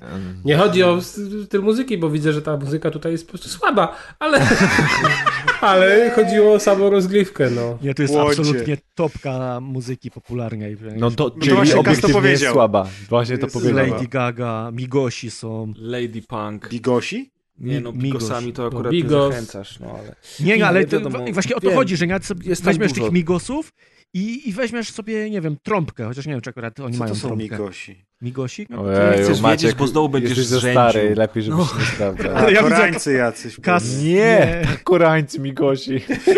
Migosi, uwaga, wpisuję migosi. Kas. Migos japońskie. pisz. A, Przez S. murzyny jakieś. Znaczy czarni, przepraszam. Maria, Jezus Maria. Osoby czarne. Ja dla Kaza powiedziałem, kto to są. Jakby Kas odpalił tę grę, to też by mógł się bawić, bo może sobie Ale ja też tak sądzę. dwa to- winyle i jest sobie spoko. Megadeth wziąć i aha, tego mi. Kurde, No, nie, jest no, The Clash na mega, przykład mega, widziałem. mega jest też. spoko, mega spoko, no, naprawdę mega spoko. Ja chętnie Widzę, że jest jeszcze DLC jakieś. Jest Evanescence w DLC. Jesus Christ. A, te winyle niestety się kupuje. Jest Nicki Minaj ze Starships. E, te winyle się kupuje za walutę w grze, więc to nie jest tak, że od razu mamy dostęp do Dobrze, że wszystkiego. w grze. No spokojnie Maciek, spokojnie. Nie, Zaraz nie, nie. się nowe Nie, no, i- nie. nie, nie, nie są Dlaczego płatne. jest A to Man DLC? Harmonix, ile do Rock Banda było? Miliard piosenek można było kupić. E, No, z tymi grami jest ten problem, że potem te licencje wygasają, te Tak, piosenki to nie przechodzą z platformy na platformę, nie? I to wszystko staje się Ale bezużyteczne. z drugiej to strony paczki szkoda. dodatkowych piosenek też są fajne i oby do tego wyszło mnóstwo piosenek, a nie, że nic nie wyjdzie. Wydaje mi się, że też lepszą alternatywą było, gdyby jednak wychodziły płatne DLC z piosenkami, bo to No, jednak... Ale wiecie, tylko, to że jest- widzisz, ta gra przeszła bez echa. Jestem Albo ciekaw, same piosenki, w ogóle bo Każdą gra. z nie- tych piosenek No musicie tak. przemnożyć razy cztery, no bo to są cztery ścieżki, które wam urozmaicają grę. No tak. No tak, a w ogóle to po wysłuchaniu Adka już wiemy, że Adek też może kleić podcast. Także Maciek teraz tak o, idę na wakacje w takim razie. Ale ja będę w, w fuzerze kleił. Dobrze. No, no, to będą Ciekawe, dobre odcinki. To będą dobre odcinki. Naprawdę. Jaram się, grajcie, gra. grajcie w tę grę. No, słychać, że naprawdę się jarasz. Dawno się Tak, niczym ale ja tak nie jestem jarałeś. zajarany po No. tym, jak on jest zajarany. Po prostu No bo naprawdę, mówię, ja, ja, naprawdę ja kurczę... odpalam ten kawałek, a czy tę tę grę i ja siedzę i cały czas się gibam do tej muzyki. Nie da się usiedzieć nieruchomo. Świetnie Naprawdę jest. fajnie, naprawdę fajnie. No to słuchajcie, to ja wam opowiem z kolei o moim takim zaskoczeniu, które autentycznie sprawiło mi wiele radości i, i bardzo dobrze się z, z nim bawię, chociaż się tego nie spodziewałem. Gra nazywa się Post Void i jest takim, nazwijmy to, duchowym następcą e, cudownego Devil Dagger, z którym wszyscy Nie się słuchajcie tego. Ale to, w to, w to Zachwycony się da grać, przecież to tak wygląda, że można To się da grać i nie słuchajcie Maćka. E, tak, w ogóle jakby... To już nie wiem, kogo No mam nie ma słuchać, Devil Daggers. mam słuchać. Wiele wspólnego z Devil Daggers to nie ma. Oba są rogalikami. FPS. Ustalmy, kogo mam słuchać, nie, słuchaj, d- jakby w sumie ta rozmowa teraz y, brzmi dokładnie tak, jak na początku wygląda, brzmi i gra się w Post Void, czyli ta psychodelia i, i ilość sygnałów, które lecą naraz jest, jest ogromna i można się zgubić. W pierwszym momencie w ogóle od tej gry to się można odbić, tak jak zrobił to Maciek y, i w ogóle będziecie teraz Ale słuchali Maciek Maćka, odbył się też w drugim momencie, trzecim i w czwartym. Okej, okej, szanuję to. Natomiast y, tak, przede wszystkim Kas zwrócił uwagę ślicznie teraz na to, Ja że... się odbiłem po gameplayu na YouTubie. Dokładnie. Tam jest taka y, feria barw i świateł, które w ciebie uderzają, że w ogóle jeżeli ktoś ma nawet lekkie objawy padaczkowe, to nawet nie powinien patrzeć na gameplay na YouTubie. W ogóle nawet jak się nie ma takich objawów, tak jak ja i jeżeli migające światła wam nie przeszkadzają, tak jak mnie, ja na przykład nie mam problemów z, z, z VR-em i tak dalej, to i tak polecam wyłączyć część To ja jestem chyba Jest- skrzywiony, bo ja miałem wszystko powłączane i w ogóle nic mi się podobało. Ja po, pierwszych, wizualnie. ja po pierwszych minutach od razu wyłączyłem te błyskające światła. Gra mnie poinformowała o tym, że można to zrobić, natomiast twórcy mieli inną wizję gry i, i polecają grać tak, jak oni to zaprojektowali. Dla mnie to było niewykonalne, więc to wyłączyłem Eee, w ogóle. cienias. Natomiast lub gameplayowy i pomysł na samą roz, rozgrywkę jest moim zdaniem świetny. Jest bardzo w stylu Devil's Daggers. Tak, obie gry są e, e, rogue-like. W obu grach, w, w sytuacji, w której poniesiemy mm, śmierć, odniesiemy porażkę, to zaczynamy zupełnie od nowa. Post Void jest nieco bardziej rozbudowane gameplayowo, dlatego że ma takie typowe dla rogalików e, skille czy też perki, które dobieramy sobie losowo z puli losowej pomiędzy kolejnymi etapami, więc tutaj są przede wszystkim etapy, etapów jest łącznie 11, mi się udało maksymalnie dojść do 8. Mi do trzeciego, w gwoli to, ścisłości. czyli, czyli, czyli, czyli w sumie to niewiele widziałeś, ale, ale, ale że nie ma w tym nic dziwnego, dlatego że, że ja doszedł do Maciek w ogóle ósmego. mało widzi. Dlatego że- tylko że- do że- drugiego, trzeciego etapu doszedłem. To jest gra, to jest gra której, której, w której sesja trwa zazwyczaj dwie minuty. Podobnie jak w Devil's Daggers. Albo Tam się pół. grało na czas, albo pół minuty, Albo dwie nawet sekundy 15. może Dokładnie.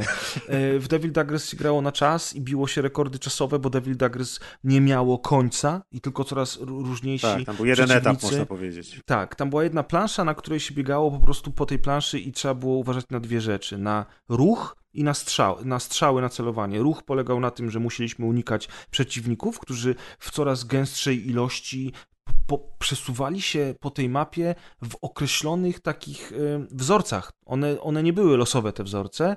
A druga rzecz to było nasze celowanie, ponieważ my musieliśmy do tych przeciwnik- przeciwników strzelać, z nich wypadały takie, mm, takie rzeczy, które my zbierając powodowały, że mieliśmy coraz silniejszy strzał, coraz szybszy strzał. To było wszystko. To był cały gameplay loop, który był kurwa genialny.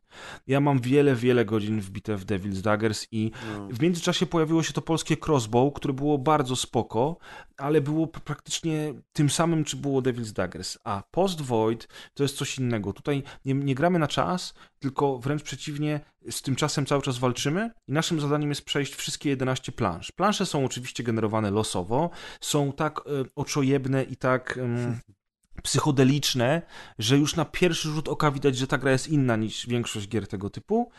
A my znowuż mamy tylko dwa zadania, dwie rzeczy, na których musimy się skupić, a mianowicie ruch i strzelanie.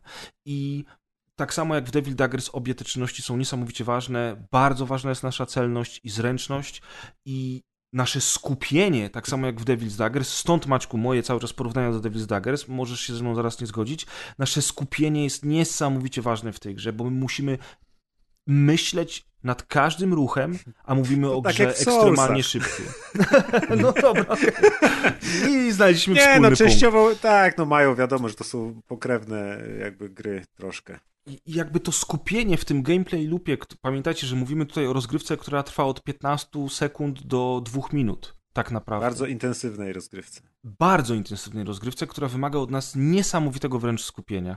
I ciekawe jest to, że przy każdej porażce coraz lepiej i chętniej zaczynamy kolejne podejście, kolejny run. Oczywiście, jeżeli będziemy siedzieli za długo, to, to też już będziemy zmęczeni, zacznie nam pójść coraz gorzej, dlatego cały czas też moje sk- skojarzenia z Devil's Daggers. Natomiast w Post Void chodzi o to, żeby przebiec wszystkie 11 plansz, 11 takich korytarzy, bardzo prostych korytarzy, bardzo oczojebnych, bardzo psychodelicznych. W ogóle sam zamysł fabuły też jest jakiś dziwny i niezrozumiały. To jest trochę taka gra o gościu, który ma kaca i biegnie z własną głową.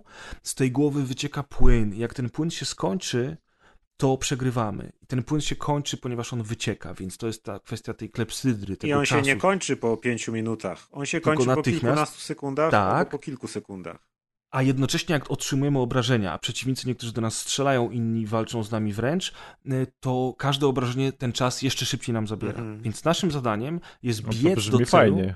Jest y, tak, i naszym zadaniem jest biec do celu, jednocześnie eliminując przeciwników, bo tylko z przeciwników wypada nam ten czas, który natychmiast wlatuje nam w tą główkę, uzupełniając po prostu to, co cały czas I oczywiście po chwili tracimy. znowu się kończy.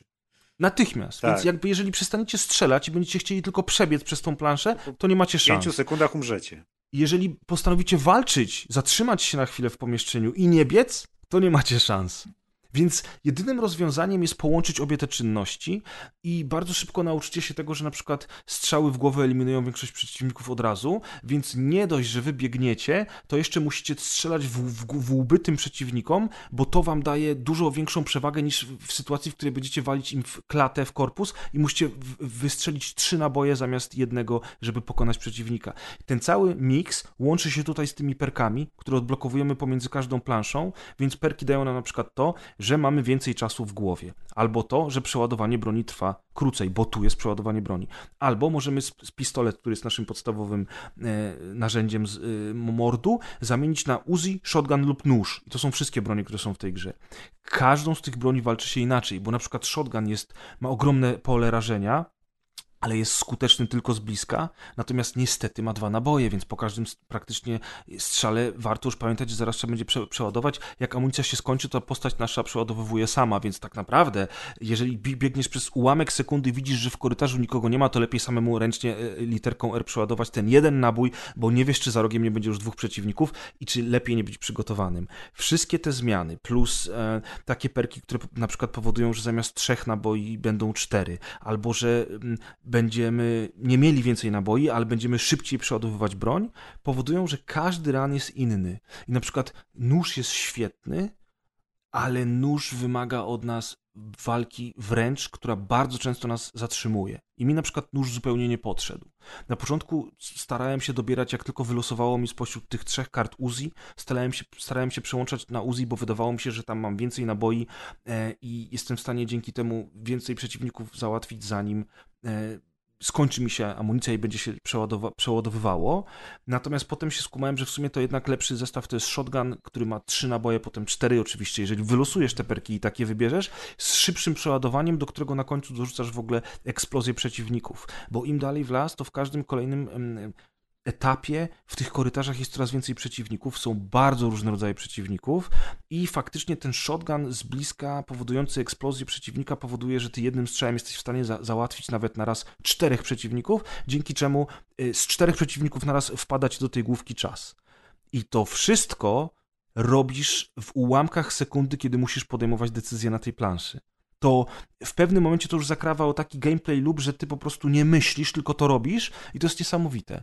I jakby ten poziom stresu, który ci rośnie z każdą kolejną planszą, takie ja pierdzielę, wiesz, wow, siódma plansza, ósma plansza, w ogóle wow, tutaj tego i nagle pojawia się jakiś przeciwnik, którego się w ogóle nie spodziewałeś, bo jeszcze z nim nigdy nie walczyłeś. Przeciwników może nie ma wielu, ale oni są naprawdę różnorodni, bo podstawowy przeciwnik strzela do ciebie z e, pocisków, z kul, które do ciebie lecą. Potem są takie chodzące szczęki, które atakują cię z bliska. Każdy przeciwnik też jakby cię spowalnia, atakując ciebie. Potem pojawiają się działka wystające ze ścian, a potem jakieś dziwne helikopterki, które latają i nie strzelają do ciebie, ale tymi śmigłami w ciebie wjeżdżają. Później w ogóle pojawiają się jeszcze inne rzeczy, które warto zobaczyć samemu, bo tam każdy przeciwnik jest w ogóle z zupełnie innej bajki, a wszystko w tej takiej oprawie audiowizualnej na maksa psychodelicznej powoduje, że to jest naprawdę dziwna gra. Ale ten gameplay loop mnie wciągnął niesamowicie. Jak się skumałem, że tak naprawdę tak w prostej grze jest tyle możliwości, to po prostu siedzę i wracam do niej na krótkie sesje, robię parę ranów, idzie mi coraz lepiej, coraz lepiej, coraz lepiej się bawię z nią yy, i naprawdę ja ją z całego serca muszę wszystkim polecić. Dajcie jej szansę. Ja wiem, że ona jest dziwna i że ona boli, jak się na nią pierwszy, pierwszy raz patrzy, ale ta gra kosztuje 10 zł, słuchajcie, no. Ile? Nie za darmo? Nie za darmo. Ja jestem naprawdę wielkim fanem Post Void i polecam bardzo, bardzo, ale Maciek, no powiedz swoje zarzuty, żeby nie było tylko, że ja chwalę, bo Znaczy, rzeczywiście ty mi- się od niej mi odbiłeś, nie nie? podpadł, Mi nie podpadł gameplay. Jest dla mnie po prostu tak jak już wysiadłem z wagonika y, b- boomer shooterów tych y, oldschoolowych takich, w które ty się zagrywasz, które są pikselowe i szybkie i ten, to tu tempo jest tak kompletnie podkręcone, że mi w ogóle, nie wiem, no tak jak lubiłem chociażby Hotline Miami, czy właśnie Devil Daggers, y, to tutaj jakby ta presja taka, że ten czas ci wycieka, musisz pędzić. Tych niektórych przeciwników nawet się często opłaca pominąć, żeby tylko dobiec dalej, żeby gdzieś zdążyć, tylko zabić tych, których masz naprawdę po drodze albo coś. Ale to takie jakieś nie wiem, no samo to strzelanie po prostu mi nie, nie podchodzi. Tak samo jak właśnie w te, w te retro shootery nie, nie porywają mnie specjalnie, ale za to oprawa muszę przyznać, że rzeczywiście jest świetna. Ten styl, ta, ta gra jest po prostu mega undergroundowo, hardkorowo punkowa.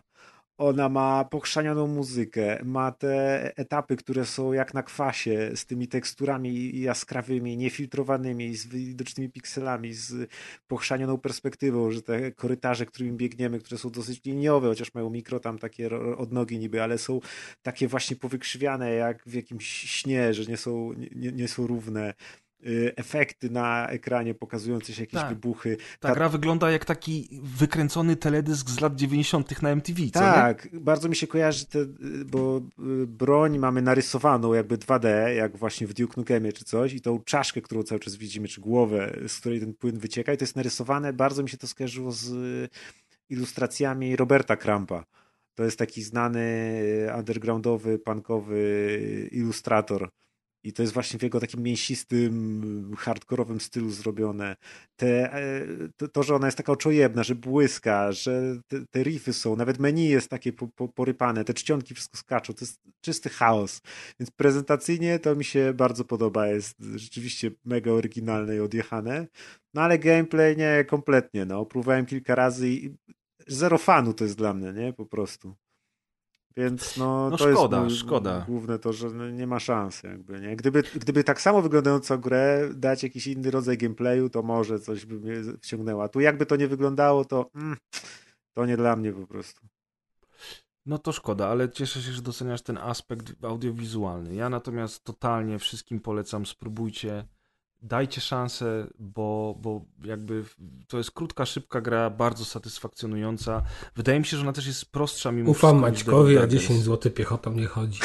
Poznaniak! Nie. Kas, ja nie spodziewałem się, że ty się zachwycisz i rzucisz na tę grę. A wystarczy sobie na YouTubie obejrzeć, bo to i tak przynajmniej się wtedy No, za, mi człowiek wystarczy. zapozna z tą wersją wiz- wizualnym aspektem, który jest rzeczywiście niesamowity. To wygląda jak taka psychodeliczna gra z ery PlayStation 1 po prostu nawet. No, no, bo to są takie pojebane lata 90. po kwasie. No.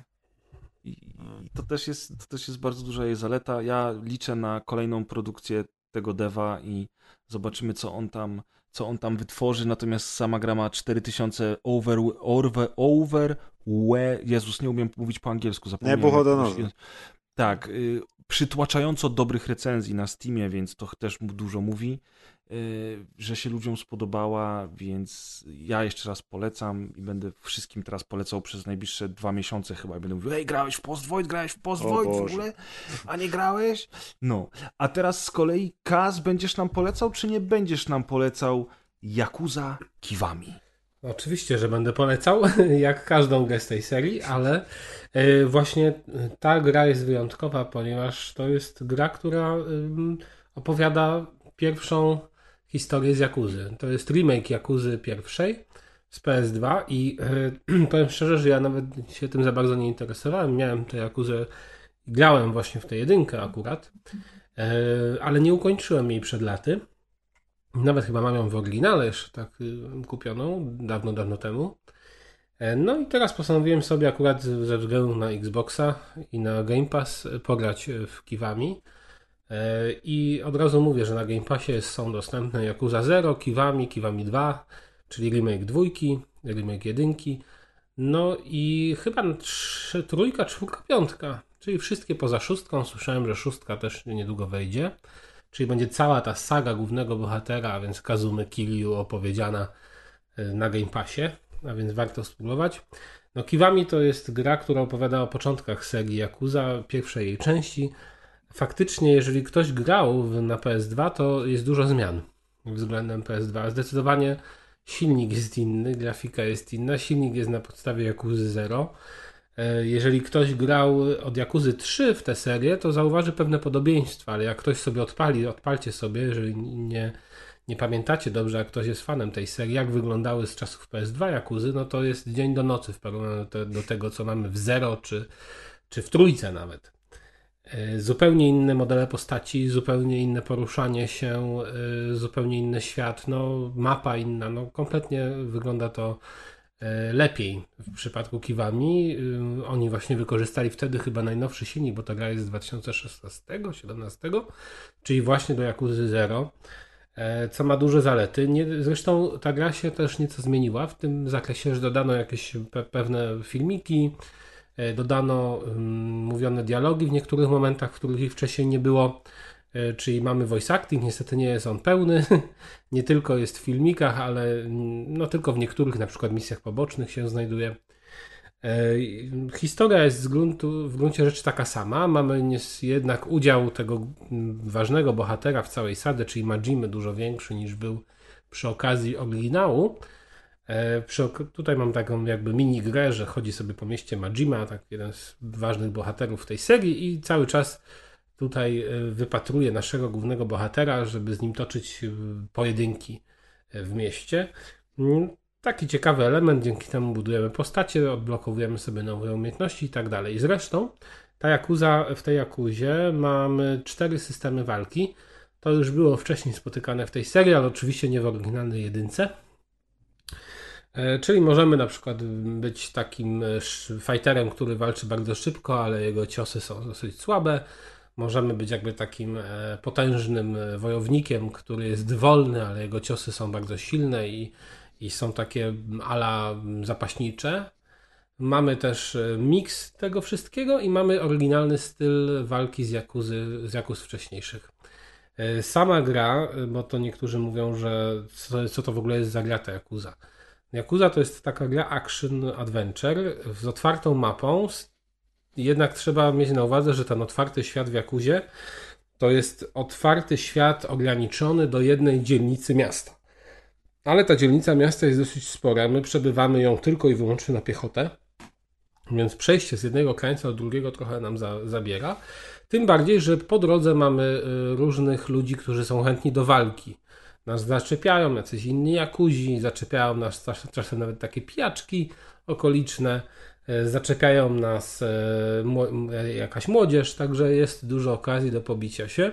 I Yakuza od zawsze słynęła z tego, że oprócz tego, że miała te elementy action adventure, rozwoju postaci, czyli budowania jej statystyk, budowania siły ciosów czy budowania paska zdrowia, olbrzymi aspekt kładła na walkę. I faktycznie, tak jak mówiłem, są cztery systemy walki. Walka jest jak zwykle widowiskowa. To jest świetna e, rzecz w Jakuzach, że możemy. mm, No, że po prostu czasem aż e, szczęki się ściskają, jak widzimy, jak nasza postać rozprawia się z przeciwnikami, bo mamy tak zwane finishery, które, em, które powodują właśnie zgrzytanie zębów, jak na przykład, nie wiem, możemy gościa walnąć głową o barierkę, która się obok znajduje, gdzie są rowery. Możemy wziąć rower i przy, przyfasolić temu gościo, go, gościowi z rowera. Możemy wziąć, jeżeli jesteśmy, gramy, gramy systemem walki tego zapaśnika, nawet motor chwycić i z motora go walnąć. Zresztą te systemy walki możemy przełączać sobie w locie, w trakcie walki samej, w pojedynku, więc to jest bardzo szybkie. To nie jest tak, że podchodzimy z jednym i tylko z jednego korzystamy. Są bronie, czyli na przykład możemy przechwycić od przeciwnika broń, możemy podnieść broń z ziemi e, w postaci pistoletów nawet, ale też mieczyk e, różnego typu, noży, kijów golfowych. E, Możemy też w bronie kupować i sobie ustawić je dla danej postaci, no ale zawsze te bronie w Jakuzie i tak samo jest teraz są łamliwe, czyli po pewnym czasie one się łamią, można je mm, też naprawiać. E, Jeżeli chodzi w ogóle, dlaczego warto w to zagrać? To jest gra, która rozpoczęła całą serię, czyli opowiada o początkach e, Kazumy. Zero jeszcze było tym prequelem, ale tutaj mamy prawdziwe początki Kazumy Kiryu, czyli postaci, która zaczyna się wzbi- wbijać e, na coraz wyższe etapy funkcjonowania Jakuzy w Japonii, czyli takiej mafii. No i w pewnym momencie Yakuza, w pewnym momencie ten nasz Kazuma zostaje skazany na w- 10 lat więzienia za zabójstwo, którego nie popełnił. E, Z tym, że tu nie jest taki motyw, że teraz trzeba znaleźć zbrodniarza, bo akurat wiemy, że to nasz przyjaciel, a my mu uratowaliśmy tyłek i, i za niego poszliśmy do paki. Wychodzimy z tej paki i się okazuje, że nasz dawny przyjaciel stał się troszeczkę inny zaczyna y, wyglądać na kogoś złego, kogoś, kto zmienił zupełnie swój charakter, kogoś, kto teraz jakby będzie deptał innych y, wrogów na swojej drodze ku właśnie szczytom mafijnej hierarchii. No i my staramy się też powstrzymać, jednocześnie rozwikłać zagadkę zaginięcia naszej dawnej znajomej. E, I ta fabuła, jak zawsze w Jakuzach, filmiki reżyserowane są kapitalnie. To jest duża zaleta tej serii, że ona y, z reguły fabularnie jest bardzo skomplikowana, jest świetnie wyreżyserowana.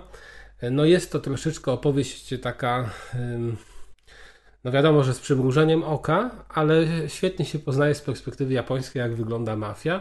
No bo Yakuza nie jest taką standardową mafią na, na typ, nie wiem, włoski, czy na typ jeszcze innych jakichś tam mafii, nie wiem, polskich mafii, o dokładnie, tylko jest taką mafią bardziej starającą się też e, być bliżej zwykłych ludzi i też pomagać ich w pewnych aspektach. Także pod względem fabularnym, jak zwykle, Jakuzy dają radę. Aczkolwiek ta jest dosyć uboga. Jeżeli chodzi o zawartość i jeżeli chodzi właśnie o fabułę, to jest ona zdecydowanie krótsza i mniejsza niż te następczynie. Ja ukończyłem tę grę w okolicach 30 godzin, a wcześniejsze gry, w jakie grałem z tej serii, to zajmowały mi powyżej 50 zdecydowanie. Na pewno jest tutaj dużo aktywności pobocznych, aczkolwiek te aktywności poboczne są w mniejszej liczbie niż w tych późniejszych odsłonach. Czyli ta gra jest taka bardziej skondensowana. Zdecydowanie tutaj, jeżeli ktoś chce poznać fabułę, to może sobie brnąć od jednego punktu fabularnego do drugiego. Jednak jakuzy są tak sprytnie e, skonstruowane i ta również, że w wielu innych grach, na przykład w GTA, ja, czy tam no, w klonach GTA, to odczuwam bardzo często, że te misje poboczne są tak de facto zupełnie odrębnymi kategoriami i my możemy z nich, możemy je wykonywać, możemy ich nie wykonywać. Jeżeli chcemy, to widzimy, że na mapce jest jakaś misja, podjeżdżamy, ona startuje. W Jakuzie jest jednak tak, że my praktycznie nie możemy przejść tej gry bez natknięcia się na wątki poboczne. Bo często jest tak, że po prostu przechodzimy ulicą i zaraz się uruchamia jakiś drobny filmik, który wywołuje misję poboczną. Czyli my na nie natykamy się non-stop. A więc ja nawet mimo tego, że nie, nie miałem ochoty w, tym, w tej akurat części, bo chciałem właśnie bardziej dla fabuły ją skończyć, e, to mimo wszystko ukończyłem jakieś 20 chyba na 70 czy 80 misji pobocznych, bo zwyczajnie na nie trafiałem i dobra, no to jak już jest, to, to, to robię. One nie są e, krótkie, nie są długie. E, niestety w wielu grach z tej serii te, gry, te misje poboczne są świetne, kapitalne, często fabularnie zaskakują. Tu niestety tego nie odczułem, one są do, dosyć stosunkowo proste.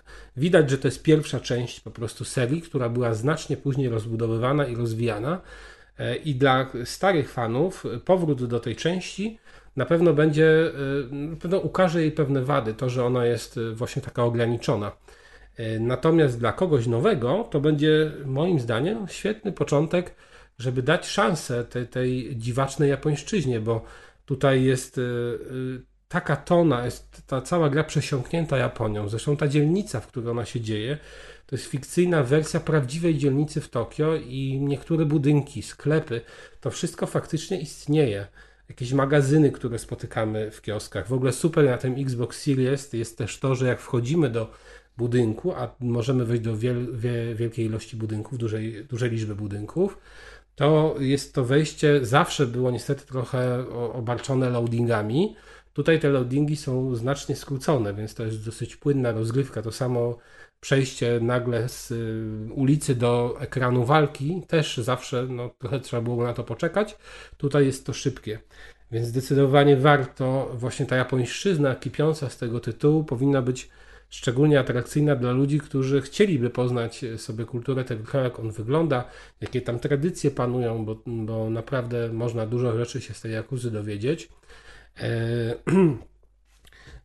oczywiście tę grę również cechuje duża masa dziwactw, czyli na przykład mamy taką minigrę, która mnie totalnie rozwaliła e, i nie pamiętam jej z wcześniejszych odsłon, znaczy z innych odsłon Jakuzy, to znaczy zbieramy karty. E, do gry. I się okazuje, że idziemy do, do budynku, gdzie jest, jest Sega Center, czyli takie miejsce, gdzie mamy automaty Segi i możemy sobie pograć właśnie w tę grę z tych kart, które zbieramy. I okazuje się, że te karty to jest taka prosta gra, jakby kamień, papier, nożyce, ale postaciami, którymi gramy są teoretycznie no, owady ale te owady to tak naprawdę kobiety przebrane za owady. Bardzo I skąpych strojach oczywiście- Oczywiście w takich skąpych strojach, że to wygląda, no może nie jak film porno, ale no taka bardzo mocna erotyka. Są A ta gra sugeruje, owinięte. a ta gra sugeruje, w ogóle my znajdujemy pierwszą kartę, to do nas podchodzi dzieciak, który chce tę kartę od nas uzyskać, bo i ona nas informuje, że to jest mega popularna wśród takich 10-12-latków giereczka i oni najbardziej te karty zbierają i się nimi wymieniają No, i właśnie z nimi gramy i toczymy boje często właśnie w tych e, miejscach z automatami Segi. Więc to jest tak zaskakujące i tak śmieszne. No ale to jest specyfika właśnie japońska i oni takie dziwactwa przemycają również w grach. Są elementy dodatkowe, w każdej Jakuzie były na przykład nie wiem, jakieś pościgi, na przykład tutaj mamy taką na, na, na 10 minut ta gra staje się strzelanką, a la Virtua Cop, gdzie mamy celowniczek i musimy strzelać w no, strzelających do nas ludzi. Także są też takie smaczki. E, Jeżeli ktoś grał wcześniej w Jakuzy, to też wie czego się spodziewać, jeżeli chodzi o poziom trudności. On jest podobny do poprzednich części. Natomiast y, jak ktoś jest nowicjuszem, to polecam zawsze, żeby ekwipunek sobie wyposażył przed głównymi misjami w wiele takich elementów, które przywracają nam zdrowie, bo to się zdecydowanie przyda. W tej grze można sejwować w każdym momencie prawie, że w innych były to budki telefoniczne, podchodziłeś i sejwowałeś, one były rozsiane po mieście, a tutaj jednak od razu możesz wejść do menu i zasejwować, ale podczas trwania dłuższych misji takich y, głównych niestety nie ma tej możliwości, dlatego warto się wyposażyć w rzeczy, które nam przywracają zdrowie. Bardzo fajny tytuł, ale tak jak powiedziałem, skondensowany, mało rozbudowany względem innych części Jakuzy.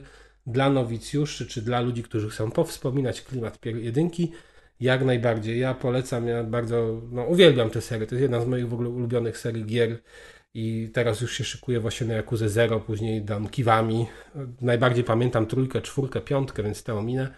I postaram się jeszcze szóstkę, bo szóstki nie zaliczyłem i, i tak niedługo będę grał właśnie w kolejne części. Polecam serdecznie. Zarąbiste gry. No naprawdę nikt nie potrafi tworzyć tak, moim zdaniem, albo prawie nikt nie potrafi tworzyć tak fajnie scen yy, jakby żywcem, yy, jakby żywcem wydartych z filmu. Tutaj ta reżyseria scenek przerywnikowych jest znakomita. Świetny tytuł. Polecam. Kaz znowu poleca. Jakuzę, ja znowu powiem, że kiedyś muszę się za nią zabrać, przynajmniej jakąś jedną część, pewnie zero przejść. No albo właśnie to kiwami, bo chociaż Zero jest na pewno bogatsze właśnie w takie dodatkowe elementy. No, tak słyszałem, że jak, jak, jak, jak zacząć w Jakuzy i w jedną jakoś zagrać, to że w zero. Ale teraz na przykład ta now, nowa już jest inny silnik. Szóstka już ma inny silnik i ta Kiwami 2 też ma ten nowszy silnik, więc jestem ciekaw. Ja dlatego teraz Aha, czy ma inny silnik niż Kiwami 1 nawet, tak? Tak. Aha, no Mhm. to dziwne. Już robili przecież w w No podobnym nie, bo zrobili, nie, nie, nie, bo Kiwami zrobili kiedy wyszło Zero, a Kiwami 2 zrobili już po premierze Aha, bodaj szóstki, szóstki, która no miała tak. nowy silnik. Mhm, no okej. Dobra. Także no, wykorzystali potencjał, jaki mieli. Także ja polecam bardzo serdecznie. No. Wiem, że taki presto nie zagra, ale może kogoś. Yy, Co znaczy taki pres? Co to ma być stygmatyzowanie? To znaczy wiem, że na przykład pres, że to nie jest target w ogóle y, do takich Nie, nie jestem. i- Ja grałem w Jakuzę na PS2 Dlatego jakąś mówię. część i już wtedy jakby mi się to nie, nie, niezbyt podobało, a jak oglądam te panie bijące się w tych kostiumach, to zastanawiam się... To to cię zachęca. Nie, nie, że wiesz, lu- ludzie czasami mi, mi mówią, że Duke Nukem 3D jest spermiarski. No, ale Duke Nukem 3D ma 25 lat, a ta Yakuza ma ile? Jest cały czas fajny. O, tak, Yakuza to też jest cały czas fajna. To są dobre gry. Akurat wymieniłeś dwie dobre gry. Wymieniłeś dwie dobre gry, Nie, nie, dokładnie. znaczy, wiesz co, jakby kiedyś bym chciał w jakąś Jakuzę zagrać, a może, ale, ale raczej nie sądzę, żebym się przekonał do niej przez te takie zamknięte mapki, w- po których chodzisz się bijesz, bo to takie jest dla mnie troszeczkę jakby monotematyczne. Natomiast chciałem się ciebie, Kazie, zupełnie poważnie spytać, czy gdybym chciał zacząć przygodę z Jakuzą od Judgment, to czy to jest dobry pomysł i czy Nie on grałem. jest trochę bardziej na poważnie? Mam, nie grałem jeszcze. Aha, okej, czyli, czyli, czyli, czyli trochę tak jak Nie wiem, czy to jest dobry moment. Pamiętam, że jak Kuldan opowiadał, to wychodziło, że to jest taka Jakuza, tylko z dodatkowymi elementami. Tak, tylko mi się wydaje, że Kuldan w ogóle Jakuzę raczej lubił, nie? Więc jakby też y, Tak, tak. Judgment mu podeszło. Natomiast ja tak się zastanawiam właśnie z perspektywy takiej osoby, która w żadną Jakuzę nie... No i tyle, co ja grałem na PS2 100 lat temu, no to... Ciężko stwierdzić, ale sądzę prez, że jednak nie. Że pewnie, pewnie prędzej ten Like a Dragon, bo tam jest już ona bardziej chyba nowoczesna. czyli A Like a Dragon to jest ten z walką turową, tak? tak, tak. No to jest, no, aha. jest to coś innego, to jest ta najnowsza odsłona. Ja póki co zostanę przy Duke'u Nukemie, natomiast to była y, Yakuza Kiwami i recenzja Kaza, ostatnia recenzja na dzisiejszym odcinku rozgrywki numer 225 i my w zasadzie mamy coś tylko jeszcze do powiedzenia, zanim będziemy zawijać zwrotki, wrotki. Wrotki. Zwrotki. Zaraz wrotki. zwrotki. Radek, Radek. Radek, Radek Radek, będzie. Radek. Ra- Radek, Radek z Adek. rapy Radek. Radek. Radek. Nie, bo ja już się na rapowanie nastawiłem i szukałem rymu do Adek. Radek, Radek, Radek. Radek, To Radek. ładne. No. E, nie mamy chyba nic. Nie mamy. Nie, to Y, nie. Słuchajcie, no stronę Lajkujcie, znacie. zostawiajcie łapki w górę. Tak, stronę znacie, zaglądajcie tam póki jeszcze ona istnieje. Dobra. Póki To my, inna my kwestia. istniejemy. Ku pamięci, tak. E, Generalnie rzecz biorąc, y, dokładka To ostatnio była super przygoda przez te 10 lat. Przyślijcie makowca czasem. Nie no, jebać makowce i jebać sześćdziesiątki. Jezu, to ja nie Ale Musisz mnie nauczyć tego slangu, bo 60. chyba mi się przyda niedługo. Generalnie, nam. generalnie rzecz biorąc, to będziemy zawijać powoli do brzegu. Serio? Aha. Takiego już końcowego, ostatecznego? No, Co? Nie, no, na, na tym odcinku dzisiejszym. Na tym odcinku dzisiejszym e, myślę, że myślę, że Kończymy nie ma, co tutaj, nie ma co tutaj już e, przedłużać. Nie mów ludziom, że kończymy podcast, bo jeszcze s- znowu uwierzą. Przecież Że my nie kończymy, ale ktoś za nas może skończyć. Nie, wiesz, przecież To z, więzie, z więzienia też końca. się da nagrywać. Pozdrowienia do więzienia niedługo. No, no. Kas już rymuje, już fuzera by pograł. Dokładnie, dokładnie. Słuchajcie, to ja jeszcze wam opowiem tylko a propos tutaj, wiem, że miałem dwa tematy na koniec, zupełnie niezwiązane z grami, natomiast nie pamiętam jaki Idealny był na ten pierwszy temat. rozgrywka. Było coś, kurczę, o czym Deusz opowiadał, no nie może sobie przypomnę za chwilę, ale Cardi B. właśnie Cardi B, na, na, na To miało być na po, po odcinku. to Maciek teraz robi outro i... Outro. Outro. Outro. I teraz leci jakaś muzyczka Muzyczka. Muzyczka! i zaczęły się bloopersy. Bloopersy! Super, zanim Deusz powiesz o... Zanim Teusz powie! Adek DJ, Radek. No, y, zanim Deusz powiesz o Cardi B, ja chciałem ci powiedzieć o tym rowerku spinningowym, że mi tak nie przyszedł. Ojej, No no, nie, nie tłumacz się, już się nie nie, ja tłumacz. się nie tłumaczę, tylko... Nie, nie, nie, nie, nie, to ty chciałeś rowerek spinningowy, nie ja. na sprzedanie, ty chcecie go pozbyć. Nie, nie, y, co, powiem wam, że w tej całej akcji z, e, z mieszkaniem i z tym, że to się przedłuża i że ostatnio zaczął, zaczął mi zaciekać sufit, bo tam wcześniej żeście napomknęli o tym, ale słuchacze niekoniecznie wiedzą, to generalnie rzecz biorąc jest jedna fajna rzecz, która mi przyszła do głowy, że- a mianowicie taka, że ponieważ ja kuchni nie będę na razie robił, a meble kuchenne są spoko, kuchenka jest, wszystko jest, Rowerek jest, kupisz. jest, nie, jest bardzo duża ta kuchnia i tam docelowo będzie stół fajny do planszówek i do wódeczki i tak dalej. Ona jest dosyć przestrzenna ta kuchnia. I tak nie E, będzie gotował to. Nie no, w, końcu będę, natomiast myślę, że, że, że spokojnie, zanim ja tą kuchnię wyremontuję, jak już będę tam mieszkał, to zamiast stołu na ten moment, zwłaszcza, że jest COVID Będzie i tak, rura. i tak się imprez nie robi. Nie, mój drogi, ławeczkę, wiesz? Ławeczka. Ławeczkę Będziesz sobie wstawię do kuchni. I będę sobie Mordo! wyciskał, no. No, Jakie no. białko? Myślę, że to jest idealny wyciskał. moment. To jest idealny moment, bo to będzie naprawdę z pół roku. Na razie to weźmy, weźmy samą sztangę i zacznijmy Co działać, ty? nie? Ale Zaraz teścia ci Nie bierz sztangi, bo sobie kręgosłup od razu Uspokój się natychmiast. Adek przyjedzie, w dupę tam zastrzyki mi daje od Za razu. zastrzyki. Żeby tylko. Ale po prostu Będziesz się cieszę, że, że cieszę się, że ostatecznie w, w też. tym momencie po prostu zamiast właśnie no dobra, ta kuchnia nie będzie zrobiona tak, jakbym chciał, ona będzie dostatecznie zrobiona, żeby z niej korzystać, ale ponieważ ona jest taka duża, to tam będzie kurczę ten, będzie kurczę te, ta ławeczka i, i to jest strasznie, straszną mam podjarkę od wczoraj. Teraz tak Ja będzie siedzieć, tak będzie sneakersa weź. podnosić. To sama ławka jest mała, ale byś całą klatkę wstawił. Do ust i od ust. Klatkę taką Nie, ale całą klatkę, wiesz, potem do, docelowo no, ta, ta ławeczka na stałe tam nie No zostanie. dobra, ale nie? klatkę też możesz, nie wiem, Ale szmatę czekaj, powiesić to, to, to? Ale mówisz o takiej klatce jak w Mad Max Beyond Thunderdome, gdzie No. będą Nie, no bili? takie jak na gali UFC, oktagon. Nie, takiej, że możesz sobie i sztangę odłożyć i, i możesz gdzieś tam podciągać No i możesz sztangę sobie na stolik przysiady odłożyć. Jakieś zrobić. tricepsika, jakieś dip, dipsiki możesz robić. Tak. I nie rób dipsiku. Nie, Jadek to w kiblu rób, nie w kuchni. Pogadamy, pogadamy, Adek, potem Na może w, ciągu ci dnia. Dokładnie, jakbyś mi powysyłał parę Klatkę. rzeczy, to, to, to faktycznie, no klatkę nie, ale, ale, ale jakąś sztangę i no. parę hantelków. O, W ogóle klatkę, dostałem, no. w ogóle dostałem od, od y, Pawła Matuli. O, ja ci e, potem w prez jeszcze wyślę inne filmy, jak to można wykorzystać do klatki. Ale Ale musisz dużo pasów kupić takich. Dostałem, słuchajcie, w, w prezent niespodziankę od Pawła Matuli, pozdrawiamy serdecznie, a mianowicie e, plakat, żebym sobie Ciri. powiesił.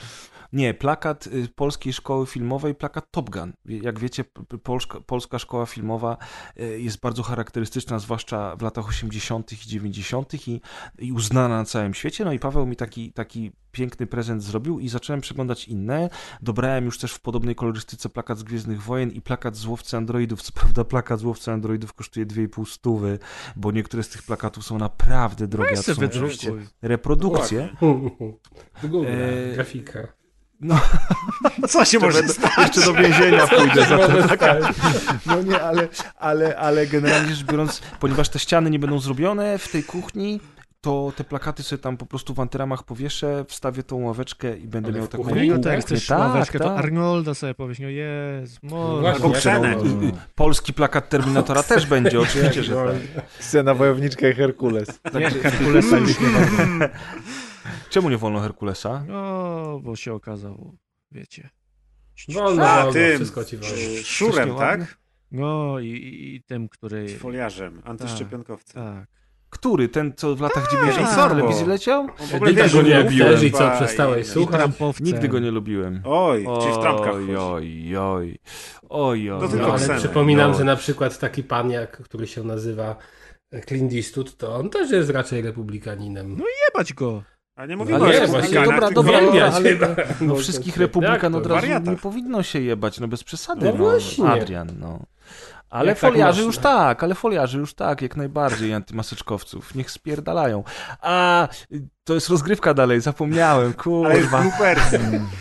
Już możesz Dobra, mówić, co naprawdę myślisz. Deusz, Deusz, opowiadaj o tej Cardi B, bo jestem ciekaw. Yy, a więc Cardi B. To wam przeczytam całego newsa. Yy, w- w- Najpierw was sprowadzę do newsa, potem wam Kazał przeczytam. i powiesz, kto to jest. No, Yy, no Cardi. B to jest yy, wokalistka, yy, raperka ze Stanów, super znana. Bladców. Była stripteaserka, mój drogi, to cię zainteresuje. To już O, googluję. sprawdzę. Naście milionów wyświetleń każdego utworu i streaming Naście, na, i na. YouTubie i na... s- Jest strasznie wulgarna. Yy, Czyli każdym, generalnie, ale ją znasz, Pres. Tak, tak. Ma do niej numer. w, ka- w każdym razie, ma Słabość. 964 tysiące już. W każdym razie e, Miliony na, chyba. Miliony, miliony, przepraszam, tak, miliony. Na Twitterze e, napisała, że życzy, dużo miło- e, życzy Polsce dużo miłości i silnego głosu, udzielając poparciu w strajku kobiet. No i ten news pojawił się na stronie TVP Info. O. I wam przeczytam, jak się pojawił na TVP Info. Życzę Polsce dużo miłości i silnego głosu. Napisała w mediach społecznościowych Cardi B. Amerykańska raperka udostępniła na Twitterze zdjęcie transparentu ze strajku kobiet. Kim jest celebrytka? Jej najbardziej znana piosenka Money zaczyna się od słów.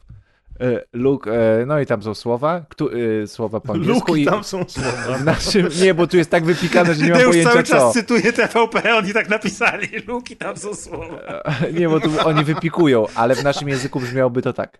Spójrz, moje wszystkie suki są niegrzeczne, wszystkie czarnuchy prawdziwe, jeżdżę po jego kurwach, wielkich, wysokich szpilkach. Niektórzy, niektórzy tłumaczyli te słowa jako artystyczną ekspresję, ale gigantyczne kontrowersje wywołała jej transmisja na Instagramie z marca 2019. Opowiadała w nim o swoim poprzednim pomyśle na życie. Pracowałam jako stripteaserka, rozbierałam się, podchodziłam do facetów, pytałam, czy chcą ze mną uprawiać seks. Szliśmy do hotelu, odurzałam go narkotykami, zabierałam pieniądze i wychodziłam. Robiłam to wiele razy, mówiła. Nagły wypływ szczerości wzbudził wiele kontrowersji, w mediach społecznościowych utworzyły, e, utworzono oznaczenie Surviving Cardi B itp. itd. o amerykańskim artyście powstał na, o amerykańskim, e, no i tam e, pierdoły, pierdoły, pierdoły.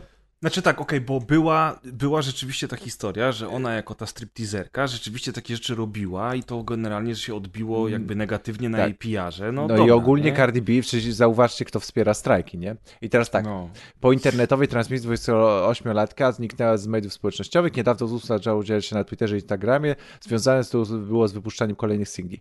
Zdążyła też wesprzeć jednym ze tweetów strajkowiec w Polsce, wrzuciła zdjęcie osoby z transparentem z napisem e, WAP i napisem Women are paralyzed. Kobiety są sparaliżowane. E, WAP to także nazwa poprzedniego singla raperki. Był on jednak akronimem innego powiedzenia Wedes Pussy, który w więziennym slangu oznacza męski stosunek homoseksualny. Witam.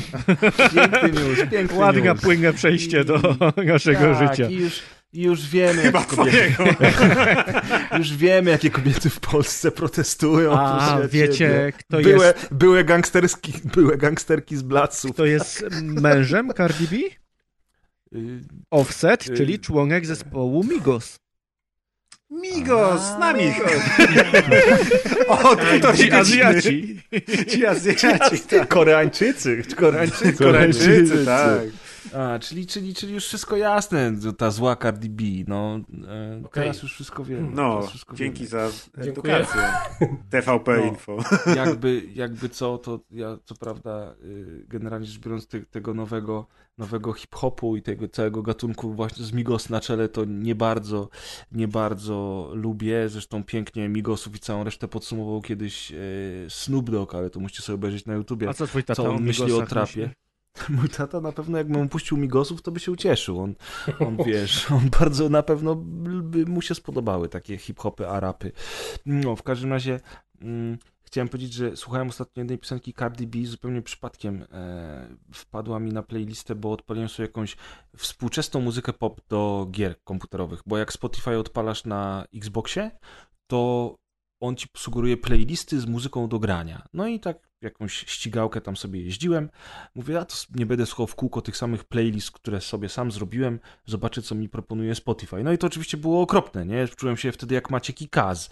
Wiesz, jestem stary i to są same bzdety, co to tam leci. Parę fajnych kawałków było, no ale właśnie poleciała ta Cardi B jakaś tam. Ale my się tak Bardzo czujemy, my po prostu czujemy, że mamy rację. To Znaczy, też, ja no się nijak oczywiście. nie czuję, po prostu nie słucham. Maciek, ty już nic nie czujesz, bo taki stary jesteś, tak, ja, nie, no, no, bo mnie to spływa, ja się nie obrażam na muzykę, nie krzyczę na chmury jeszcze. jak Nie, ja też nie krzyczę na. Aha, no nie, nie krzyczę na chmury, wręcz, wręcz byłem, wręcz byłem.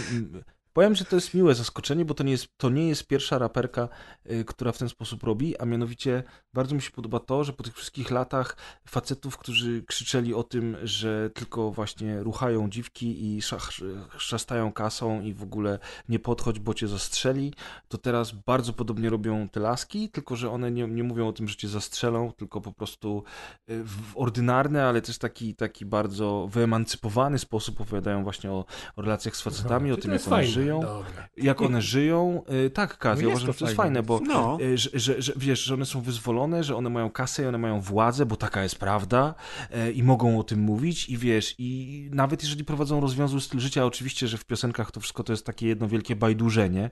Większość tych artystów po prostu pisze bajki. To nawet był wywiad z mamą Notoriusa B.I.G., która, wiesz, która powiedziała, Ale ten że... wywiad w ciekole widzę, bo ciągle... Nie, no bo to To jest jest dobra anegdotka, to jest dobra anegdotka, prawda? Że Biggie śpiewał o tym, że w jednym pokoju się wychowali, a potem się okazuje, że mi matka miała siedmiopokojowe mieszkanie i mówi, nie no, ja zawsze dobrze dbałam o rodzinę, te, te, te historie, co syn opowiadał w piosenkach, to wie pan, historie były, no.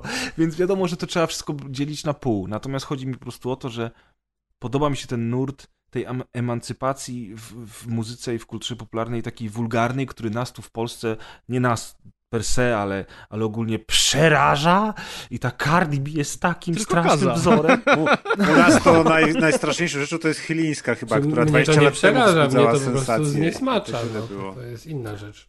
Ale wiesz, no ja po prostu mówię, że jakby w, w kontrze do tego, co kultura hip-hopowa, która teraz No, jest kulturą jest, popularną, dobra, jest Nawet popem. nie ma co wchodzić w to, ale mi Nie się no, wydaje, właśnie że w to wszedłem. Raperki to Jak Cardi B w ciebie by weszła sztucznym kobiet. dildosem. Za orangę. emancypacja, Za emancypacja swoją seksualnością, co też jest Flawless, jakby, no, no wychodzi trochę poza ramy, nie wiem, władzy kobiet i roli kobiet, no nie wiem. A jaka jest Rola rola kobiet? kobiet? No ja sądzę, że prezes ma to na myśli właśnie, żeby, żeby tutaj była wielka emancypacja, jak to teraz my wam pokażemy, a jednak to epatowanie seksualnością jest zupełnie czymś innym niż u facetów i jest przedstawianiem siebie też tak jak faceci je przedstawiali kiedyś hip-hopowcy w swoich, tele, w swoich e, tekstach. Znaczy, No, trochę się z tobą zgadzam. to, tak. to jest takie no tak. brytkie chyba feminizowanie. To, ale to nie jest feminizowanie, ja tego w ogóle nie odbieram jako feminizowanie. To emancypacja, takiego, no.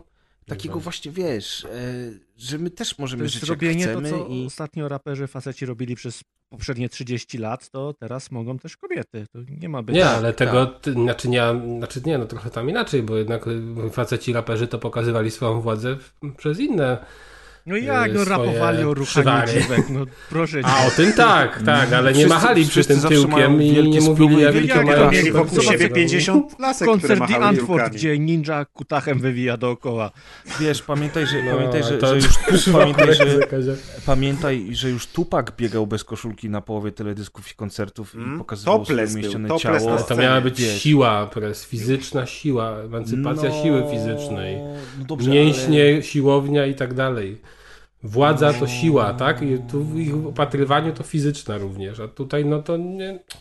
nie No dobra, mi się to kłóci, ale to w sumie nie wiem co to za materiał na blopersy. Odkrywamy karty nagrywających rozgrywkę. Co to, co to jest ciąg dalszy. Bloopersy.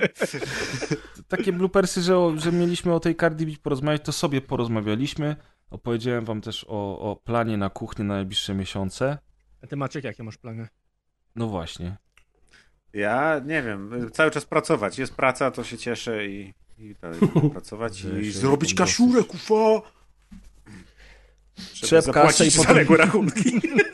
Trzep kasę, patrz, ja już wszystko dla ciebie zaplanowałem. Natrzepiesz kasy, będziecie stać na pociąg do mnie, przyjedziesz do mnie, u mnie będziesz ćwiczył na ławeczce i potem będziesz pokazywał klatę i władza, no. Będziesz raperem, jak Tupak. Zostaniesz raperem jak Dokładnie. Tupak. Będą na Już, mnie mówić już nie raciek. umrzesz młodzi, już nie umrzesz młodziej od niego. rapował o więziennej kieszeni. Przestaje być zerem, stanę się raperem. Maciek, na pewno nie umrzesz młodziej od Tupaka, więc już- już to już masz, wiesz, załatwione, nie? Więc Nawet jesteś do przodu. młodziej od Bobcia Chmiela. I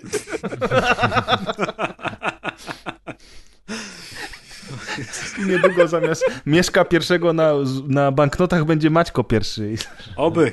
Wtedy wezmę wszystkie, uznam, że to moje są banknoty są- są. Każę sobie je Mieszko jest na ile? Na stówce? Czy na dyszce? Na dziesiątce. Na dziesiątce. Na dziesiątce. Maciek z dyszką Szanujmy będzie się. na minus 10. W sensie, to będzie oznaczało długi. To będzie nowy banknot właśnie oznaczający deficyt. deficyt będą w maćkach pokazywać. Państwowy. Jeszcze od razu będzie służył jako kwit z pośredniaka, że się jest bezrobotnym. Zaś- Zaświadczenie. Dwa maćki. Jak ci nie będzie pani miała rozmienić, będziesz dawać więcej, ona ci będzie minusy dawać w kasie maćki. I będzie bezrobocie podawane w TVN CNBC Business, że na przykład bezrobocie w styczniu to 3,5 Maćka. Ale to był super. Macie coś do kupienia za 4 dychy, dajecie banknot 5 dych i Maćka. A pani mówi, Maćków nie przyjmujemy, to porządny sklep. Ale by musieli nadrukować tych Maćków więcej niż normalnych Ale- banknotów. Maćki by były ograniczone w skali kraju. To wiesz, to nie tak, że każdy może sobie mieć. Byśmy ograniczone. Ej, na przykład by był bilon Maćki i normalnie wiecie, jak się wkłada dwuzłotówkę, żeby wyjąć wózek w supermarkecie, to Maćka by się wkładała, już by się nie dało odblokować wózka. W chipsach by...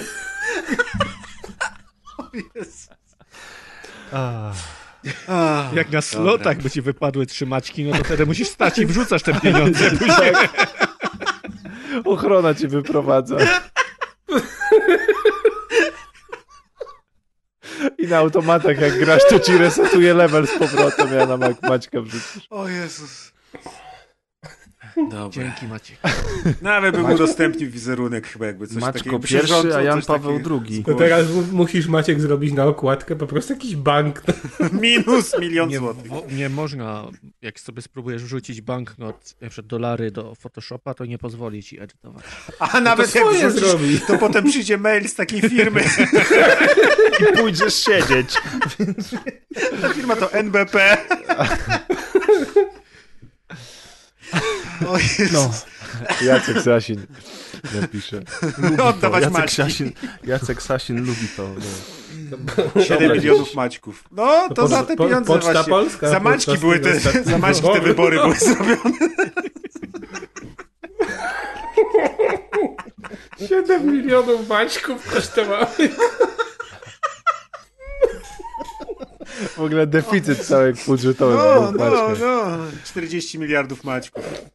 Nie, Ale no, by Kas pierdolone powiedział. maćki. kurwa. Dobrze Kas powiedział, 7 milionów maćków, no minus 10, no pięknie idealnie.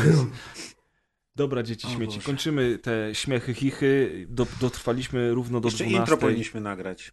Nie, tam masz Press intro. ci dogra znowu No, intro. dokładnie, Maciek, tu masz intro, wyklej to i wklej tam. Cardi B wklej, nikt się nie Znowu dojebie do samo. tego. Ale zależy jaka jest rola kobiet w tym podcaście. W Polsce? Jak w Polsce przyjdą do nas i powiedzą, że Cardi B wince, no właśnie, Cardi B, a nie, faktycznie, przepraszamy, to nic się nie stało. Papa, cześć Pa. wam. Hello. My bitches all bad, my niggas all real. I ride in dick in some big tall hills, big fat checks, big large bills. Run out, flip like 10 car wheels. Cold ass bitch, I give raw chills. 10 different looks, and my looks so kill. I kiss him in the mouth, I feel all grills. Heat in the car, that smells on wheels. Woo! I was born to flex. Diamonds on my neck. I like boarding jets, I like than sex. But nothing in this world that I like more than checks.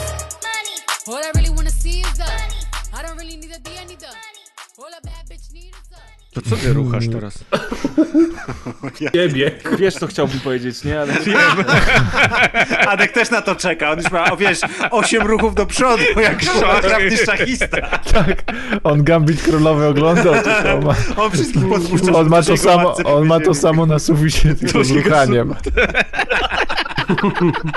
Spermę? już wiem skąd ten zaś, zaciekł u mnie w salonie.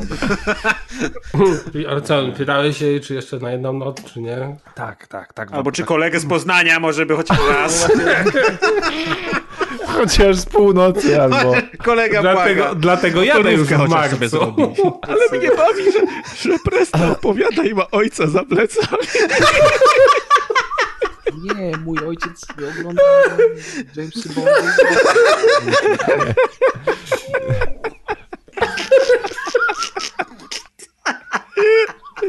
Ale ostatnio jak to opowiadał, to przecież też był rodzicą.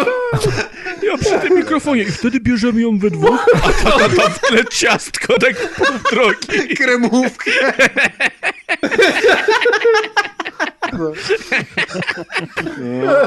To nie idzie do bloopersu. Jak to? Powiedz, jak ona ma na imię gdzie mieszka. Nie, do intra idzie. Rzucamy na fanpage, że szukamy tej dziewczyny. Ktokolwiek widział, ktokolwiek wie. Pixrite na pewno wie, kto to było. Damy jej zdjęcie, momentalnie się znajdzie. Pixrite napisze, że tam 6 stów za zdjęcie i ten alimenty jeszcze. Co? Dużo maćków zadławił. Dlatego mam same maczki w portfelu, jak wróciłem stamtąd. Ale. Tak to, a Maciek tak to zmontuje, że wyjdzie na to, że pres chodzi na dziwki. Nie, nie mów tak o niej. No jest, Wy jesteście straszni, jak wy się rozpędzicie po prostu. To jest... Ona tak samo o tobie nami mówi. twój tata nie siedzi po prostu. Tak samo o tobie mówi. Ja już uciekam, wrzuca się Nie, no, zostań. na- Nie, Poopowiadaj Daj coś tatę teraz. Czy To też, słyszał sprawie? to też ona tak mówi.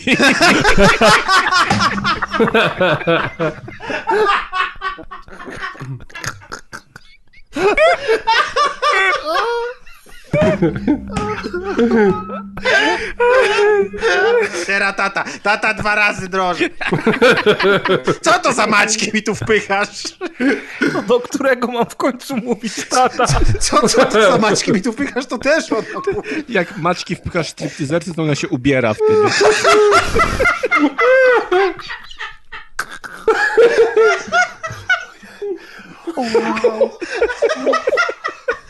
Jak, jak Tenet Rules. Ty, ale to cały film można by było zrobić o gościu, który płaci za wszystko maćkami i co się dzieje na świecie. Aseksualna Co w waluta. czasie Benjamin Button o tym był. O Boże. Cześć. Gry, to nie, niektóre gry powinny Dobranoc. Papa, Czy nie dasz taty jednak? Panowie, Bo kiedyś- bo było kiedyś dwuetapowe. adresy. Na 50. Kraków. Dobra, 3383. Maćka to ja mam, Maciej Ciepliński ma Adek godzinę. 13. Adek ma tyle, co jego wiek mentalny. Już na zawsze zostanie 8-7. kas też.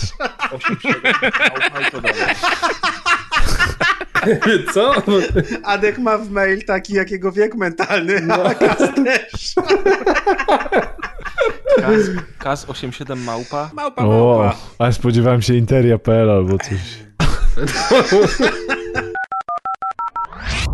Patronami montażu są Łódzki Dom Kultury Paweł Las Jedi 84 Rumiński Fjerding. Mm.